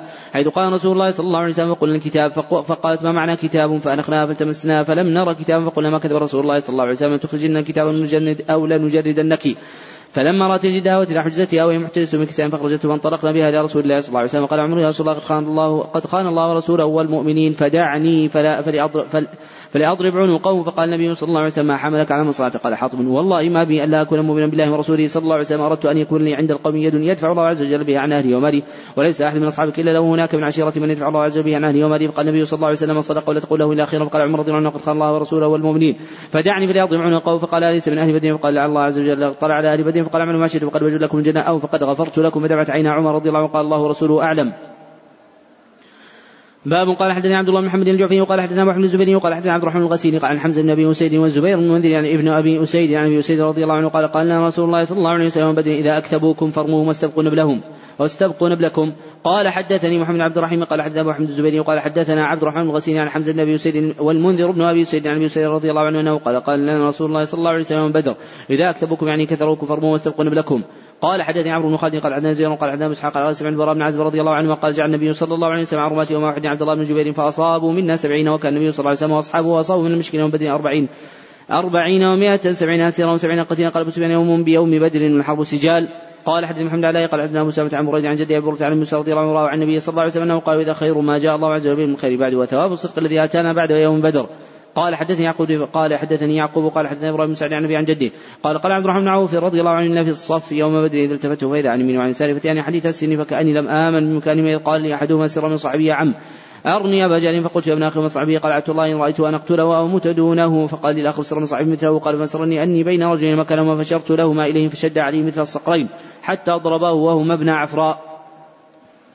قال حدثنا موسى بن اسماعيل قال حدثنا إبراهيم قال أخبرنا مشام قال أخبرني عمرو بن الاسيد بن جارية الثقفي حليف بني زغرة وكان من أصحاب أبي هريرة رضي الله عنه أبي هريرة رضي الله عنه قال بعث رسول الله صلى الله عليه وسلم عشرة عين وأمر عليهم عاصم بن ثابت الأنصاري يجد عمر عاصم بن عمر الخطاب رضي الله عنه حتى إذا كانوا بالهدة بين عسفان ومكة ذكروا لحي من ذين يقال لهم بنو لحيان فنفروا لهم من مئة رجل رام فاقتصوا آثارهم حتى وجدوا ما كلهم التمر في منزل نزلوه فقالوا تمر يثرب. فاتبعوا آثارهم فلما حسب معاصم وأصحابه لجوا إلى موضع فعطوا القوم فقالوا لهم أن انزلوا فأعطوا بأيديكم ولكم العدو والميثاق ولا يقتل منكم أحدا. فقال عاصم بن ثابت القوم أما أنا فلا أنزل في ذمة كافر ثم قال اللهم أخبر عنا نبيك صلى الله عليه وسلم فرموه بالنبل فقتلوا عاصما نزل ثلاثة نفر. على العدو والميثاق منهم خبيب بن زيد بن داثنة ورجل آخر لم استبكروا منهم أطلقوا وترق قسيهم فربطهم بها فقال قال الرجل الثالث وهذا أول الغدر. والله إن أصحابكم إن لي بهؤلاء أسوة. يريد القتل فجره وعالجوه فباين أصحابهم فانطلق بخبيب وزيد بن الداتنة حتى باعوا ما بعد. وقت بدر فابتاع بن الحارث بن عامر بن نوفل خبيب وكان خبيب هو قاتل الحارث بن عامر يوم بدر فلبث خبيب عندهم أسيرا. حتى أجمعوا قتلهم واستعار من بعض بنات حاد موسى يستحد بها فأعرته فدرج بني لها وهي غافلة حتى أتاه فوجدته فوجدته مجلسه على فخذه والموسى بيده قالت ففزعت فزعة عرف خبيب فقالت تخشين أن أقتله وما كنت أفعل ذلك. قالت والله ما رأيت أسيرا قط خيرا من خبيب والله لقد وجدته يوما يأكل قطفا من عنب في يدي وإنه لم يتقبل الحديد وما مكت من تمرة وكانت تقول إنه لا يسقط رزق الله عز وجل خبيبا فلما خرجوا من الحرم ليقتلوه في الحل قال لهم خبيب دعوني أصلي ركعتين. فتركوه فركع ركعتين فقال والله لولا أن تحسبوا أني بأن ما بي جزع لزدت. ثم قال اللهم أعصم عدنا واقتل بدلا ولا تقم منهم أحدث ما شاء يقول فلست بالي حين أقتل مسلما على جنب كان لله مصرعي وذلك بذات الله من يشاء. يبارك على أوصال شر الممزعي ثم قام إليه أبو سروعة عقبة بن الحارث فقتله وكان خبيب هو سن لكل مسلم قتل صبرا الصلاة وأخبر أصحابه يوم أصيبوا خبره بعث ناس من قريش إلى عاصم ثابت حين حدثوا أنه قتل أن يؤتوا بشيء منه يعرف. وكان قتل رجل عظيم من عظمائهم فبعث الله عز وجل عاصم مثل ظلة من الدبر فحامته من رسلهم فلم يقدروا أن يقطعوا منه شيئا. وقال كعب بن مالك ذكروا أنهم ذكروا مرة من ربيع العمرية وهلال بن أمية الواقفية رجلين صالحين قد شهدا بدرا. قال حدثنا قتيبة قال حدثنا الليث عن يحيى عن نافع عن عمر رضي الله عنه قال ذكر له أن سعيد بن زيد بن عمرو بن نفيل وكان بدريا مرض في يوم الجمعة فركب إليه بعد أن تعالى النهار واقتربت الجمعة وترك الجمعة. وقال ليث حدثني بن شامي قال حدثني عبد الله بن عبد الله بن عتبة أن أبا كتب بن عبد الله بن أرقم الزهري يأمره أن يدخل على سبيعة بنت الحارث الأسلمية فيسألها فيسألها عن حديثها وعما قال لها رسول الله صلى الله عليه وسلم حين استفتته وكتب عمر عبد الله بن أرقم عبد الله بن عتبة. يخبر عن سبيعة بنت الحارث أخبرته أنها كانت تحت سعد بن خوله ومن بني عامر بن لؤي وكان من شر بدر توفي عنها في حج الوداع وهي حامل. فلم تنشأ وضعت حملها بعد وفاته ولم تعرف بنفاس جمة الخطاب دخل عليها أبو سلمة بعكك رجل بني عبد الدار فقال لها من يراك جمة الخطاب ترجين النكاح فإنك والله ما تبناك حتى مر عليك أربعة أشهر وعشر. قالت سبعت فلما قال لي جمعت عليها فإحنا مسجد رسول الله صلى الله عليه وسلم. سألت عن ذلك وبالتالي بني قد حللت حين وضعت حملي ومر بتزوج من بدالي. تابع اصبغ عن عن يوسف؟ وقال وقال لي تحدثني يوسف عن شابه وسألناه. فقال أخبرني محمد بن عبد الرحمن ثوبان مولى بني عمرو بن العين أن محمد بن ياسر بن البكير وكان ابوه شهد بدرا أخبره. قال رحمه الله تعالى باب شهود الملائكة بدرا. قال حدثني إسحاق بن إبراهيم قال اخبرنا جرير عن يحيى سعيد عن معاذ بن رفاعة بن رافع زرقي عن النبي وكان ابوه من أهل بدر قال جاء جبريل النبي صلى الله عليه وسلم قال ما تعد أهل بدر فيكم؟ قال من أفضل المسلمين. وقال كلمة النحو. قال وكذلك من شهد بدر من الملائكة. قال حدثنا سعيد بن حرب قال حدثنا حماد عن يحيى معاذ بن رفاعة بن رافع وكان رفاعة من أهل بدر وكان رافع من أهل العقبة. فكان يقول ابني ما يسرني أني شهدت بدرا بالعقبة. قال سال جبريل النبي صلى الله عليه وسلم وحدث بهذا قال حدثنا إسحاق بن منصور قال اخبرنا يزيد وقال اخبرنا يحيى انه سمع معاذ بن رفاعة أن ملكا سأل النبي صلى الله عليه وسلم عن يحيى نزير بن هادي أخبره أنه كان معه يوم حدثه معاذ في هذا الحديث.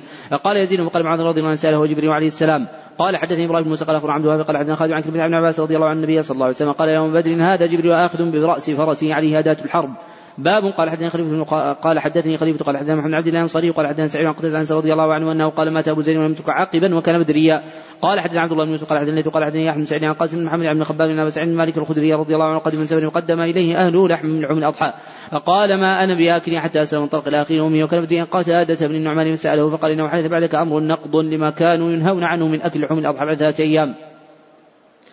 قال حدثني عبيد بن إسماعيل قال حدثنا مسامة عن هشام بن عروة عن أبيه قال قال الزبير لقيت يوم بدر عبيد بن سعيد بن العاص وهو مدجج لا يرى منه إلا عينه ويكنى أبو ذات الكرش. فقال أنا أبو ذات الكرش وحملت عليه بالعنزة فطعنته في عيني فمات. فقال قال هشام فقلت أن الزبير قال لقد وضعت رجلي ثم تمطأت فكان الجهد أن نزعتها وقد انثنى طرفها. قال عروة سأله إياه رسول الله صلى الله عليه وسلم فأعطاه. فلما قضى رسول الله صلى الله عليه وسلم أخذها. ثم طلب أبو بكر فأعطاه. فلما قضى أبو بكر سالها سألها إياه فعمر رضي الله عنه فأعطاه إياها. فلما قضى عمر رضي الله عنه أخذها. ثم طلب عثمان رضي الله عنه فأعطاه إياها. فلما قضى عثمان رضي الله عنه وقعت عند آل علي فطلب عبد الله بن الزبير فكانت عنده حتى قتل. قال حدثنا اليماني قال اخبرنا شعب بن الجني قال أخبرني أبو إدريس عبد الله بن عبد الله أن عبد بن صالح رضي الله عنه كان بدر رسول الله صلى الله عليه وسلم قال بايعوني. قال حدثني أحمد كني قال عبد الله بن عقل عن شام قال أخبرني عروة بن الزبير عن رضي الله عن زوج النبي صلى الله عليه وسلم أن أبا حذيفة رضي الله عنه كان ممن شهد بدرا. مع رسول الله صلى الله عليه وسلم تبنى سلمة وانكحه بنت أخيه هند بنت الوليد بن عتبة وكان مولى لامرأة من أنصار كما تبنى رسول الله صلى الله عليه وسلم زيد وكان من تبنى رجل من الجارية دعاه الناس إليه وورث من ميراثه حتى أنزل الله تعالى ادعوهم لآبائهم فجاءت سألة النبي صلى الله عليه وسلم ذكر الحديث. قال حدثنا علي بن قال حدثنا بشر المفضل قال حدثنا خالد بن ذكوان عن الربيع بنت معاوية قالت دخل علي النبي صلى الله عليه وسلم غداة بني علي فجلس على فراشك من جزك مني وجويريات يضربن بالدف يندبن من قتل من ابائهن يوم بدر حتى قالت جارية. وفينا نبي يعلم ما في غد فقال النبي صلى الله عليه وسلم لا تقولي هكذا وقولي ما كنت تقولين. قال حدثني إبراهيم بن موسى قال اخونا شاب عن الزوني قال حدثني إسماعيل قال حدثني أخي عن سليمان عن محمد بن أبي عتيق عن بن عبيد الله بن عبد الله بن عتبة بن بن عباس رضي الله عنه قال أخبرني أبو طلحة. رضي الله عنه صاحب رسول الله صلى الله عليه وسلم وكان قد شهد بدرا مع رسول الله صلى الله عليه وسلم وقال ادخل ما يكتب بيتا فيه كلب نصرة تريد أو يريد التماثيل التي فيها الأرواح. قال حدثنا عبد قال أخبرنا عبد الله قال أخبرنا يونس. قال أخبرنا يونس. قال حدثنا بن صالح قال حدثنا عباس قال حدثنا يونس عن زوري قال أخبرنا علي بن حسين حسين علي عن علي بن رضي الله عنه اخبر أن علي رضي الله عنه قال كانت لي شارف من نصيب من المغنم يوم بدر وكان النبي صلى الله عليه وسلم أعطاني ما افاء الله عليه من الخبز يومئذ فلما أردت أن ابتني فاطمه عليه السلام رضي الله عنه بنت النبي صلى الله عليه وسلم وعدت رجلا صواغا في بني قينقاع. أن يرتحل معي فنأتي بإدخل فلما فنأتي بإدخل فأردت أن أبيع من الصواغين فاستعين به في وليمة عرسي وبيننا أجمع شارفي من الأقتاب الغرائر والحبال وشارفي مناخا إلى جنب حجرة رجل من أنصار حتى جمعت ما جمعت فإذا بشارفي قد أجبت أسنمتهما وبقرت قواصرهما وأخذ من أكبادهما فلم يك عيني حين رأيت المنظر. قلت من فعل هذا؟ قالوا فعله حمزة بن عبد المطلب في هذا البيت في شرب من الأنصار عنده وقنته وأصحابه فقالت في غنائها ألا يا حمزة للشرف النوائي؟ فوذب حمزة إلى السيف فأجب أسنمتهما وبقر خواصرهما وأخذ من أكبادهما. قال عمر رضي الله عنه حتى أدخل على النبي صلى الله عليه وسلم عنده زيد بن حارثة وعرف النبي صلى الله عليه وسلم الذي لقيت. فقال ما لك؟ قلت يا رسول الله رأيتك اليوم عاد حمزة علي على ناقتين فأجب أسلمتهما وبقر خواصر وما هو في بيت معه شرب.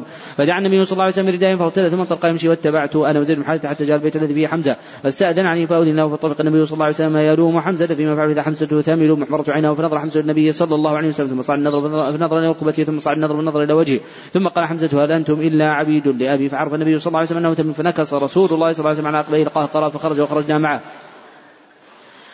قال حدثني محمد بن عبادي قال أخبرنا بن قال أنفذه لنا ابن الأصبهاني أنه سمع من ابن معقل أن علي رضي الله عنه كبر عن سيد بن حنيف وقال إنه شهد بدرا. قال حدثنا اليماني قال أخبرنا شعب بن الزهري قال أخبرنا سالم بن عبد الله إنه سمع عبد الله بن عمر رضي الله عنه يحدث عن الخطاب رضي الله عنه حين تأيمت حفصة بنت عمر من خنيس بن حذيفة السامي. وكان من أصحاب رسول الله صلى الله عليه وسلم وقد جاء بدر في المدينة قال عمر رضي الله عنه فلقيت عثمان عفان رضي الله عنه علي حفصة. فقلت إن شئت أنكحتك حفصة بنت عمر قال سأنظر في أمري بديت ليالي فقال قد بدأ لي ألا تزوج من هذا قال عمر رضي الله عنه فلقيت أبا بكر فقلت إن شئت إن شئت أنكحتك حفصة بنت عمر. فصمت أبو بكر بن يرجع عليه شيئا كنت عليه أوجد من على عثمان فلبثت ليالي فخط ثم خطب رسول الله صلى الله عليه وسلم فانكحت يا فرق أبو بكر رضي الله عنه فقال عليك وجدت علي حين عرضت علي حفصة. فلما أرجع إليك قلت نعم. قال فإنه لم يمنعني أن أرجع إليك. فيما عرضت إلا أني قد علمت أن رسول الله صلى الله عليه وسلم قد ذكر فلما كل يفشي سر رسول الله صلى الله عليه وسلم وترك قبلتها قال حدثنا مسلم قال عندنا شعبة عن عبد الله بن يزيد انه سمع ابا مسعود البدري رضي الله عن النبي صلى الله عليه وسلم أنه قال نفقة رجع على اهله صدقه قال حدثنا ابن اليماني قال أخبرنا شعب بن الزهري قال سمعت عروة بن الزبير يحدث عن يحدث عمر بن عبد العزيز في مرة أخر المغيرة قال أخر المغيرة بن شعبة العصر وهو أمير الكوفة. فدخل أبو مسعود عقبة بن عمرو الأنصاري جد زيد بن حسن إنه شهد بدر شهد بدرا. فقال لقد علمت. نزل جبريل فصلى فصلى رسول الله صلى الله عليه وسلم صلوات ثم قال هكذا أمرت. كذلك كان بشير بن مسعود يحدث عن أبيه. قال حدثنا موسى قال حدثنا أبو عن عن عن إبراهيم عبد الرحمن يزيد عن قبة عن ابي مسعود البدري رضي الله عنه قال قال رسول الله صلى الله عليه وسلم اتى من آخر سورة البقره من قرأ في ليلتك فتقال عبد الرحمن لقيته ابن مسعود وطوب بيتي فسألته فحدثني. قال حدثنا يحيى بن مكين قال حدثنا عن قال عن قال أخبرني محمد بن ربيع عن عتبان مالك وكان أصحاب النبي صلى الله عليه وسلم رضي الله عنهم مشهد بدرا من الأنصار أنه اوتي رسول أنه أتى رسول الله صلى الله عليه وسلم. قال حدثنا أحمد بن صالح قال حدثنا عن بس قال حدثنا يوسف قال قال مشاب ثم سألته الحصين بن محمد وأحد بني سالم ومن سراتهم عن حديث محمود بن ربيع عن عتبان مالك فصدقه. قال حدثنا ابن اليماني قال أخبرنا شعب بن الزهري قال أخبرنا عبد الله بن عمرو ربيعة وكان من أكبر بني عدي وكان ابوه شهد بدر مع النبي صلى الله عليه وسلم عمر رضي الله عنه استعمل قدامة المضعون على البحرين وكان شهد بدر وقال عبد الله بن عمر رضي الله عنهم. قال حدثنا عبد الله بن محمد بن أسماء قال حدثنا جويرية عن مالك عن زهري عن سالم بن عبد الله أخبره قال أخبر رافع بن خديجة عبد الله بن عمر رضي الله عنه عميه وكان شهد بدر أخبره أن رسول الله صلى الله عليه وسلم عن كراء المزارع. قلت سالم فتكري أنت؟ قال نعم إن رافع أكثر عن نفسه.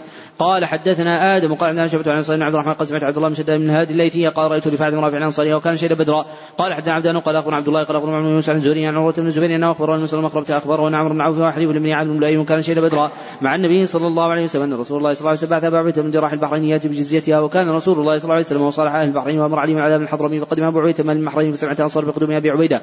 فوافوا الصلاة فجمع النبي صلى الله عليه وسلم فلما انصروا تعرضوا له فتبسم رسول الله صلى الله عليه وسلم حين راهم ثم قال أظنكم سمعت أن أبا عبيدة قد بشيء؟ قالوا أجل يا رسول الله؟ قال فابشروا وامنوا ما يسركم فوالله ما الفقر أخشى عليكم ولكني اخشى أن تبصر عليكم الدنيا. كما بسطت على من قبلكم فتنافسوها كما تنافسوها وتهلككم كما أهلكتهم. قال حدثنا ابو نعمان قبل عن جرير بن حازم عن نافع عن عمر رضي الله عنه كان يقتل الحياة كلها حتى حدثه أبو لبابه بدري والنبي صلى الله عليه وسلم قتل جنان البيوت فامسك عنها. قال حدثني إبراهيم بن المنذر قال حدثنا محمد فريح موسى بن عقبة قال بن حدثنا أنس بن مالك رضي الله عنه رجع من استأذن رسول الله صلى الله عليه وسلم قالوا إذن لنا فلنترك لابن أختنا عباس فداءه قال والله لا تذرون منه درهما. قال حدثنا ابو عاصم عن جريج عن الزهري عن طالب يزيد عن عبيد الله بن عدي عن المقدام بن الأسود قال حدثني إسحاق بن قال حدثني إسحاق قال حدثني يعقوب بن إبراهيم سعد قال حدثنا ابن أخي هشام بن عمي قال أخبرني عطاء بن يزيد الليثي ثم الجندعي وعبد الله بن عدي بن الخيار اخبره المقدام بن عمرو الكدي وكان حبيب بن زهرة وكان من بدر مع رسول الله صلى الله عليه وسلم اخبره انه قال يا رسول الله صلى الله عليه وسلم لقد رجل من الكفار يقتلنا فضرب إحدى يديه بسيف فقطع ثم هذا من بشيرة فقال سمت إليه أقتل يا رسول الله بعد ان قال فقال رسول الله صلى الله عليه وسلم لا تقتل فقال يا رسول الله إنه قطع إحدى يديه ثم قال بعد ذلك بعد ما قطع فقال رسول الله صلى الله عليه وسلم لا تقتل فإن قتلته فإنه منزلتك بعد قبل أن تقتله انك بمنزلته قبل أن يقول كلمته التي قال. قال حدثنا يعقوب بن إبراهيم قال حدثنا علية قال حدثنا سليمان التيمي قال حدثنا أنس رضي الله عنه قال قال رسول الله صلى الله عليه وسلم يوم بدر من ينظر ما صنع أبو جهل فطلق بن مسعود رضي الله عنه فوجده وقد ضربه ابن عفراء حتى برد. فقال أنت أبا جهل؟ قال ابن علية قال سليمان هكذا. قال أنس رضي الله عنه قال أنت أبا جهل؟ قال وهل فوق رجل قتلتموه؟ قال سليمان وقال قتله قومه قال وقال أبو مجلز قال أبو جهل فلو غير أكار قتلني. قال حدثنا موسى قال حدثنا عبد الواحد قال حدثنا معمر الزهري عن عبد الله بن عبد الله قال حدثنا عباس عن عمر رضي الله عنه قال لما توفي النبي صلى الله عليه وسلم قلت ابي بكر ينطلق بنا اخوان من الأنصار فلقينا منهم رجلان صالحان شهدا بدرا فحدثت عروة بن الزبير فقال هما عويم بن سعد ومع بن عدي قال حدثنا إسحاق بن إبراهيم الناس محمد بن فضيل عن إسماعيل عن قيس قال كان عطاء البدريين خمسة آلاف خمسة آلاف قال عمر رضي الله عنه فضلنهم على من بعدهم. قال حدثني إسحاق المنصوري قال حدثنا عبد الرزاق قال أخبرنا معمر عن عن محمد بن جبير عن ابي قال سمعت النبي صلى الله عليه وسلم يقرأ في المغرب الطول وذلك أول ما اقر الإيمان في قلبي. وعن زني عن محمد جبير بن مطعم عن ابي رضي الله عنه النبي صلى الله عليه وسلم قال وكان مطعم بن عدي حين ذو بكر بن فاول النتن تركتم له. وقالت عن عن سعيد المسيب عن, عن يحيى عن سعيد المسيب إنه قال وقعت الفتنة الأولى يعني مقطع عثمان فلم تبقي من أصحاب بدر أحدا ثم وقعت الفتنة الثانية يعني الحرة. فلم تبقي من أصحاب الحديبية أحد ثم وقعت الثالثة فلم ترتفع للناس طباخ. قال حدثنا حجاب بن هاني قال حدثنا عبد الله بن عمر النميري وقال حدثنا يوسف بن يزيد قاسم عن زهري قال سمعت عروة بن الزبير وسعيد المسيب وعلقمة بن وقاص وعبيد الله بن عبد الله عن حديث عائشة رضي الله عن زوج النبي صلى الله عليه وسلم وكل حدثني طائفة من حديث قالت. قالت فأقبلت أنا وأم مصطح بعثرة أم مصطح في مرطها فقالت تعس مصطح فقلت بئس ما قلت تسبين رجلا شيئا بدر ذكر حديث الإفك. قال حدثنا إبراهيم المنذري قال حدثنا محمد فريح بن سليمان عن مسلم. عن بن قال هذا مغازي رسول قال هذه مغازي رسول الله صلى الله عليه وسلم ذكر الحديث. فقال رسول الله صلى الله عليه وسلم وهو يلقيهم. هل وجدتم ما وعدكم ربكم حقا؟ قال موسى قال نافع قال عبد الله قال انس من أصحابي يا رسول الله تنادي ناس اموات قال رسول الله صلى الله عليه وسلم أنتم يسمع لما قلت منهم. قال أبو عبد الله فجمعهم شهد بدرا من قريش ممن ضرب له بسهم. أحد وثمانون رجلا كان عروة بن الزبير يقول قال الزبير قسمت سهمانهم فكانوا مئة والله أعلم. قال حدثني إبراهيم موسى قال أخبرنا هشام عن عمرو هشام بن عروة عن أبي عن الزبير قال ضربت يوم بدر مهاجما 100 سهم. باب تسمية من سمي من أهل بدر في الجامع الذي وضع أبو عبد الله على حروف المعجم. النبي محمد بن عبد الله الهاشمي صلى الله عليه وسلم إياس بن مكير بن رباح مولى أبي بكر القرشي حمزة بن عبد المطلب الهاشمي وحاطب بن أبي ولتعت حليف لقريش. أبو حديث بن عتبة ربيعة القرشي وحارث بن ربيع الأنصاري قتل يوم بدر وحارث بن سراقة كان في النظارة. قبيب بن عدي الأنصاري وخنيس بن حدابة السامي ورفاعة بن رافع الأنصاري ورفاعة بن عبد المنذر. أبو لبابة الأنصاري والزبير بن عوام القرشي وزيد بن سالم أبو طلحة الأنصاري وأبو زيد الأنصاري وسعد بن مالك الزهري وسعد بن خولة القرشي وسعيد بن زيد بن عمرو بن نفيل القرشي وسعد بن حنيف الأنصاري وظهير بن رافع الأنصاري وأخوه. عبد الله بن عثمان أبو بكر الصديق القرشي وعبد الله بن مسعود الهذري وعتبة بن مسعود الهذري وعبد الرحمن بن عوف الزهري وعبيد بن الحارث القرشي وعبيد بن صامت الأنصاري وعمر بن الخطاب العدوي وعثمان بن عفان القرشي وخلفه النبي صلى الله عليه وسلم امته وضرب له بسامه. علي بن أبي طالب الهاشمي وعمرو بن عوف حليم بن عامر بن اين عقبة بن عامر الأنصاري وعامر بن ربيعة العنزي وقعاص بن ثابت الأنصاري وعويم بن سعد الأنصاري وعتبان مالك الأنصاري وقدام بن مضعون وقتادة بن نعمان الأنصاري ومعاذ بن عمرو الجموح ومعوذ بن عفراء وأخوه. مالك ربيعة أبو سيد الأنصاري ومراتب ربيعة الأنصاري ومعنى معدي الأنصاري ومصطح بن وثالث بن عباد بن عبد ابن المطلب بن عبد مناف مقداد بن عمرو الكندي وحبيب بن زهرة هلال بن أمية الأنصاري رضي الله عنهم.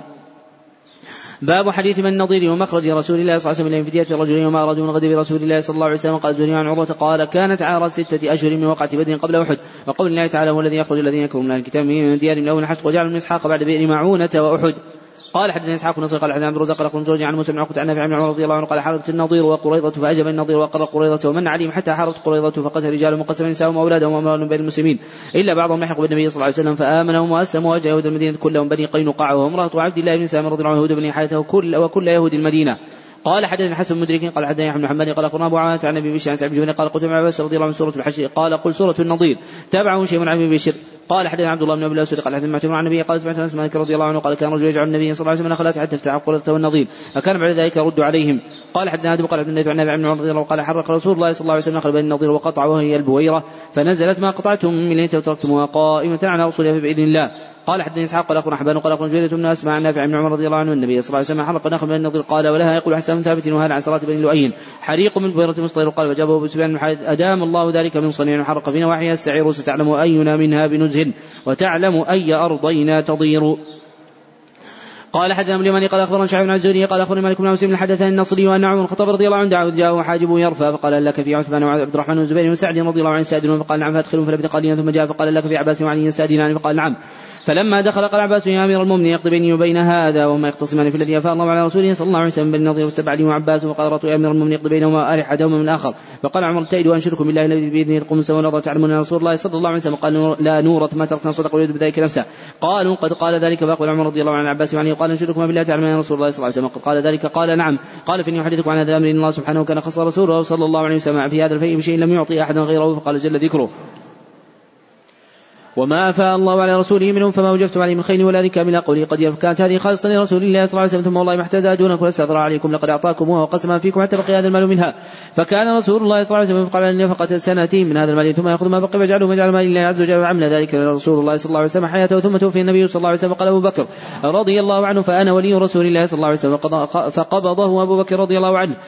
فعمل فيه بما عمل به رسول الله صلى الله عليه وسلم وأنتم حينئذ فأقبل على علي وعباس وقال تذكر أن ابا بكر فيه كما تقولان والله يعلم إنه فينا صادق براش تابع الحق ثم توفى الله عز وجل ابا بكر فقلت أنا ولي رسول الله صلى الله عليه وسلم أبو بكر فقبضته سنتين من امارتي أعمل فيه ما عمل رسول الله صلى الله عليه وسلم وأبو بكر.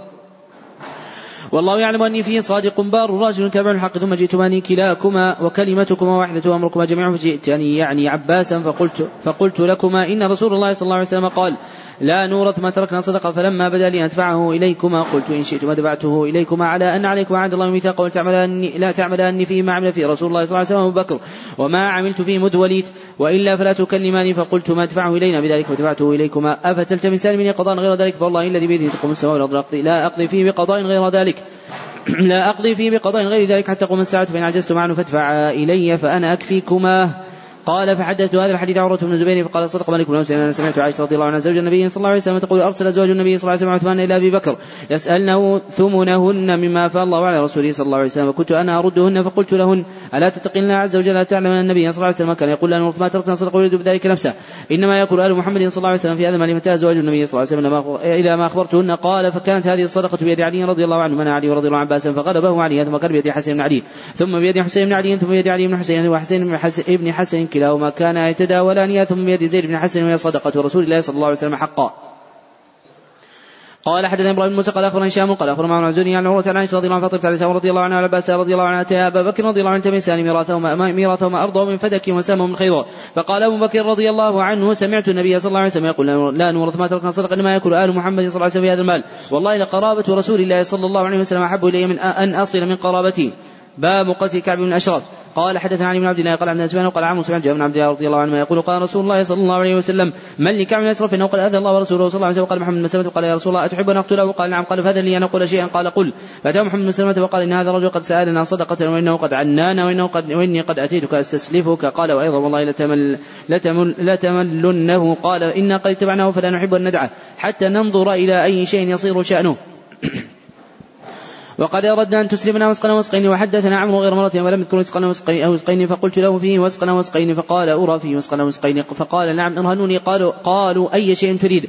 قال ارهنوا نساءكم قالوا كيف نرهنك إنسانا وأنت أجمل العرب؟ قال فرهنوا أبناءكم قالوا كيف نرهنك أبنانا فيسب فيسب أحدهم فيقال رهن بوسقنا وسقين قال هذا عار عني ولكننا نرهنك اللأمة؟ قال سفيان يعني السلاح فواعد فواعده أن يأتيه فجاءه ليلا ومعه أبو نائلة. وأخو كعب من الرضاعة فدعاه من الحصن فنزل إليهم فقالت امرأته أن تخرج الساعة فقال إنما هو محمد بن مسلمة وأخي أبو نائلة. وقال غير عمرو قالت سأسمع صوتا كانوا يقطر منه الدم. قال إنما هو أخي محمد بن مسلمة ورضيع أبو نائلة إن كلمة لو دعي إلى طعنة بليل لا جاب. قال ويدخل محمد بن مسلمة معه رجلين قيل لسفيان سماهم عمرو قال سمى بعضهم سماهم عمرو قال سمى بعضهم قال عمرو جاء جاء معه برجلين وقال غير عمرو أبو عبس أبو عبس بن جبر والحارث بن أوس وعباد بن بشر قال عمرو جاء معه برجلين قال عمرو جاء معه برجلين فقال إذا ما جاء فإني قائل بشعره فاشموا في ذرتموني استمكنت من رأسه فدونكم فاضربوه قال مرة فاضربوه قال مرة ثم أش... ثم أشمكم فنزل إليهم متوشحا وهو ينفح منه ريح الطيب. فقال ما رأيتك اليوم ريحا أي أطيب؟ وقال غير عمرو. قال عندي أعطى النساء العربي وأكمل العربي قال عمرو فقال تأذن لي أن أشم رأسك؟ قال نعم. فشمه ثم شم أصحابه ثم أشم أصحابه. ثم قال تأذن لي؟ قال نعم. فلما استمكن منه قال دونكم فقتلوه. ثم أتوا النبي صلى الله عليه وسلم فأخبروه. باب قتل أبي رافع عبد الله بن أبي الحقيق وقال سلام بن أبي الحقيق كان بخيبر وقالوا في حصن له بارض الحجاز وقال الزهري هو بعد كعب بن الأشرف. قال حدثني إسحاق بن نصر قال حدثني يحيى بن آدم قال حدثني ابي زيد عن أبي إسحاق عن البراء بن عازب رضي الله عنه قال بعث رسول الله صلى الله عليه وسلم النبي رافع دخل عليه عبد الله بن عتيق بيته ليلا وهو نائم فقتله. قال حدثني يوسف بن موسى قال حدثني عبد الله بن موسى عن إسرائيل عن إسحاق عن البراء رضي الله عنه قال بعث رسول الله صلى الله عليه وسلم إلى أبي رافع اليهودي رجال من الأنصار فأمر عليهم عبد الله بن عتيق وكان أبو رافع يؤذي رسول الله صلى الله عليه وسلم ويعين عليه وكان في حصن له بارض الحجاز فلما دنوا منه قد غربت الشمس وراح الناس بصرحهم قال عبد الله لاصحابه جلسوا من كان يكون منطلق ومتوطف للبواب لعلي أن أدخل فأقبل حتى دنا ثم اتقنع بثوبه كأنه يقضي حيث وقد دخل الناس وهاتف بالبواب. عبد الله كنت تريد أن تدخل فادخل فإن يريد أن اغلق الباب دخلت فكمنت فلما دخل الناس اغلق الباب ثم علق الاغاليق على وتد. ثم غلق ثم علق الغاليق على وتر قال فقمت إلى قليل فاخذتها وفتحت الباب وكان أبو رافع يسمر عنده وكان في علانية فلا له فلما ذهب عنه أهل سمده فلما ذهب عنه أهل سمره صعدت إليه فجعلت كل ما فتحت بابا اغلقت علي من داخل قلت إن القوم نذروا بي لم يخلصوا إلي حتى أقتله فانتهيت إليه فاذا هو في بيت مظلم وسط عيالي لا أدري أين هو من بيت. فقلت يا أبا رافع قال من هذا؟ فأهويت نحو الصوت فأضربه ضربة من سيف وأنا دهش. فما اغنيت فما أغنيت شيئا وصاح فخرجت من البيت فأمكث غير بعيد.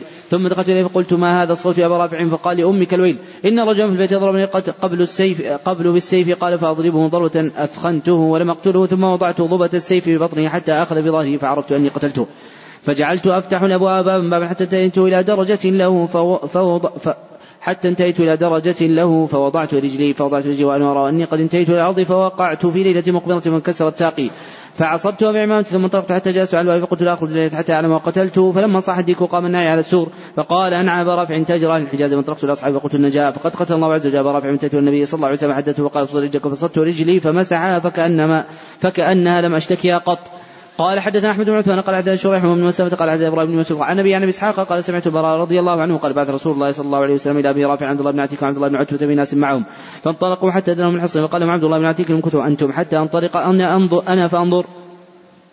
قال فتلطفت أن أدخل أن أدخل الحصن ففقدوا حمارا لهم. قال فخرجوا بقبس يطلبونه قال فخشيت أن يعرف. قال فغطيت رأسي حتى كأني أقضي حاجة لما نادى صاحب الباب من أراد يدخل فليدخل. قبل أن أغلقه فدخلت ثم اختبأت في مربط حمار عند باب الحصن.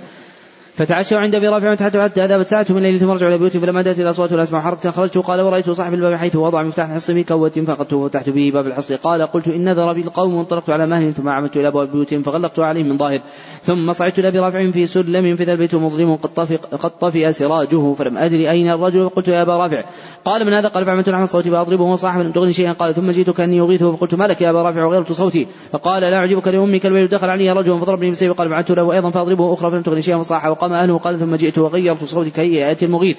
فإذا مستقع على ظهري فضعوا سيفي بطني ثم انكب علي حتى سمعت صوت العظم ثم خرجت دهجا حتى تسلم أريد أن أنزل فأسقط منه فخلعت رجلي فعصبتها ثم تلو أصحابي أحجل فقلت انطلقوا فبشروا رسول الله صلى الله عليه وسلم فإني أمر حتى أسمع الناعية. فلما كان في وجه الصبح صعيد الناعية وقال أن أبا رافع قال فقمت أمشي ما بي قلبة فأدركت أصحابي قبل أن يأتوا النبي صلى الله عليه وسلم بشرته باب غزوة هذا, هذا آخر هذا المجلس. الحمد لله رب العالمين.